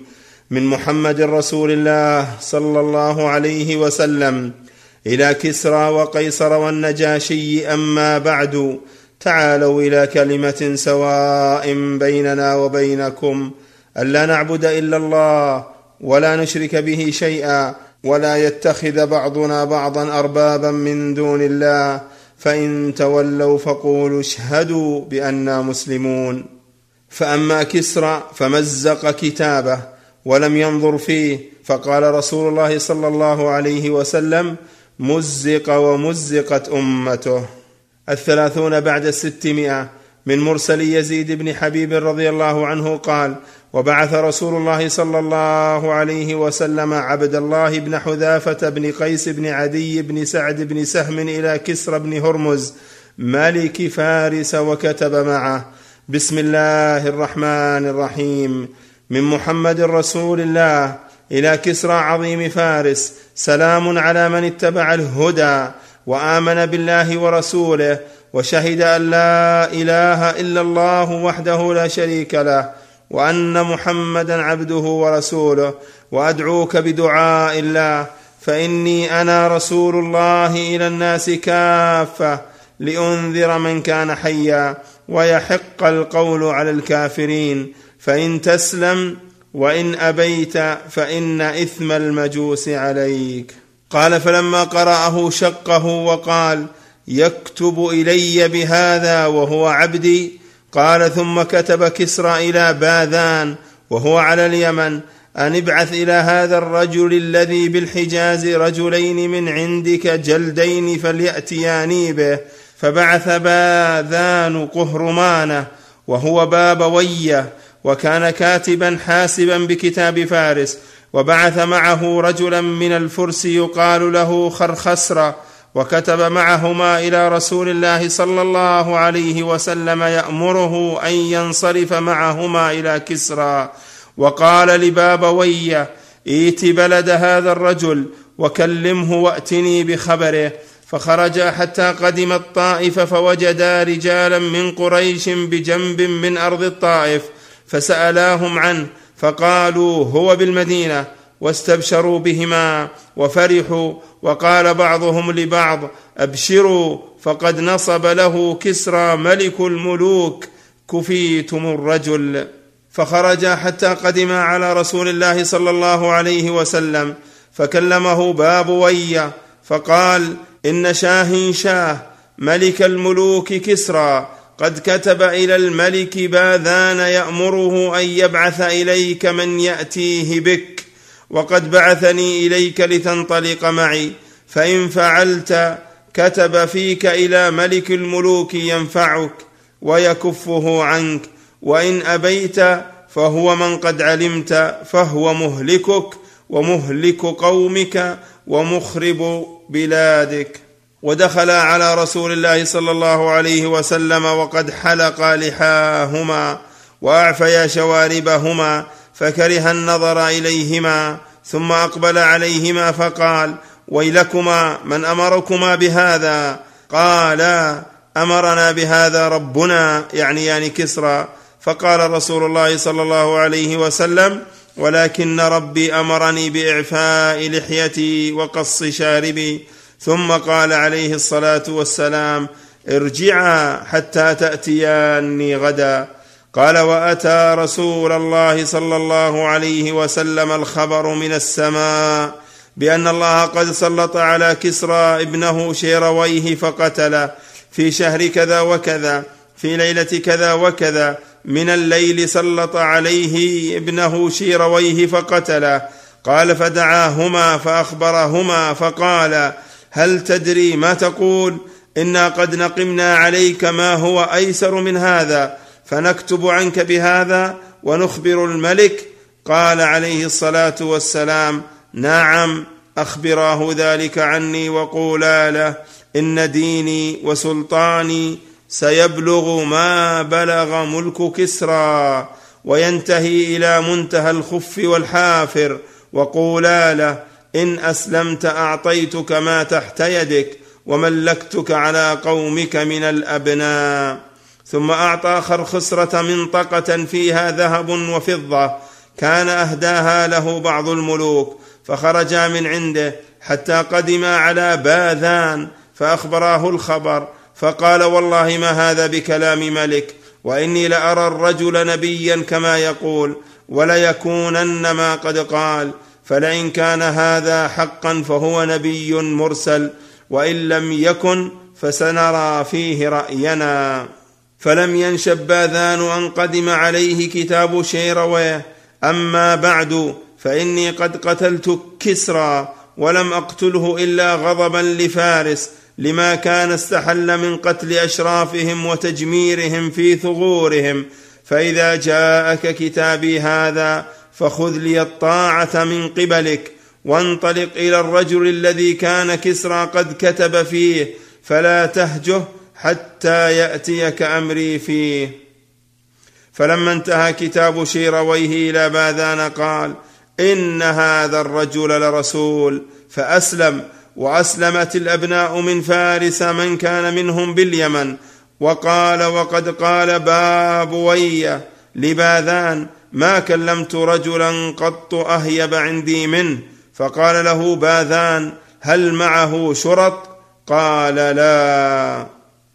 ثالثا رسالته إلى النجاشي الحادي والثلاثون بعد الستمائة من حديث أنس رضي الله عنه أن النبي صلى الله عليه وسلم كتب إلى كسرى وإلى قيصر وإلى النجاشي وإلى كل جبار يدعوهم إلى الله تعالى وليس بالنجاشي الذي صلى عليه النبي صلى الله عليه وسلم. وقد أوضح ابن القيم أن النجاشي الذي صلى عليه رسول الله صلى الله عليه وسلم وهو الذي آمن وأكرم أصحابه هو غير النجاشي الذي كتب إليه يدعوه إلى الإسلام فهما اثنان. رابعا رسالته إلى المقوقس حاكم مصر.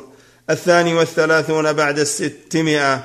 من مرسل عبد الرحمن بن عبد القارئ أن رسول الله صلى الله عليه وسلم بعث حاطب بن أبي بلتعة إلى المقوقس صاحب الإسكندرية فمضى بكتاب رسول الله صلى الله عليه وسلم إلى المقوقس فقبل الكتاب وأكرم حاطبا وأحسن نزلا وسرحه إلى النبي صلى الله عليه وسلم وأهدى له مع حاطب كسوة وبغلة بسرجها وخادمتين إحداهما أم إبراهيم وأما الأخرى فوهبها رسول الله صلى الله عليه وسلم لجهم بن قيس العبدي فهي أم زكريا بن جهم الذي كان خليفة عمرو بن العاص على مصر. المبحث الخامس عشر إسلام عمرو بن العاص وخالد بن الوليد وعثمان بن أبي طلحة. الثالث والثلاثون بعد الستمائة. من حديث عمرو بن العاص رضي الله عنه قال لما انصرفنا مع الأحزاب عن الخندق جمعت رجالا من قريش كانوا يرون رأيي ويسمعون مني فقلت لهم تعلمون والله أني أرى أمر محمد يعلو الأمور علوا منكرا وإني قد رأيت أمرا فما ترون فيه؟ قالوا وماذا رأيت؟ قال رأيت أن نلحق بالنجاشي فنكون عنده فإن ظهر محمد على قومنا كنا عند النجاشي. فإنا أن نكون تحت يديه أحب إلينا من أن نكون تحت يدي محمد. وإن ظهر قومنا فنحن من قد عرفوا فلن يأتينا منهم إلا خير. قالوا إن هذا الرأي. قلت فاجمعوا لنا ما نهديه له. وكان أحب ما يهدى إليه من أرضنا الأدم يعني الجلد. فجمعنا له أدما كثيرا ثم خرجنا حتى قدمنا عليه. فوالله إنا لعنده إذ جاءه عمرو بن أمية الضمري وكان رسول الله صلى الله عليه وسلم قد بعثه إليه في شأن جعفر وأصحابه.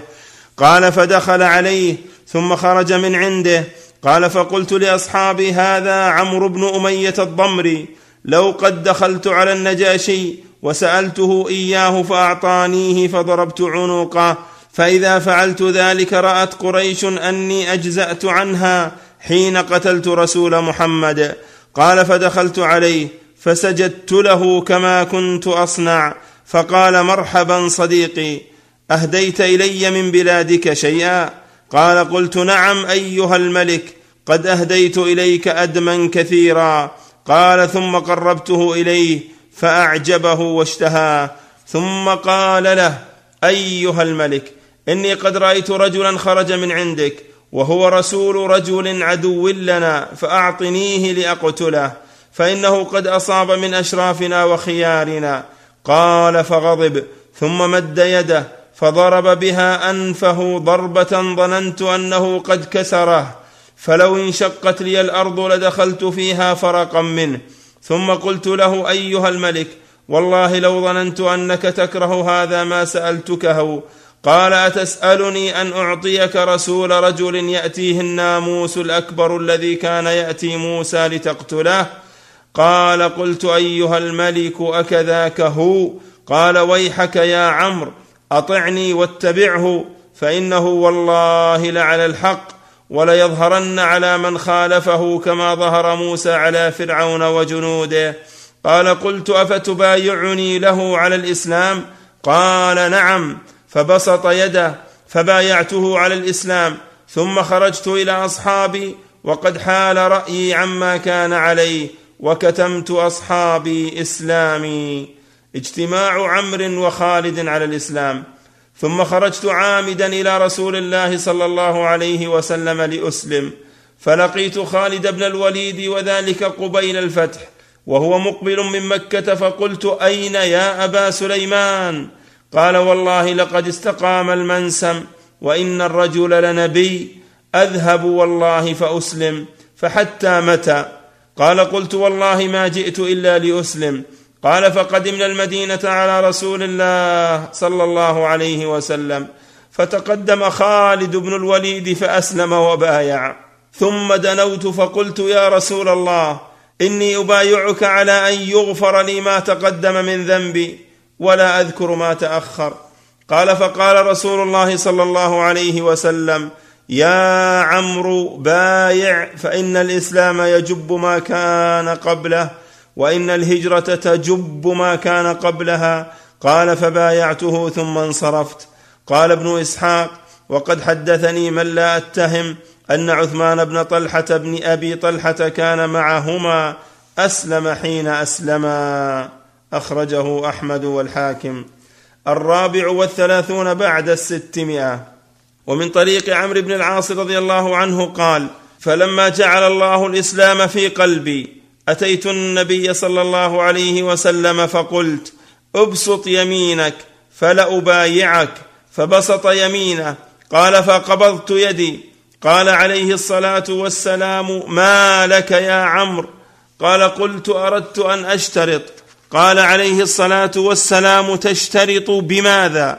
قلت أن يغفر لي.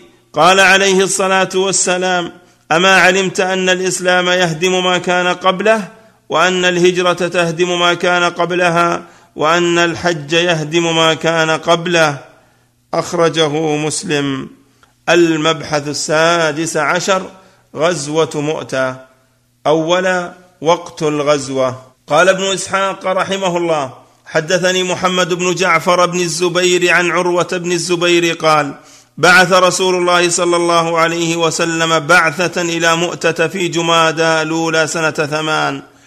وقال الحافظ في الفتح وفي مغازي أبي الأسود عن عروة بعث رسول الله صلى الله عليه وسلم الجيش إلى مؤتة في جمادى من سنة ثمان. وكذا قال ابن إسحاق وموسى بن عقبة وغيرهما من أهل المغازي لا يختلفون في ذلك إلا ما ذكر خليفة في تاريخه أنها كانت سنة سبع. ثانيا تعيين القادة على جيش مؤتة الخامس والثلاثون بعد الستمائة. من حديث ابن عمر رضي الله عنهما قال أمر رسول الله صلى الله عليه وسلم في غزوة مؤتة زيد بن حارثة فقال رسول الله صلى الله عليه وسلم إن قتل زيد فجعفر وإن قتل جعفر فعبد الله بن رواحة. قال عبد الله كنت فيهم في تلك الغزوة فالتمسنا جعفر بن أبي طالب فوجدناه في القتلى ووجدنا ما في جسده بضعا وتسعين من طعنة ورمية. أخرجه البخاري. ثالثا وداع أهل المدينة الجيش الخارج إلى مؤتة. السادس والثلاثون بعد الستمائة. من حديث عروة بن الزبير مرسلا قال بعث رسول الله صلى الله عليه وسلم بعثة إلى مؤتة في جمادى الأولى سنة ثمان واستعمل عليهم زيد بن حارثة وقال إن أصيب زيد فجعفر بن أبي طالب على الناس فإن أصيب جعفر فعبد الله بن رواحة على الناس فتجهز الناس ثم تهيأوا للخروج هم ثلاثة آلاف. فلما حضر خروجهم ودع الناس أمراء رسول الله صلى الله عليه وسلم وسلموا عليهم. فلما ودع عبد الله بن رواحة مع من ودع من أمراء رسول الله صلى الله عليه وسلم بكى.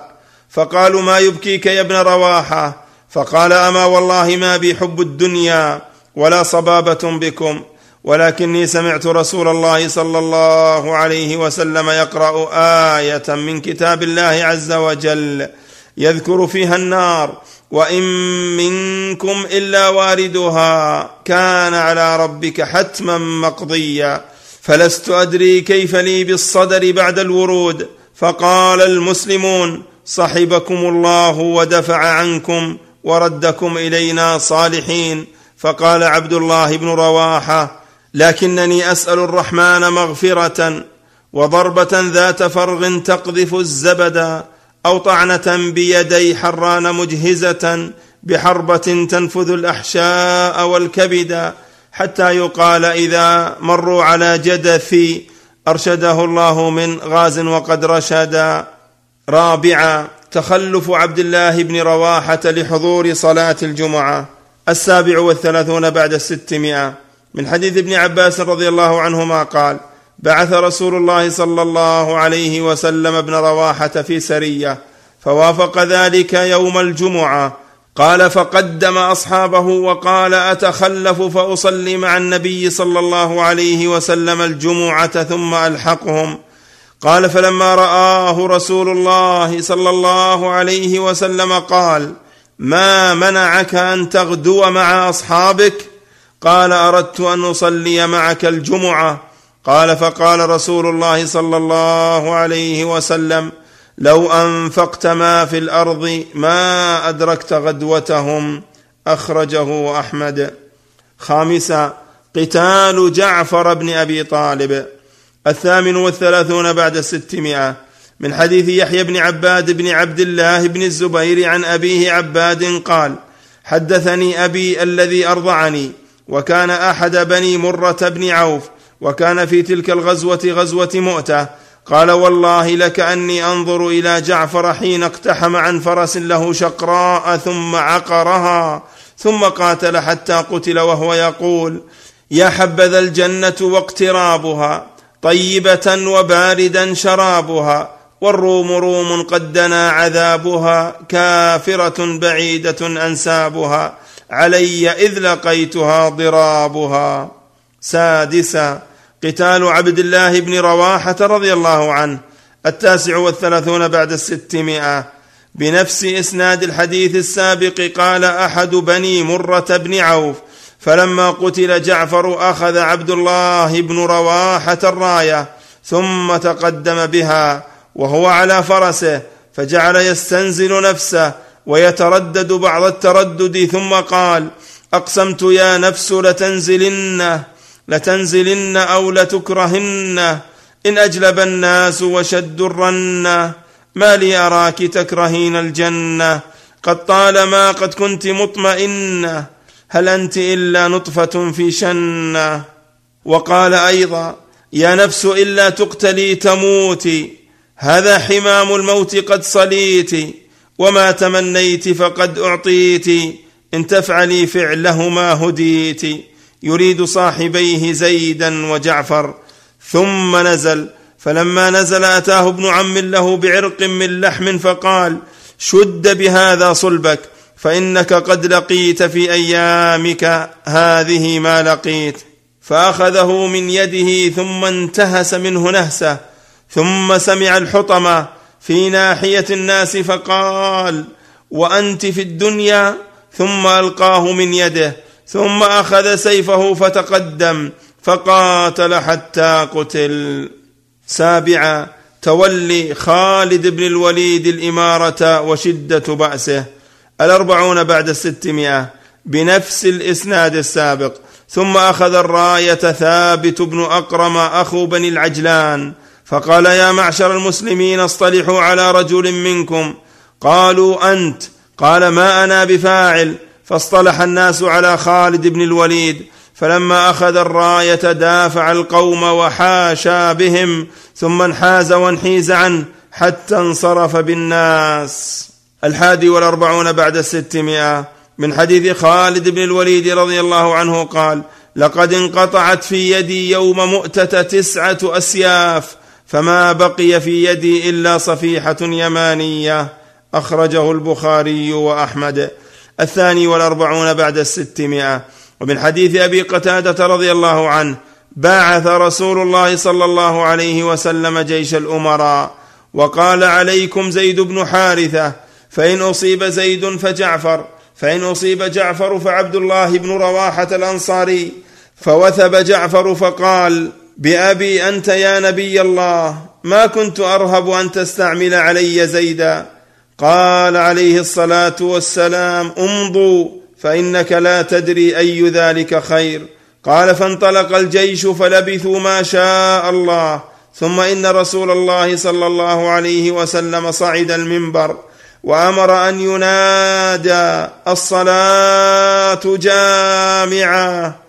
فقال رسول الله صلى الله عليه وسلم ناب خبر أو ثاب خبر. شك عبد الرحمن ألا أخبركم عن جيشكم هذا الغازي؟ إنهم انطلقوا حتى لقوا العدو فأصيب زيد شهيدا فاستغفروا له فاستغفر له الناس. ثم أخذ اللواء جعفر بن أبي طالب فشد على القوم حتى قتل شهيدا. اشهدوا له بالشهادة فاستغفروا له. ثم أخذ اللواء عبد الله بن رواحة فأثبت قدميه حتى أصيب شهيدا فاستغفروا له. ثم أخذ اللواء خالد بن الوليد ولم يكن من الأمراء هو أمر نفسه.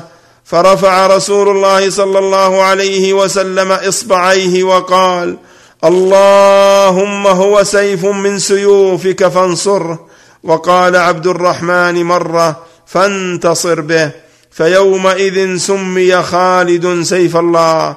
ثم قال النبي صلى الله عليه وسلم انفروا فأمدوا إخوانكم ولا يتخلفن أحد.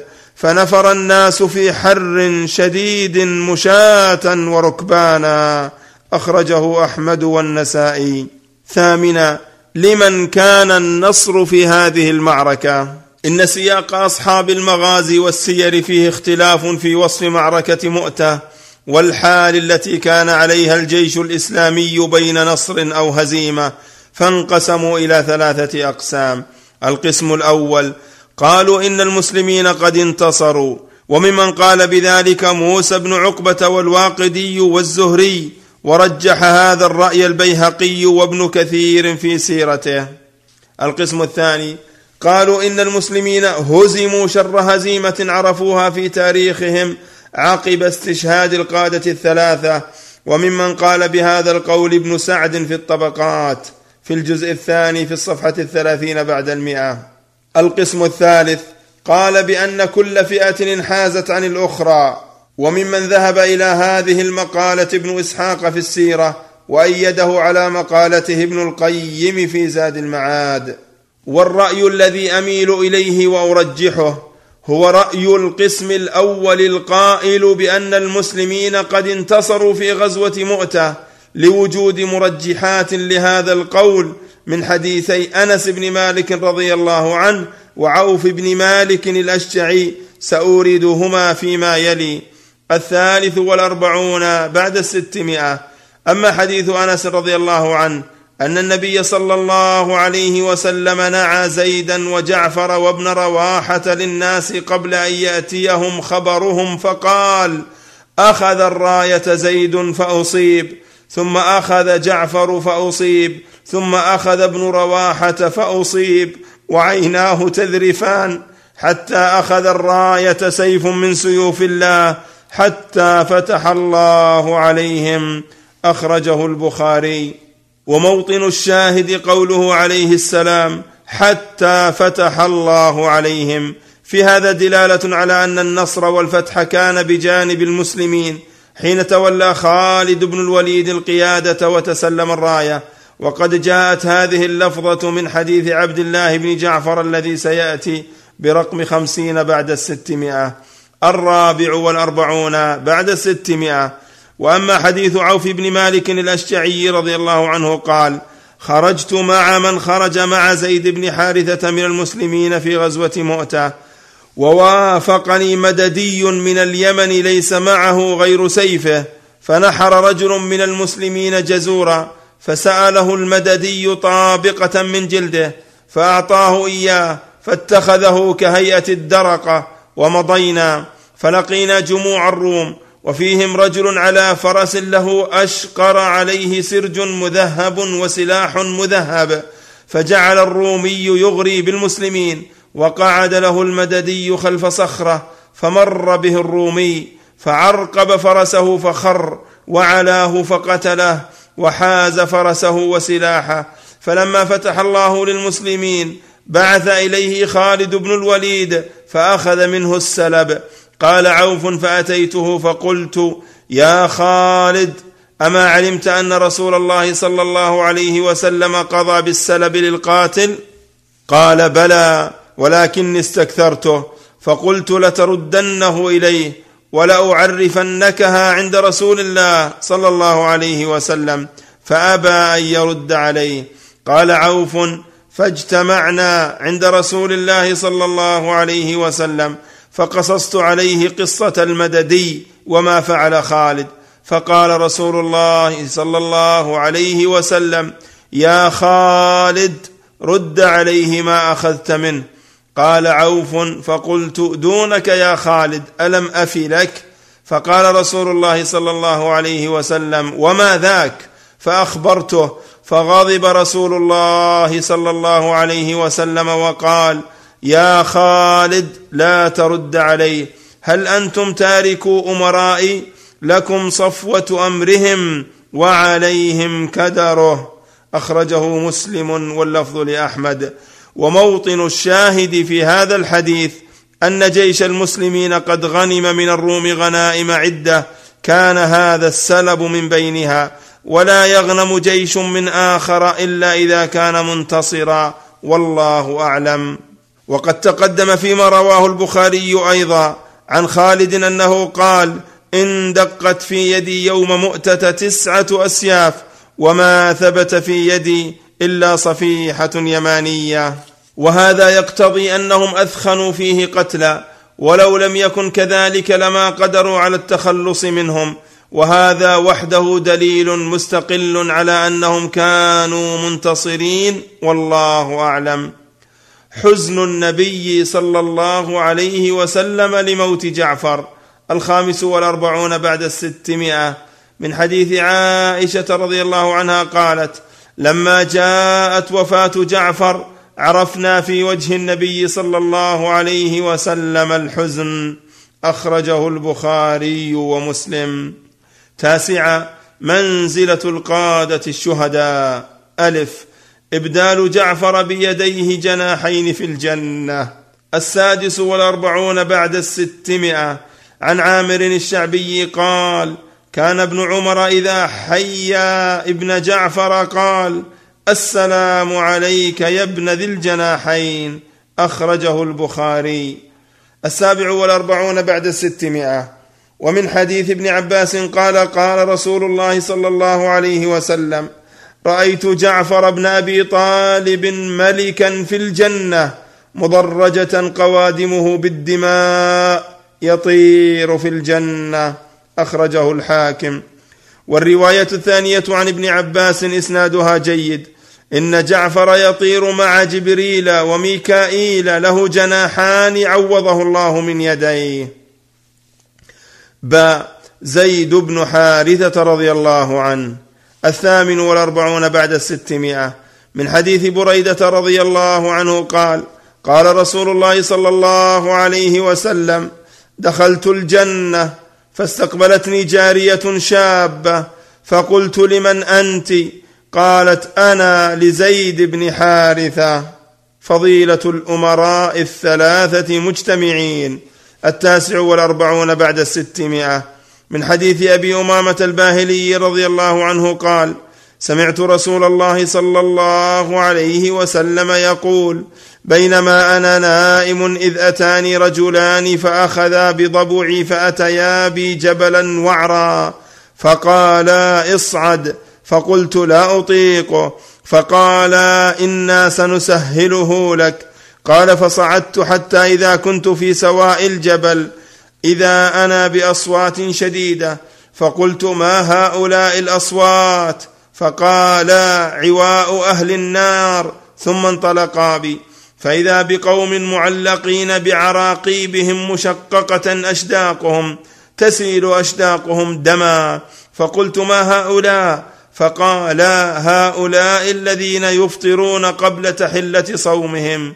فقال خابت اليهود والنصارى قال سليم يعني ابن عامر الخبائري الراوي عن ابن أمامة سمعت من رسول الله صلى الله عليه وسلم أم رأيه ثم انطلقا بي فإذا قوم أشد شيء انتفاخا وأنتن شيء ريحا كأن ريحهم المراحيض.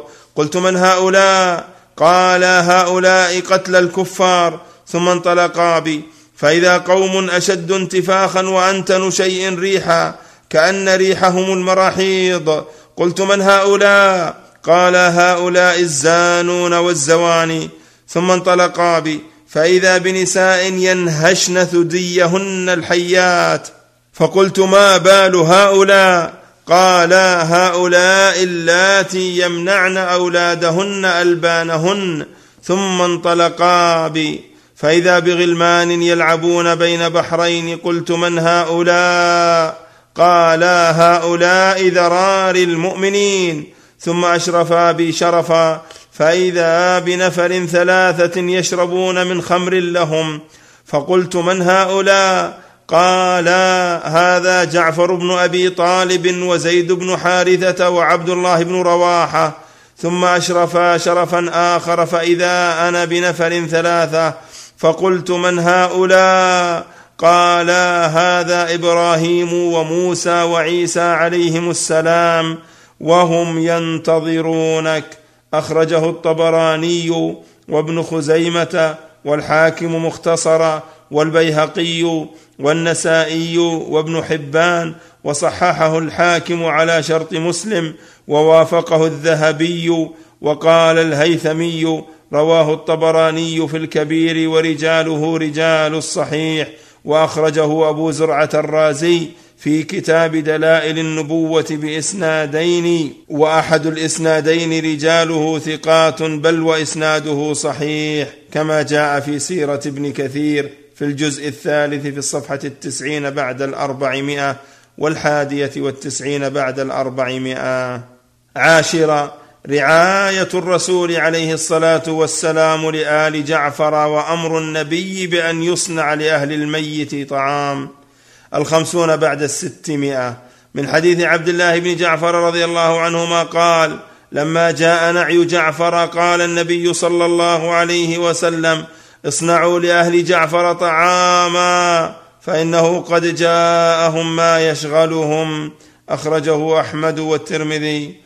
الحادي والخمسون بعد الستمائه ومن حديث عبد الله بن جعفر أيضا قال بعث رسول الله صلى الله عليه وسلم جيشا استعمل عليه زيد بن حارثة وقال فإن قتل زيد فأميركم جعفر فإن قتل واستشهد فأميركم عبد الله بن رواحة. فلقوا العدو فأخذ الراية زيد فقاتل حتى قتل. ثم أخذ الراية جعفر فقاتل حتى قتل. ثم أخذ الراية عبد الله بن رواحة فقاتل حتى قتل.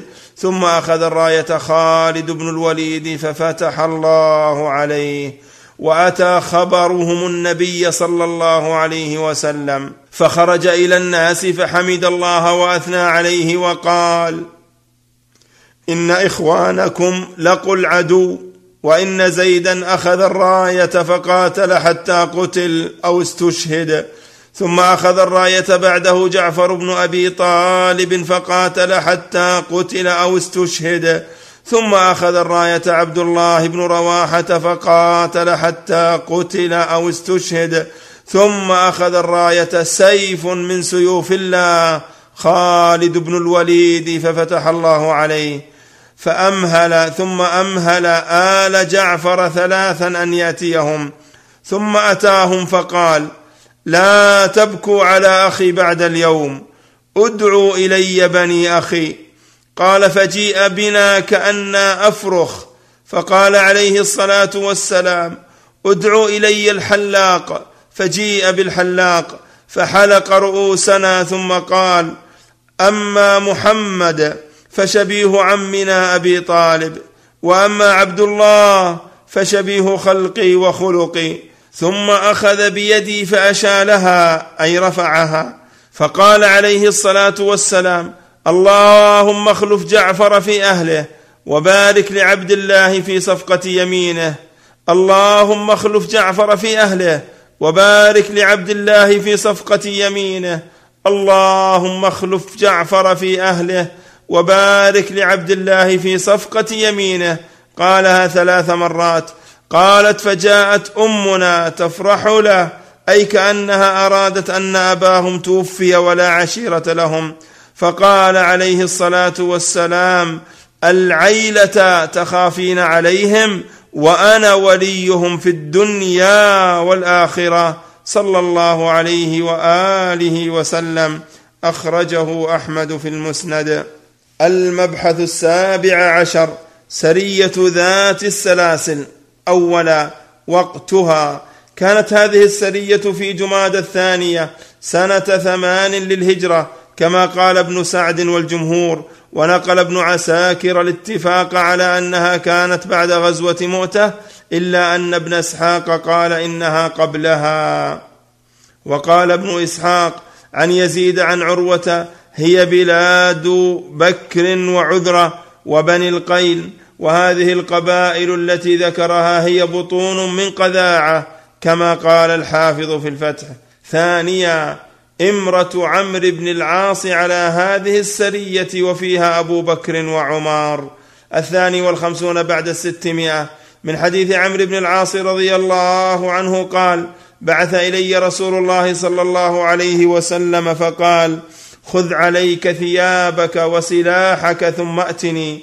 فأتيته. وهو يتوضأ فصعد في النظر ثم طأطأ فقال عليه الصلاة والسلام إني أريد أن أبعثك على جيش فيسلمك الله ويغنمك وأرغب لك من المال رغبة صالحة.